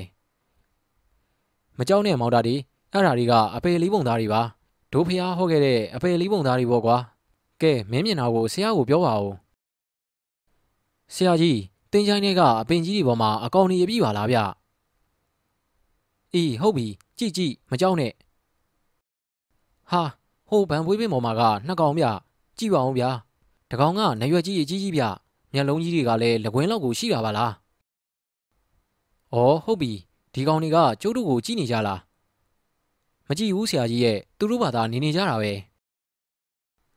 အေးဟုတ်ပြီတင်ချိုင်းလေးကိုရှောက်ကြည့်ကွာလာသားလိုက်တာမှထိန်နေရပဲအားလုံးမြင်ရမှာပါဟာဆရာကြီးရေတောင်ဘက်ကအုတ်ကူကြီးပေါ်မှာသပင်ဖားရနဲ့မိမတယောက်ထိုင်နေရဲ့ဗျသူ့ရှိမှာသပင်ဖားရနဲ့တရေမတွေ၄၅ယောက်ကကျုံကျုံလေးထိုင်နေကြတယ်။အော်မဖဲဝါလည်းရောက်နေပြီကိုအဲ့ဒါမင်းတွေ့ဘူးလေဆိုတဲ့မဖဲဝါပေါ်တာတရားရှိကဟာတွေကသူ့ရဲ့တပည့်တပန်းနေပေါ့ သူ့ကိုခါစားနေကြတာဖြစ်မှာပါသူကရောကျုပ်တို့ကိုကြည့်နေလားဟာကြည့်တယ်ဗျမျက်လုံးကြီးကနဲတဲ့ဟာကြီးမှမဟုတ်တာဗျာကျုပ်အရင်တွေ့တော့ကဖြူဖြူအရေးကြီးပဲမြင်ရတာဗျအဲ့ဒီတော့ကမင်းကိုပြတာအရေးပဲပြတာလေအခုမင်းမြင်နေရတာကအကောင်ဘောတာတွေကအသာနေသူတို့ကိုသွားမကြည့်နဲ့တစ်ပင်တွေကိုလိုက်ကြည့်ကွာထူးခြားတဲ့တစ်ပင်များတွေ့လာလို့တစ်ပင်တွေအကုန်လုံးကရောနေတာဆရာကြီးရဲ့ရင်စိုးလောက်အရွယ်ဝိုင်းဝိုင်းနဲ့ထွာဆိုင်လောက်အပင်လေးကွာ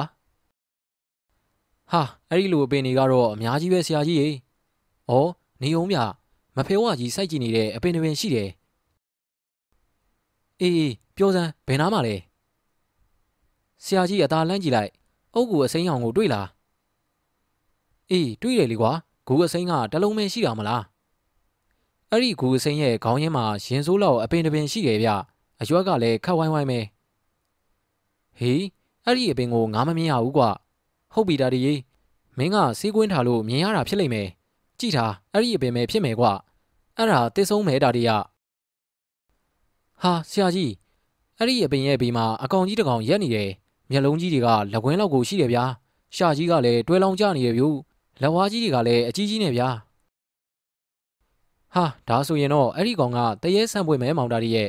သူကအဲ့ဒီအပင်ကိုစောင်းရမှာဆိုလို့လူတွေကိုဝင်ပုန်းနေတာလေကွာ ။စံပွင့်ပြောလို့ကျုပ်ကဒီအပင်ကြောင်းကိုသိရတာ။စံပွင့်ကကျုပ်တို့ကိုတားမှာမဟုတ်ဘူး။ဒီအပင်မရှိမှအေးမယ်လို့တွေးနေတဲ့အကောင်ကဟောဆရာကြီးရေလေလဲမတိုက်ဖဲနဲ့အဲ့ဒီအပင်ကလှုပ်ရမ်းနေတယ်ဗျို့ဟာတစ်ဖက်သေးကိုလှုပ်ရမ်းတာမဟုတ်ပဲဗတ်ပေါင်းစုံကိုရိမ့်နေရဗျို့ဟောမဖဲဝါကြီးနဲ့သူ့ရဲ့တပည့်တွေကအဲ့ဒီဘက်ကိုသွားနေကြပြီဗျအေးနှက်ခက်အချိန်ကြပြီဟိုမောင်တာတည်းရဲ့တစ်ဆုံးပင်မှာအသက်ဝင်လာပြီပေါ့တေးသေးချာချာကြည့်တာနော် ဟာဆရာကြီးရေတစ်ပင်ကအပေါ်ကိုကြွတက်လာနေပြီအေးဟုတ်ပြီဟုတ်ပြီမဖဲဝါရောဘာလုပ်နေလဲမဖဲဝါကလက်ကြီးနှစ်ဖက်ကိုရှေ့ဆန်ပြီးတော့ပါဇက်ကပွားစီပွားစီနဲ့ပြောနေတာဗျဘာဒီပြောတာလဲတော့ကြုံလည်းမကြားရဘူးဟာဆရာကြီးရေတစ်ဆုံးပင်ကလူလန်းလျှောက်တယ်လို့ရှောက်နေပြီဗျမဖဲဝါရောတရေဆန်ပွင့်ကြီးတို့ရောအပင်ရဲ့နောက်ကရှောက်လိုက်နေကြတယ်ဗျဟာဟုတ်လားဘယ်ကိုသွားနေတာလဲကွ တင်းချိုင်းရဲ့နောက်ဘက်ကိုသွားနေတာဗျအားလုံးအုံပြီးတော့လိုက်သွားကြတယ်တာတီအပင်မော်ကကောင်တွေကိုတစ်ချက်ကြည့်စမ်းကွာဟာဒီကောင်တွေလည်းအဲ့ဒါကိုပဲဝိုင်းပြီးတော့ကြီးနေကြတယ်ဗျအေးဟုတ်ပြီမင်းတေးသေးချာချာနားထောင်တာဒီအဲ့ဒီအပင်ကစောစောကဂူအစိမ်းသားကိုရအောင်ပြန်သွားမှာအဲ့ဒီအချိန်မှာငါကမဖဲဝါတို့စီကိုဆေးလုံးပစ်သွင်းလိုက်မယ်မင်းကဂူအစိမ်းသားကိုသွားပြီးတော့ပုံနေ တစ်ဆုံးပင်ရောမဖဲဝါတို့ရောအဲ့ဒီအနာကိုကတ်လာတာနဲ့မင်းကမတ်တက်ထရက်လိုက်ငါကဆေးလုံးပစ်လိုက်မယ်သူတို့အားလုံးခဏကြာအောင်ကြက်တီတီသွားလိမ့်မယ်သူတို့တွေမကဘူးဒီတင်းချိုင်းကအကောင့်တွေအားလုံးကြက်တီတီသွားမှာတိတ်ကြမှာတော့မဟုတ်ဘူးကွအဲ့ဒီအချိန်မှာမင်းကတစ်ဆုံးပင်ကိုပြေးထန်ပြီးတော့တင်းချိုင်းအပြင်ကိုရောက်အောင်ပြေးပြီးတော့ဟိငါကနောက်ထပ်စီးတလုံးပြစ်သွင်းပြီးတော့မင်းရဲ့အနောက်ကပြေးလိုက်ခဲ့မယ်တင်းချိုင်းအပြင်ရောက်ရင်မင်းဆက်မပြေးနဲ့ငါ့ကိုစောင့်နေဖြစ်တယ်မလားတာတီဟာတိတ်ဖြစ်တာပေါ့ဆရာကြီးဟာ အခုရောဘယ်ရောက်သွားပြီလဲဒီအပင်ကလူလန်းလျှောက်တယ်လို့တလန်းချင်းရှောက်နေတာဗျူနောက်ကမဖဲဝါကြီးကဥဆောင်ပြီးတော့တစ်ပင်ရဲ့နောက်ကခက်ခွက်ခွာမဲလိုက်နေတာဆရာကြီးတရဲဆံပွင့်ကြီးရောပါလာသေးလားဟာပါတာပေါ့ဆရာကြီးရဲ့အဲ့ဒီအကောင်ကြီးကမဖဲဝါရဲ့ဘေးမှာကုတ်ကုတ်လေးဗျအေးဟုတ်မယ်ကွာဒီကောင်ကြီးကမဖဲဝါကိုအားကြီးကြောက်ရတာဆိုပဲအခုဘယ်ဘက်ကိုရောက်သွားပြီလဲ ဟိုနာကထနောင်းမင်းနပင်ကိုဆရာကြီးတွေးတယ်မလားအေးတွေးတယ်လေကွာအခုအဲ့ဒီအောက်မှာရှောက်နေတာဗျူဟာအဲ့ဒါတင်းချိုင်းရဲ့နန်းနမိတ်ပဲကွာအဲ့ဒါပြီးရင်ဒီဘက်ကိုပြန်ပြီးတော့ပတ်လာလိမ့်မယ်ဆရာကြီးတစ်ဆုံးပင်ကလူလိုပဲခုံနေရဗျူဟေးဟုတ်လားကွာဟုတ်ပါဗျာသူ့အကိုင်းတွေကလည်းလူလက်တီလိုပဲအကွေးအဆန့်လုံးလို့ရတယ်ဗျဟောခုံမြန်ပြီဗျူတော်တော်တော့သွေးပြက်စရာကောင်းတဲ့မြင်ကွင်းပါဗျာ ဟာမကြောက်စမ်းပါနဲ့တာဒီယာမကြောက်ပါဘူးဗျကျုပ်ကအခုချက်ချင်းအောင်ပြေးပြီးတော့ထမ်းလိုက်ခြင်းနဲ့ဟာမရသေးဘူးလေကွာသူတပတ်ပြည့်အောင်ရှောက်ပြီးမှအာနိသင်အပြည့်ရမှာကွာကဲစက်ကြည့်အောင်ဟိဟုတ်တယ်ဗျူဒီအပင်ကတင်းချိုင်းကိုလှည့်ပတ်ပြီးတော့သွားနေတာဗျာဟိုဘက်ကဂူရီဘက်ကိုတက်သွားပြီဟုတ်ပြီဟုတ်ပြီမျက်ခြေမပြတ်တာကြည့်နေမောင်တာတည်းကျုပ်ကြည့်နေတော့မှပဲတစ်ဆုံးပင်ကတင်းချိုင်းနေရာအနှံ့ကိုရောက်သွားတယ် တင်းချိုင်းတစ်ခုလုံးရှောက်သွားပြီးတော့မှရက်နေတယ်မဖဲဝါကြီးတို့ကလည်းနောက်ကနေထက်ချက်မကွာလိုက်နေတာပေါ့ဗျာအပင်ကရက်နေတယ်ဆရာကြီးရဲ့ဟာဟုတ်လားဒါဆိုရင်မင်းဂူအစိမ့်ပေကိုသွားပြီးတော့ပုံးပြီးတော့ဟိအနားကိုရောက်လာတာနဲ့ကျုပ်မှားထားသလိုမတ်တက်ထားရလိုက်နော်ကျုပ်ကဆေးလုံးပြစ်သွင်းမယ်ကျုပ်ကလည်းဟိုနာကဘုံကြီးမယ်တော်ကြီးရဲ့ဂူနာမှာကတ်နေမှာဟုတ်ပြီဆရာကြီးရေဒါဆိုရင်ကျုပ်သွားပြီဗျ ကျုပ်ကလည်းဆရာကြီးခိုင်းတဲ့အတိုင်းဂူရီချားမှာပုံပြီးတော့ဂူအစိမ်းသားကိုရောက်အောင်လာခဲ့တယ်ကျုပ်လက်ကြည့်တော့ဆရာကြီးကလည်းကျုပ်လိုပဲဂူရီကို꿰ပြီးတော့လာနေတယ်ဗျအချုံအတက်တွေနဲ့လှုပ်ထားတဲ့မေတော်ကြီးရဲ့ဂူနာကိုရောက်သွားပြီဗျမဖဲဝါကြီးတို့ကတော့တစ်ဆုံးမင်ကိုပဲအာယုံထားနေတာဆိုတော့ကျုပ်တို့ကိုမြင်တဲ့ပုံတော့မပေါ့ဘူးဗျတစ်ပင်မော်ကားကောင်းတွေကလည်းဘာမှကိုမကြည့်တော့ဘူးသူတို့ဘာသာသူတို့ပဲငြိမ်နေကြတယ်ဟောပြောရင်းဆိုရင်နဲ့တစ်ဆုံးမင်ကကခုန်ပြီးတော့ပြန်လာနေပြီဗျအောင်မလေးလေး မဖဲဝါကအရက်ကြီးဆယ်ပေ၁၁ပေလောက်ကိုရှိတာဗျမျက်နှာကြီးကလည်းမဲနဲ့နေတာဗျမျက်လုံးကြီးနှလုံးကလည်းပြူးထွက်နေတာဗျကျုပ်ကလမ်းမော်မီအောင်မနှဲထိန်းထားရတယ်ဟောလာကြပြီဗျာလာကြပြီခိုးစိမ်းသားကိုရောက်တော့မယ်ကျုပ်ကဆရာကြီးမာတဲ့အတိုင်းမတ်တက်ထရတယ်မတ်တက်ရဲယုံနေမကောက်ဘူးယမဖဲဝါကြီးကိုပါလက်ညှိုးထိုးပြလိုက်တယ်ဟာပြစ်ပြီဗျဆရာကြီးကပြစ်လိုက်ပြီစွမ်းလိုက်တဲ့ဆေးပြာမဖဲဝါရောတရေဆံပွင့်ကြီးရောနောက်ကိုတလန်လောက်ရွေ့သွားကြတယ် ပြီးတော့ဘာမှမမြင်ရသလိုငိုင်းနေကြတယ်ကျုပ်လည်းပြေးပြီးတော့တစ်စုံမင်းကိုပွေပြီးပခုံးပေါ်မှာထမ်းတယ်ပြေးပြီဗျပြေးပြီတချိုးတည်းပဲတာတီတဲ့ဟေးဆိုပြီးကျုပ်ရဲ့စိတ်ထဲမှာဂျုံဝိုင်းနဲ့တတစ်ဆုံးမင်ကိုပခုံးမှာမိမိရရထမ်းပြီးတော့ကျုပ်ပြေးတယ်။ရှောင်ကြရှားကြဟေ့ဆိုတဲ့ဆရာကြီးရဲ့ကျုံအားတန်ကြီးကကျုပ်ရဲ့နောက်ဖက်မှာကြားလိုက်ရတယ်။ကျုပ်ရဲ့နောက်မှာဆရာကြီးပါလာပြီဆိုတာသိတော့ကျုပ်လည်းအားတက်တာပေါ့ဗျာ။ပြေးဟေ့တားဒီမနာနဲ့ကွပြေးဆရာကြီးကကျုပ်ရဲ့နောက်ကကပ်ပြီးတော့ပြောတယ်။ ရောက်တော့မယ်ဗျို့ရောက်တော့မယ်။ဟာရောက်ပြီဗျို့တင်းချားရင်ပြင်ကိုကျုပ်တို့ရောက်ပြီ။ဆက်ပြေးတာဒီဆက်ပြေးဟိုရှိကရာခင်းတဲ့အထိဆက်ပြေးဟာကျုပ်တစ်ဆုံးမင်ကိုမြင်ရပြီဟေ့ကျုပ်ကလည်းမနာဘဲနဲ့ပြေးတာပေါ့ဗျာအဲပြောရအောင်မယ်ဗျို့ကျုပ်ရဲ့ပခုံးပေါ်မှာပါလာတဲ့တစ်ဆုံးမင်ကလူတစ်ယောက်ယုံတယ်လို့ယုံနေတာဗျကျုပ်ကတေးသေးချာချာကိုဖိဆုပ်ထားရတာတင်းချိုင်းနဲ့ဝေးလာတော့မှဒီကောင်ကငိမ့်လာတာ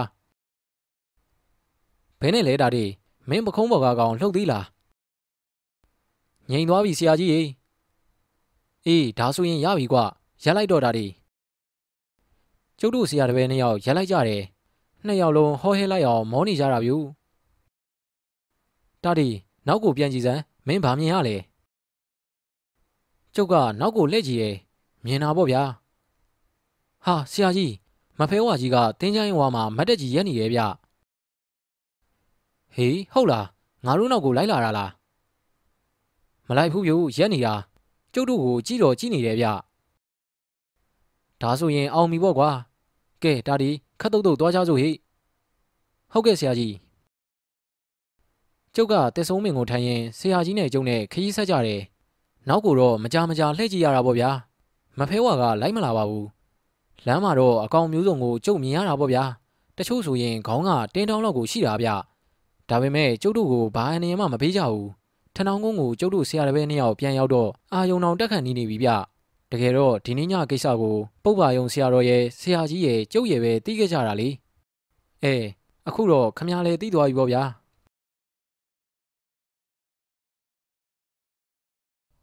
ကျုပ်ဆရာကြီးဆိုင်းနှွန်ဖာကတော့လှုပ်ကိုဂရီးတီတဲ့လူဗျာကျုပ်ရအောင်ယူပေးတဲ့တစ်စုံမင်ကိုပုပ္ပါယုံကျောင်းမှာပဲတောင်ဝေးလုပ်တယ်စီးတောင်ဝေး၃ချောင်းထွက်တယ်ဗျ တိရွက်တင်းမြစ်တွေကိုတော့အချောက်လန်းအမုံထောင်းပြီးစီးတောင်နေလုပ်တယ်စီးတောင်ဝေးတွေကိုဗပုစရာနဲ့ငကားကောင်းလက်ကင်နေထုတယ်ဗျပြီးတော့မှပေါ်လစ်တင်နေငကားကောင်းကိုတော့ရွှေပိန်းချတာဗျူတစ်စုံဆိုတာကတော်တော်ကိုထူတဲ့တစ်သားပဲဗျအားလုံးလောက်ကင်ပြီးတော့ဆရာတော်ကိုတစ်စုံစီးတော်တရောင်းနဲ့ငကားတောင်ဝေးတစ်ချောင်းထုတယ်ကျုပ်ကိုတော့တစ်စုံစီးတော်တရောင်းနဲ့မျက်ကွင်းစီးတရောင်းပေးတယ်ဗျဖြည့်စည်းဥပါပေးတာဗျူတီလာသမารီရှိသလောက်ဂရီးကလည်းအင်မတန်တီရဲ့ဆရာကြီးပါဗျာ ဆရာကြီးဆိုင်နွန်ဖာပြန်သွားပြီးတနေ့လောက်ရှိတော့ဗန်ဘွေးကုန်းကိုလူတစ်ယောက်ရောက်လာတယ်ဗျဒီလူကကဝီဆိုပဲကျုပ်လည်းမသိပါဘူးဗျာတရက်တော့ကျုပ်စီကိုဗန်ဘွေးကုန်းကကြောက်နေဆိုတဲ့ကောင်ကရောက်လာပြီးတော့ပြောတာဟာဟဲ့ကောင်ကြောက်နေဘယ်လာတာတုံးကွာကိုတာတေးစီကိုပဲလာတာပါဗျာကိစ္စနည်းနည်းရှိလို့ဗျအေးလာလေကွာကျုပ်ထိုင်နေတဲ့မကြီးပင်အောက်ကကိုပြစ်ပေါ်ကိုခေါ်လိုက်တယ်ဟဲ့ဒါဗန်ပွေးကုန်းကကြောက်နေမို့လား ကျုပ်အမေကအိမ်မော်ကဆင်းပြီးတော့ကြောက်နေကိုလှမ်းနှုတ်ဆက်တယ်ဗျဟုတ်ပါအကြီးရေအဘတို့အကြီးတို့ရောနေကောင်းကြရဲ့လားဗျအေးကောင်းပါတော့နင့်အမေစိန်ကြီးရောနေကောင်းရဲ့လားဟဲ့ကြောက်နေရဲ့ဟိုတလောကတော့နည်းနည်းဖျားသေးတယ်အကြီးရဲ့အခုတော့ကောင်းသွားပါပြီဩအေးအေးအဲ့ဒီမှာနင့်ကိုတာတီနဲ့ထိုင်ကြဟေ့အကြီးရင်နွေးချမ်းထဲလိုက်အောင်မယ်ကြောက်နေကကျုံနားမှာဝင်ထိုင်နေဗျခဏကြာတော့အမေကလက်ဖက်တုပ်နဲ့ရင်နွေးချမ်းလေးလာချပေးတယ် ကဲအကြံလေးတောက်ရင်လက်ဖက်စားရင်နဲ့ညီကိုလေးစကားပြောကြပေါ့အကြီးကအနောက်ပိုင်းကကြော်မောင်တို့စီခဏသွားလိုက်အောင်မယ်ဒီကောင်နေဝက်ပေါ်မယ်ပြောတယ်ပေါ်ပြက်သလားဆိုတာသွားမိလိုက်အောင်မယ်ကြောက်နီထမင်းစားပြီးမှဖြည်းဖြည်းပြန်တော့သိလားဟာမစားတော့ပါဘူးကြီးဟာအောင်မယ်တော့စိန်ကြည့်သားကငါအိမ်ကိုရောက်ပြီးမှထမင်းမစားပဲပြန်လို့ရမလားဟဲ့ကဲထိုင်အောင်အကြီးလည်းမကြပါဘူးအခုပဲပြန်လာခဲ့မယ်ပြောပြောဆိုဆိုနဲ့အမေကတပတ်လေးတစ်ထည်ကိုခေါင်းပေါ်တင်ပြီးတော့ထွက်သွားတယ်ဗျ ကဲကြောက်နီပြောပါဦးကွာဘာကိစ္စများတော့ဒီလိုကိုတာတရေကျုပ်တို့ရွာမှာလူထူးလူဆန်းတယောက်ရောက်နေတယ်ဗျဟီးဟုတ်လားဆရာလားကွာအင်းဆရာလို့ပြောရမလားဘိုးတော်လို့ပြောရမလားတော့မသိပါဘူးဗျာစွမ်းတော်လွတ်စွမ်းတာကိုတာတရေဟီးဟုတ်လားကြောက်နီရဘာဒီစွမ်းလို့တော့ကွာငါ့ကိုလည်းပြောပြပါဦးဒီလူစရောက်တော့ကရွာလေးကိုမဝင်ဘူးဗျတင်ကြိုင်ကုန်းတွေကဇရက်မှာပဲနေတာ ရွာသားတချို့ကဘာလဲဆိုပြီးတော့တွားပြီးအကဲခတ်တဲ့အချိန်မှာဒီလူကစွမ်းပြတော့တာဗျအေးဘလို့စွမ်းပြတာတော့ကွာမွေးတွေကိုခေါ်တာဗျမွေးတွေဟေးဒီလူကမွေးတွေကိုခေါ်လို့ရလားကွာဟာရပါဗျာရွာကကိုအောင်ကျော်ကြီးကကျုပ်ကိုပြန်ပြောတာဗျထမဆုံးဒီစီယာကဂါရာတွေဘာတွေရွတ်ပြီးတော့ခေါ်လိုက်တာတထွာလောက်ရှိတဲ့မွေးနီနီရဲရဲလေးရောက်လာတာဆိုပဲအဲ့ဒီမွေးနီလေးကတေးသေးလေးပင်မဲ့ ဒီနယ်မှာရှိသမျှမွေစိုးတွေရဲ့အချုပ်လို့ပြောတယ်တဲ့အဲ့ဒီမွေးနီလေးကိုဒီစီယာကလူတယောက်နဲ့စကားပြောသလိုကိုပြောတာလေဗျာမွေဟောင်းနှစ်ကောင်နဲ့မွေဝေးတစ်ကောင်ကိုငါအခုလိုချင်တယ်အခုချက်ချင်းမင်းလွတ်ပေးရမယ်အဲ့ဒီဆရာကအဲ့ဒီလိုအမိန်ပေးပြီးတော့ခိုင်းလိုက်တာတဲ့ဗျာမွေနီလေးကလည်းလူစကားကိုကောင်းကောင်းနားလေတဲ့ပုံမဲ့ပြူချက်ချင်းလှည့်ထွက်သွားပြီးတော့တိတ်မကြဘူးတဲ့ဗျာအဲ့ဒီဆရာပြောတဲ့အတိုင်းမွေဟောက်ကြီးနှစ်ကောင်နဲ့မွေဝေးကြီးတစ်ကောင်ရောက်လာကြတယ်တဲ့မွေတွေရောက်လာတော့ဆရာကပြောတယ်ဗျ အေးမင်းတို့ရောက်လာပြီလားတက်ခဲ့ဇရက်ပေါ်တက်ခဲ့ဆရာကအဲ့လိုခေါ်လိုက်တော့မွေသုံးကောင်ကတက်လာကြတယ်ဆိုပဲဗျကိုအောင်ဘော်ကြီးတို့ဆိုတာကြောက်လွန်းလွန်းအသားကိုတစ်စက်စက်တုံနေတယ်ဆိုပဲဗျမင်းတို့သုံးကောင်ဟိုနေရာမှာငြိမ်ငြိမ်သွားနေကြလို့လဲလက်ညှိုးထိုးပြလိုက်တော့မွေတွေကလူစကားကိုနားလည်နေတဲ့အတိုင်းပဲဗျာသွားပြီးတော့ခွေနေကြတာလှုပ်ကိုမလှုပ်တော့ဘူးဗျအဲ့ဒီတော့မှပဲအဲ့ဒီဆရာကပြောတယ်ဗျဒီနေ့ညတရားထိုင်တဲ့အချိန်မှာသူ့ကိုစောင့်ရှောက်ဖို့ခေါ်တာပါတယ်ဗျာ ဟာဒီလောက်ကိုဆွမ်းတာလားအကြောင်းကြီးရအဲ့ဒါနဲ့ပဲကိုအောင်ပေါ်ကြီးတို့လည်းအဲ့ဒီဆရာကိုရှင်ခိုးကြတော့တာပေါ့ဗျာသူတို့ပြန်လာတော့ရွာထဲမှာဒီသတင်းကပြန့်သွားတယ်ဗျတချို့ကလည်းတင်းချိုင်းကုန်းထဲသွားပြီးတော့မယောင်မလဲနဲ့အကဲခက်ကြတာပေါ့ဗျာဒီမှာတွေမဲ့ပို့ပြီးတော့အံ့ဩစရာတွေကြုံလာကြတာဗျဟေးဘာတွေတွေ့လာလို့လဲကွာမွေကြီးနှကောင်ကအဲ့ဒီဆရာတရားထိုင်နေတဲ့ခေါင်းပေါ်ကထုတ်တန်းကြီးမှာခွေနေကြတာတဲ့နောက်တစ်ကောင်ကဆရာရဲ့လေဘဲမှာပတ်ပြီးတော့ငိမ့်နေရတဲ့ဗျာ ဆရာကတော့တရားထိုင်တာတော့မပြတ်ဘူးဆိုပဲဟာတော်တော်တော့စွမ်းသားပဲကွာဟုတ်တယ်ဗျို့နောက်တနေ့မိုးလင်းတော့ကျုပ်တို့ဗန်ပွေးကုန်းကရွာသားတွေကသူ့အိမ်ကြွပါကိုယ့်အိမ်ကြွပါနဲ့ဆရာဟူသွားပြီးတော့ပင့်ကြတာအလူရက်ပေါ့ဗျာဟီးဟုတ်လားကွာဒါနဲ့ဒီဆရာရောက်နေတာရောဘယ်လောက်ကြာပြီလဲတပတ်လောက်တော့ရှိပြီဗျမွေတွေကိုတော့လွတ်နိုင်တာကိုကြီးတိုက်တည်းဟိုနေ့ကနေမဲ့ကျုပ်တို့ရွာသားဥပါကြီးကပိုးထီပါရောလားဗျအဲ့ဒီဆရာကကြွလာပြီးတော့ မွေကြိုက်တဲ့ခြေထောက်အောင်မှာငပြောဘက်ခင်ခိုင်းပြီးအမိန်ပြန်လိုက်တာကြိုက်တဲ့မွေဟောက်ကြီးကရောက်လာတာဗျမင်းရဲ့အစိတ်တွေမင်းအကုန်ပြန်ဆုပ်ယူသွားလို့ဆရာကအမိန်ပေးလိုက်တော့မွေဟောက်ကြီးကသူ့ရဲ့အဆွေရာကြီးကနေအကုန်ဆုပ်ပြီးတော့ငပြောဘက်ပေါ်ကိုအန်ချရတယ်တဲ့ဗျာဥပွားကြီးကလည်းအခုထိဘာမှမဖြစ်ဘဲနဲ့ယားတဲကိုပြန်ဆင်းနိုင်နေပြီဗျ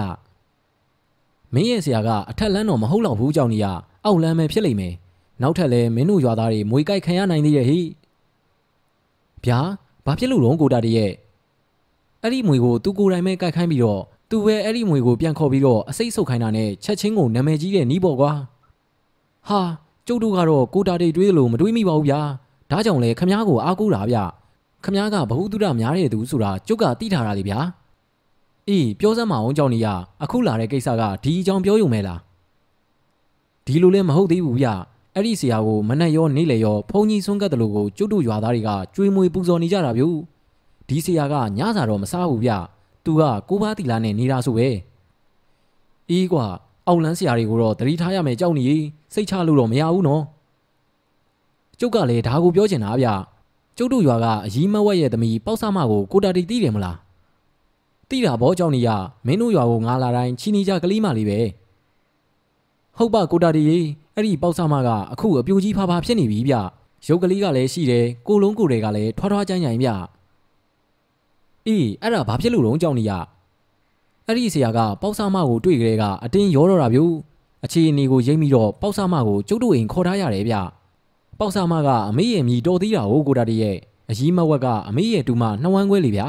။အော်ဒီလိုလားအဲ့ဒါကြောင့်ငါပြောတာကွာဒီအောက်လန်းဆရာတွေမှာလူကိုကောင်းကျိုးပေးနိုင်မဲ့ပညာဆိုတာမရှိဘူးဟေ့ဒုက္ခပေးနိုင်တဲ့ပညာပဲရှိတာ။အခုတော့ရွာသားတွေကလည်းနည်းနည်းတော့သတိထားနေကြပြီဗျို့။နေပါဦးကွာ ဒီဆရာကဘယ်ကလာတာလဲတုံး။ရန်ကုန်ကလူတော့ပြောတာပဲဗျို့ဗမာပဲဗျအသားဖြူဖြူရုပ်ချောချောပဲ။မသိရင်တော့သူ့ကိုအောက်လန်းစရာလို့ဘလို့မှကိုထင်စရာမရှိပါဘူးဗျာဟီးဟုတ်လားကွာသူပြောတာကတော့သူကအဒိဋ္ဌံကျင့်စဉ်တစ်ခုကိုလိုက်နေတာတဲ့သူ့ကျင့်စဉ်မှာပါတဲ့အရက်ဒေတာတွေကိုမရရအောင်ရှာဖွေပြီးတော့ကျင့်စဉ်လုပ်ရတာဆိုပဲသူ့ကျင့်စဉ်ကရောဘာကျင့်စဉ်လို့ပြောတော့ကြောင်းနေရသူပြောတာကတော့သူကကုန်းကြီးကိုကုန်းလဲအောင်ပြီးပြီ နက်ရဲကိုပင်လဲအောင်ပြီးပြီတဲ့အခုကျင့်တာကနောက်ဆုံးအဆင့်နဲ့ဗျကိုချင်းကျင့်စဉ်နဲ့ဗျို့တင်းချိုင်းကိုကူပြေအောင်သွားပြီးတော့တင်းချိုင်းထဲမှာမြေကျင်းတူးပြီးကျင့်ရတာတဲ့ဗျအတိတ်ထံအောင်ရင်မြေဖို့ထားတဲ့ကျင်းတွေကအလိုလိုကိုပွင့်ထွက်လာတာတဲ့ဗျာဟာတဲ့ဟုတ်ပါလားကွာသူကရှစ်ကျင်းအောင်ပြီးသားတဲ့ဗျာအခုဒီဘန်ဝေးကုန်းတင်းချိုင်းကသူ့ရဲ့စာညွှန်းမှာပါတဲ့နောက်ဆုံးတင်းချိုင်းနဲ့ဒီကျင်းအောင်ရင်သူကကိုကျင်းအောင်နဲ့ကိုတင်းချိုင်းကဝေဖြစ်ပြီဆိုပဲဗျဟာကြောက်စရာလူပါလားကွာ ကိုတင်ချိုင်းကဝေဖြစ်ရင်ရောဘာတွေဖြစ်မှာလဲတုံးကွာသူပြောတာကတော့ကဝေတကာရဲ့အချုပ်ကြီးဖြစ်မှာဆိုပဲဗျသူလက်ညှိုးညွန်ရရေးဖြစ်ပြီလို့ပြောတာပဲဗျာကျုပ်လည်းတိတ်တော့နားမလည်ပါဘူးဒီလူကကဝေအစ်စ်ပဲကွာအခုကျုပ်ဒီကိုလာတာအကြောင်းရှိတယ်ကိုတာတရအဲ့ဒီဆရာကပြောတယ်သူကအခုလာမဲ့လာွယ်ညမှာနောက်ဆုံးချင်းဝင်ရမယ်တဲ့အဲ့ဒါသူ့ကို၄တောင်ပတ်လဲမြေချင်းတချင်းတင်းချိုင်းကုန်းထဲမှာတူးပြပါတဲ့ သူ့ရဲ့ကျင့်စဉ်ကိုကျင့်မဲ့ညားတကောင်ရန်တိတိမှာသူ့ကိုစေးသုံးလုံးပေါက်ပြရမယ်တဲ့အဲ့ဒီအချိန်မှာအနှောက်အယှက်ကမျိုးစုံလာနိုင်နေဆိုပဲဘာဖြစ်လို့လဲဆိုတော့ဒီချင်းကသူ့အတွက်ကိုချင်းမြောက်ဖြစ်နေလို့လေဗျာတင်းချိုင်းကဝေဖြစ်တော့မှာမလို့အဖြက်အစည်းတွေကအများကြီးကြုံရမှာတဲ့အဲ့ဒါကြောင့်တက်တိကောင်းတဲ့လူတယောက်ရှာပေးပါရဲ့ဗျာ။အော်ဒီလူကိုအဲ့ဒီတော့ကျုပ်တို့ရွာသားတွေကကိုတာတိအကြောင်းနေပြောကြတာပေါ့ဗျာ။ဒီမှာနေမဲ့အဲ့ဒီဆရာကကိုတာတိကိုအကူအညီတောင်းပေးဖို့ပြောတော့တာဗျ။ ငွေကြေးအလိုရှိရင်လည်းလိုသလောက်ကိုသူပေးပါမယ်လေဗျာ။ဟာကြောက်နေရငါဒီလိုမျိုးကဝေတယောက်ကိုတော့မကူညီချင်ဘူးကွာ။ကျုပ်ကလည်းဒီလိုပါပဲဗျာ။ဒါပေမဲ့ဒီလူကိစ္စမြန်မြန်ပြီးသွားပြီးတော့ကျုပ်တို့ရွာကမြန်မြန်ထွက်သွားစေချင်နေတာဗျ။ကြာရင်တခြားလူနဲ့ဘာမှမဖြစ်ပဲကျုပ်နဲ့ဖြစ်လိမ့်မယ်။ကျုပ်ကတော့ကဝေတော့ပါတော့နားမလဲဘူးကိုတာတရေ။ကိုင်းခုတ်ဓာတ်နဲ့ကျွေးလို့လိုက်မှာပဲ။ကျုပ်ဓာတ်နဲ့တွေးလို့ကတော့ခေါင်းတခြားကိုတခြားဖြစ်သွားစေရမယ်ဗျာ။ကျုပ်လည်းတက်ပြင်းချလိုက်မိတယ်ဗျ။ စဉ်းစားပါဗျာဖြစ်နိုင်ရင်ကုညီစမ်းမှာကိုတာတရအဲ့ဒီညကြရင်ကျုပ်ပါလိုက်မှာပါ။ပြီးတော့ကျုပ်ညာတိုင်းတွေးထားတဲ့ကျုပ်ရဲ့ကိုင်းခုတ်ဓာတ်ကြီးလဲယူလာမှာ။ကိုတာတိကိုဒီလူကတခုခုလုံးလို့ကတော့ကျုပ်ကဓာတ်နဲ့ပြေးပြီးတော့ပိုင်းချလိုက်မှာဗျ။ကျုပ်ကကြောက်နီကိုကြည့်လိုက်တယ်။ပြောရရင်တော့ကြောက်နီပြောသလိုပဲဗျ။ရွာကလူတွေကိုဒုက္ခပေးမှဆိုးရတယ်။အထူးသဖြင့်တော့မိန်းကလေးတွေပေါ့ဗျာ။ဒီလူတွေမှာစီးဝါးကအဆုံရှိတာဗျ။တကယ်စွမ်းတဲ့ကဝေမှန်ရင်တူစည်းတွေဘာတွေကအားကြီးကိုစွမ်းတာဆိုပဲ။ ကျုပ်ဆရာကြီးဆိုင်းတော်ဖာကကျုပ်ကိုပြောပြဘူးလေဗျ။ကဲကွာငါလုပ်ပေးပါမယ်။အဲ့ဒီညစီးလုံးပေါက်တဲ့ကိစ္စကိုငါတာဝန်ယူရကွာ။ဟာဟန်ကြပြီကိုတာတရေအဲ့ဒီနေ့ညရောက်ရင်ကျုပ်တို့ညီကိုအဲ့ဒီလူနဲ့လိုက်သွားမယ်ဗျာ။အခြေအနေမဟန်ရင်တော့ဒီလူကိုကျုပ်ကဓာတ်နဲ့ပြေးပိုင်ပလိုက်မယ်။ဟာမလိုက်ရပါဘူးကွာငါတယောက်တည်းလိုက်ရဲပါတယ်။ဒါဆိုရင်လေလာကွယ်နေညနေကိုရောက်အောင်လာခဲ့ပြီတော့ဗျူ။အေးပါကွာအဲ့ဒီနေ့ညနေ၄နာရီလောက်ငါရောက်လာခဲ့မယ်။ မင်းတို့ဆရာကသာတေးသေးချာချာပြောထားပါငါဆက်ဆက်လာခဲ့မယ်လို့။အော်ဒါနဲ့အဲ့ဒီဆရာရဲ့နာမည်ကဘသူတုံးကွာ။တောင်စင်တကားကိုတက်ခါးတယ်ဗျာ။အော်ကိုတက်ခါးပေါ့။ကဲဒါဆိုရင်လေကျုပ်စောစောပြန်တော့မယ်ဗျာ။ဟာမပြန်နေအောင်ကွာမင်းထမင်းမစားပဲပြန်ရင်အမေကစိတ်ဆိုးလိမ့်မယ်။ထမင်းအဝစားတရီတမောအိပ်ပြီးတော့ညနေမှပြန်มาကြောက်နေရ။အေးဗျာပြောရင်းဆိုရင်အကြီးငွေစိန်ကဝသားရွဲကြီးဆွဲပြီးတော့ပြန်လာပြီဗျို့။အေးကွာအဲ့ဒါကြောင့်ငါပြောတာ။ အဲ့ဒီနေ့ကတော့ကြောက်နေကကျုပ်တို့အိမ်မှာပဲထမင်းစားတယ်။ကျုပ်အမေကဝသားချက်ရင်လှုပ်ကောင်တာဗျ။ကျုပ်ဆိုတဲ့ကောင်ကလည်းအထူးဆန်းတွေးရမယ်ဆိုရင်တိတ်ကိုစိတ်ဝင်စားတာဗျို့။လာကွယ်နေရောက်ကလေးကဖင်တကြောကြောဖြစ်နေတော့တာ။ညနေ၃ချက်ဒီလောက်ကလေးကကျုပ်တယောက်တည်းဗံမွေးကုန်းကိုထွက်ခဲ့တာဗျို့။အဘနဲ့အမေကိုတော့ကျုပ်ဒီညဗံမွေးကုန်းမှာအိတ်မယ်လို့ပဲပြောခဲ့တာပေါ့ဗျာ။ဗံမွေးကုန်းနဲ့ကျုပ်တို့ရွာကကတ်နေတာဗျ။နိုင်ဝက်လောက်ရှောက်ရင်ရောက်တယ်ဗျ။ကျုပ်ဗံမွေးကုန်းကိုရောက်တော့အကြီးစိန်ကြီးတို့အိမ်ကိုတန်းပြီးတော့လာခဲ့တာဗျို့။ ကျောင်းကြီးကလည်းကျုပ်ကိုမျှော်နေတာဗျ။ဟာကိုတာဒီလာဗျို့ကျုပ်ကမနဲ့ကလေးကကိုတာဒီကိုမျှော်နေတာဗျ။ဟာကိုတာဒီကျုပ်ကိုမှတ်မိသေးလားဟဲ့ဒါဘသူလုံးကြောင်းနေရဟာကိုတာဒီမမှတ်မိဘူးမလားပေါက်စားမလေးကိုတာဒီရဲ့ဟေးဒါပေါက်စားမလားငါစိတ်ထဲမှာတော့နင့်ကိုပိစီလေးပဲမြင်နေရဟေးဟဲ့တာတီရောက်ပြီလားလာလာအကြီးကဒီမှာထမင်းနေဟင်းတွေကိုအစင်းသိမ့်ချက်ထားတာဟေး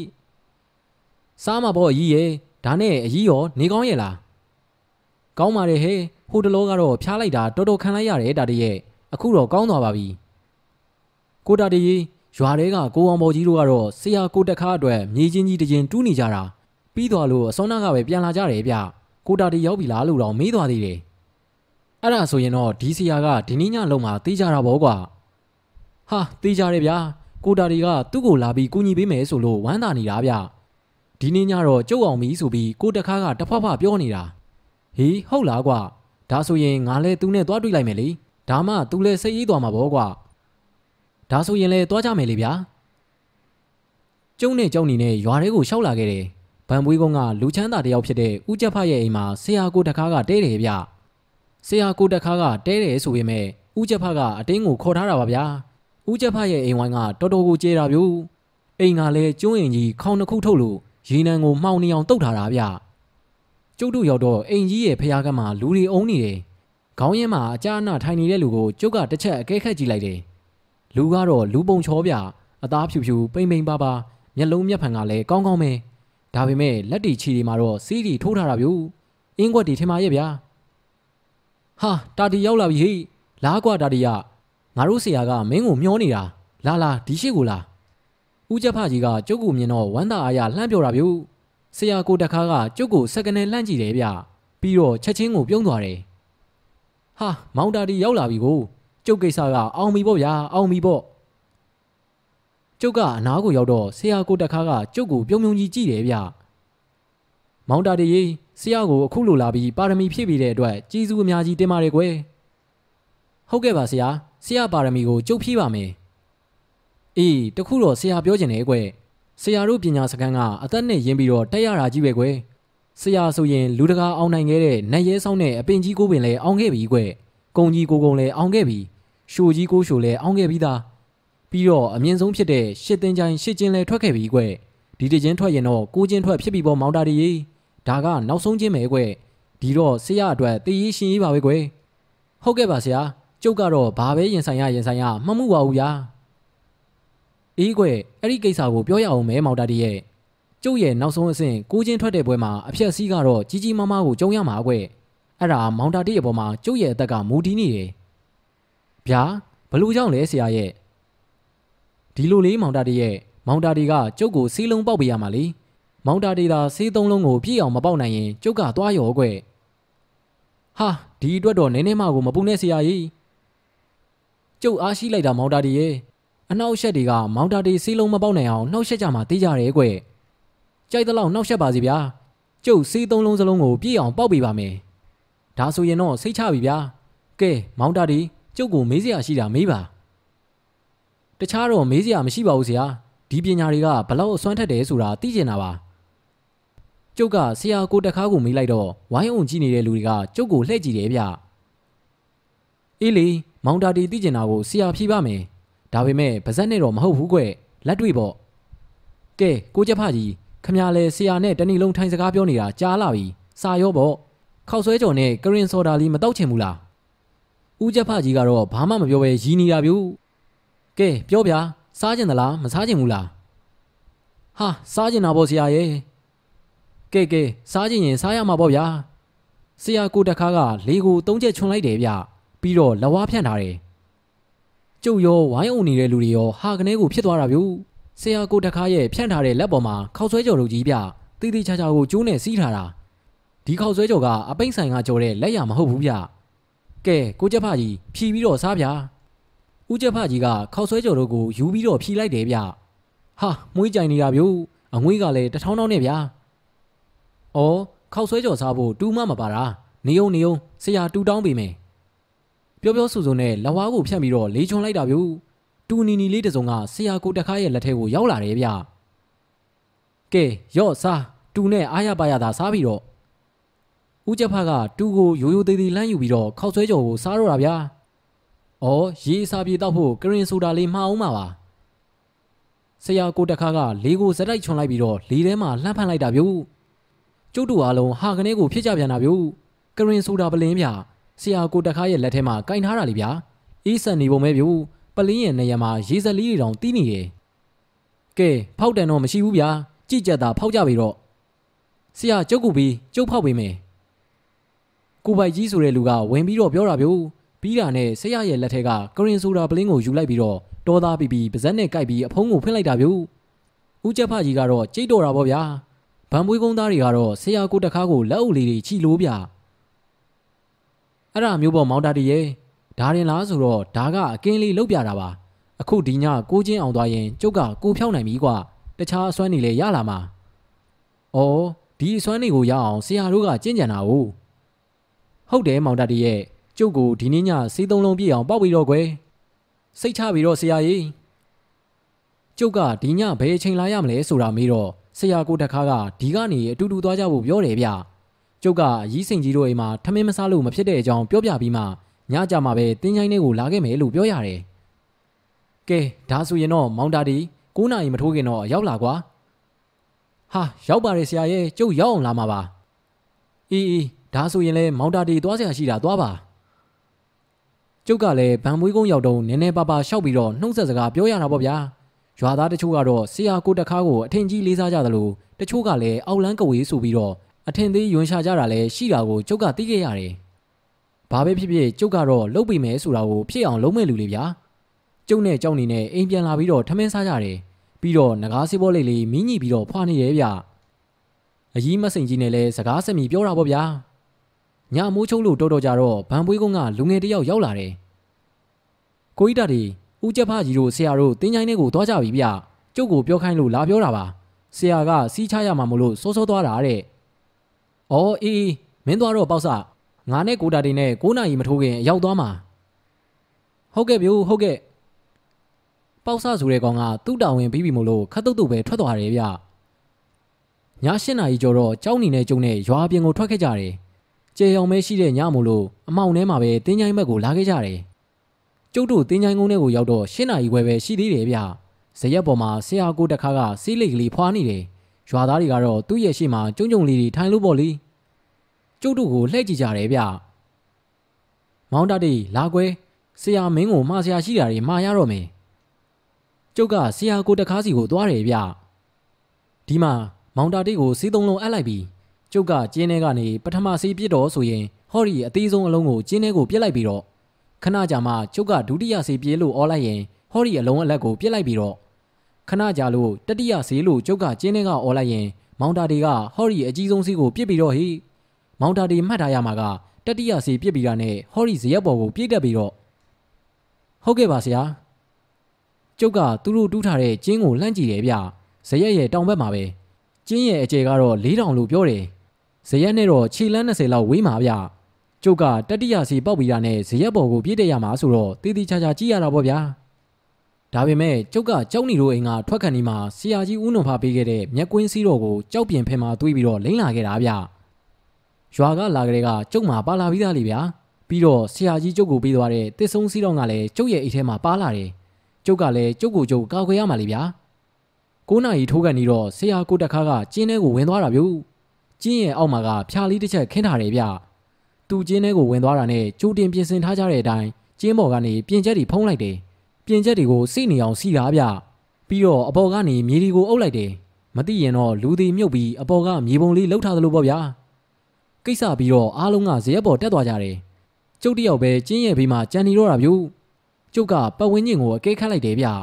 အနားကမကြီးပင်နေပေါ်မှာရှာတွဲလောင်းကြီးနဲ့နှစ်ကောင်ထိုင်းနေတယ်နေတဲ့အကောင်ကြီးတွေမဟုတ်ပါဘူးဗျာလက်ဖက်ရည်ပကံလောက်ရှိတဲ့မျက်လုံးနီနီကြီးတွေနဲ့ကျုပ်ကိုစိုက်ကြည့်နေတယ်ကျုပ်ကလည်းအိတ်ထဲမှာတွဲချင်းနဲ့တွဲထားတဲ့တစ်ဆုံးစီးတောင်ကိုလက်နဲ့ဆန့်ကြည့်လိုက်တယ် ဒီတစ်ဆုံးစီးတောင်ရှိနေသမျှဒီကောင်နေတွေမဟုတ်ဘူးဗျို့ဘယ်ကောင်မှကျုံနာကိုကတ်လို့မရဘူးဒါကိုကျုပ်ရဲ့ဆရာကြီးစိုင်းနွန်ဖာကမှားသွားတာလေဗျာကျုပ်ကဘေးဘက်တွေကိုရှောက်ကြည့်တယ်ဗျနာနာဘာဝအကောင်တွေကတော့အမှောင်ထဲမှာလှုပ်လို့ရွရွနဲ့တွားနေကြတာဗျာကျုပ်တို့ဘက်တော့မလာဘူးဗျကျုပ်ကလည်းပထမဆုံးပြည့်ရမယ့်စီးလုံးကိုအစင်းသိမ့်ကင်ပြီးတော့စောင့်နေတယ်တနာရီကြော်ကြော်လောက်တော့ရှိလာပြီဗျဆရာကိုတခါစီကဘာတန်မကိုမကြားရသေးဘူးဗျကျုပ်တော်မှဒီဆရာကိုစိုးရိမ်လာတယ် နောက်ထပ်နာရီဝက်လောက်ကြာတော့အော်တန်ကြီးထွက်လာတယ်ဗျမြေချင်းတွေကအတန်းဆိုတော့အတန်ကခက်အုပ်အုပ်ကြီးဗျမောင်တာတေးပထမစီးပေါက်ကဲပြစ်လိုက်ပြီဗျဇရက်ပေါ်ကလူတွေလန့်អော်တဲ့အတန်ကိုကြားလိုက်ရတယ်ဗျကျုပ်လဲနည်းနည်းတော့လန့်သွားတာပေါ့ဗျာစီးလုံးကိုကျင်းပေါ်လဲပြစ်လိုက်ရောကျင်းထဲကဝုံကနေအတန်ကြီးထွက်လာပြီးတော့မိโกလုံးတွေတက်လာတာဗျခဏနေတော့ပြန်ငိန်သွားတယ်ဗျကျုပ်ကလည်းဘေးဘီကိုလိုက်ကြည့်ရတာပေါ့ဗျာ ကျုပ်ကမျက်ကွင်းစေးကွင်းထားတယ်ဆိုတော့နာနာဘာဝတွေကိုမြင်နေရတာလေဒါကိုကျုပ်ကလွဲရင်တော့ဘယ်သူမှသိကြတာမဟုတ်ပါဘူးဗျာနောက်ထပ်တနားရီလောက်ကိုကြာသွားတာဗျမောင်တာတေးစေးပြစ်တော့ဆရာကိုတခါရဲ့အတန်ကြီးကဒီတခါတော့အကျေကြီးကိုထွက်လာတာဗျပြစ်ပြီဗျပြစ်ပြီကျုပ်ကပြစ်လိုက်တယ်အသင့်ကင်ထားတဲ့ဒုတိယစီကိုကျုပ်ကပြစ်လိုက်တာဗျဟာကျုပ်တော်မှနောက်ကိုခြေတလန်းဆုပ်လိုက်မိတာဗျ ကျင်းထဲကဝုံကနေအတန်ကြီးနဲ့အတူမီးတောက်ကြီးတစ်ခုပါကျင်းပေါ်ကိုထွက်လာတာဗျဇရက်ပေါ်ကလူတွေကတော့ဒီတစ်ခါတော်တော်ကိုလန့်သွားတာဗျဟဲ့ကောင်တုတ်ပေါ်မပြေးနဲ့အခုပြန်လာခဲ့ဘာမှတ်လို့လဲကွာစီးပေါက်သွားမယ်ဇရက်ပေါ်မှာတော့တော်တော်လေးကိုရုပ်ရုပ်သေးသေးဖြစ်သွားတာဗျကျုပ်ကလည်းတင်းချိုင်းအနှံ့ကိုလိုက်ကြည့်တာပေါ့ဗျာဘာမှတော့ထူးခြားတာမတွေ့ဘူးဗျပြန်ပြီးတော့ငြိမ်သွားတယ်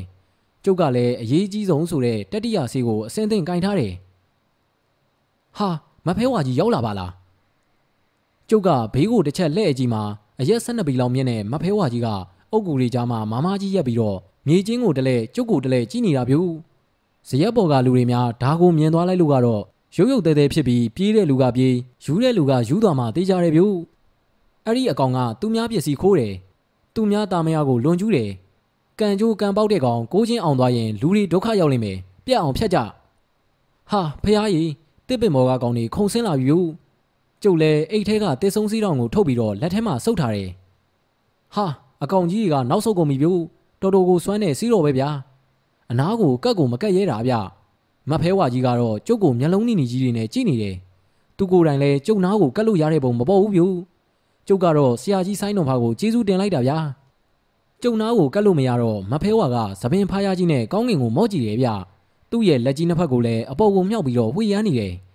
အဲ့ဒီအချိန်မှာပဲဆရာကိုတက်ခါကအတန်နဲ့ကြီးနဲ့အော်လိုက်တာဗျတာတီဆေးပြစ်တော့ကျုပ်ကမဖဲဝါကိုတစ်ချက်ဆောင်းကြည့်ပြီးတော့တတိယဆေးကိုကျင်းနဲ့ထည့်ပစ်လိုက်တယ်ပြစ်ပြီးတာနဲ့ဆရာကိုတက်ခါမှတဲ့အတိုင်းဇရက်ပေါ်ကိုတစ်ချက်တည်းစွတ်ပြေးတာဗျဒီတခါတော့အတန်ကြီးကတစ်ချက်တည်းမဟုတ်ဘူးဗျသုံးချက်ဆင့်ပြီးတော့မြည်သွားတာဗျ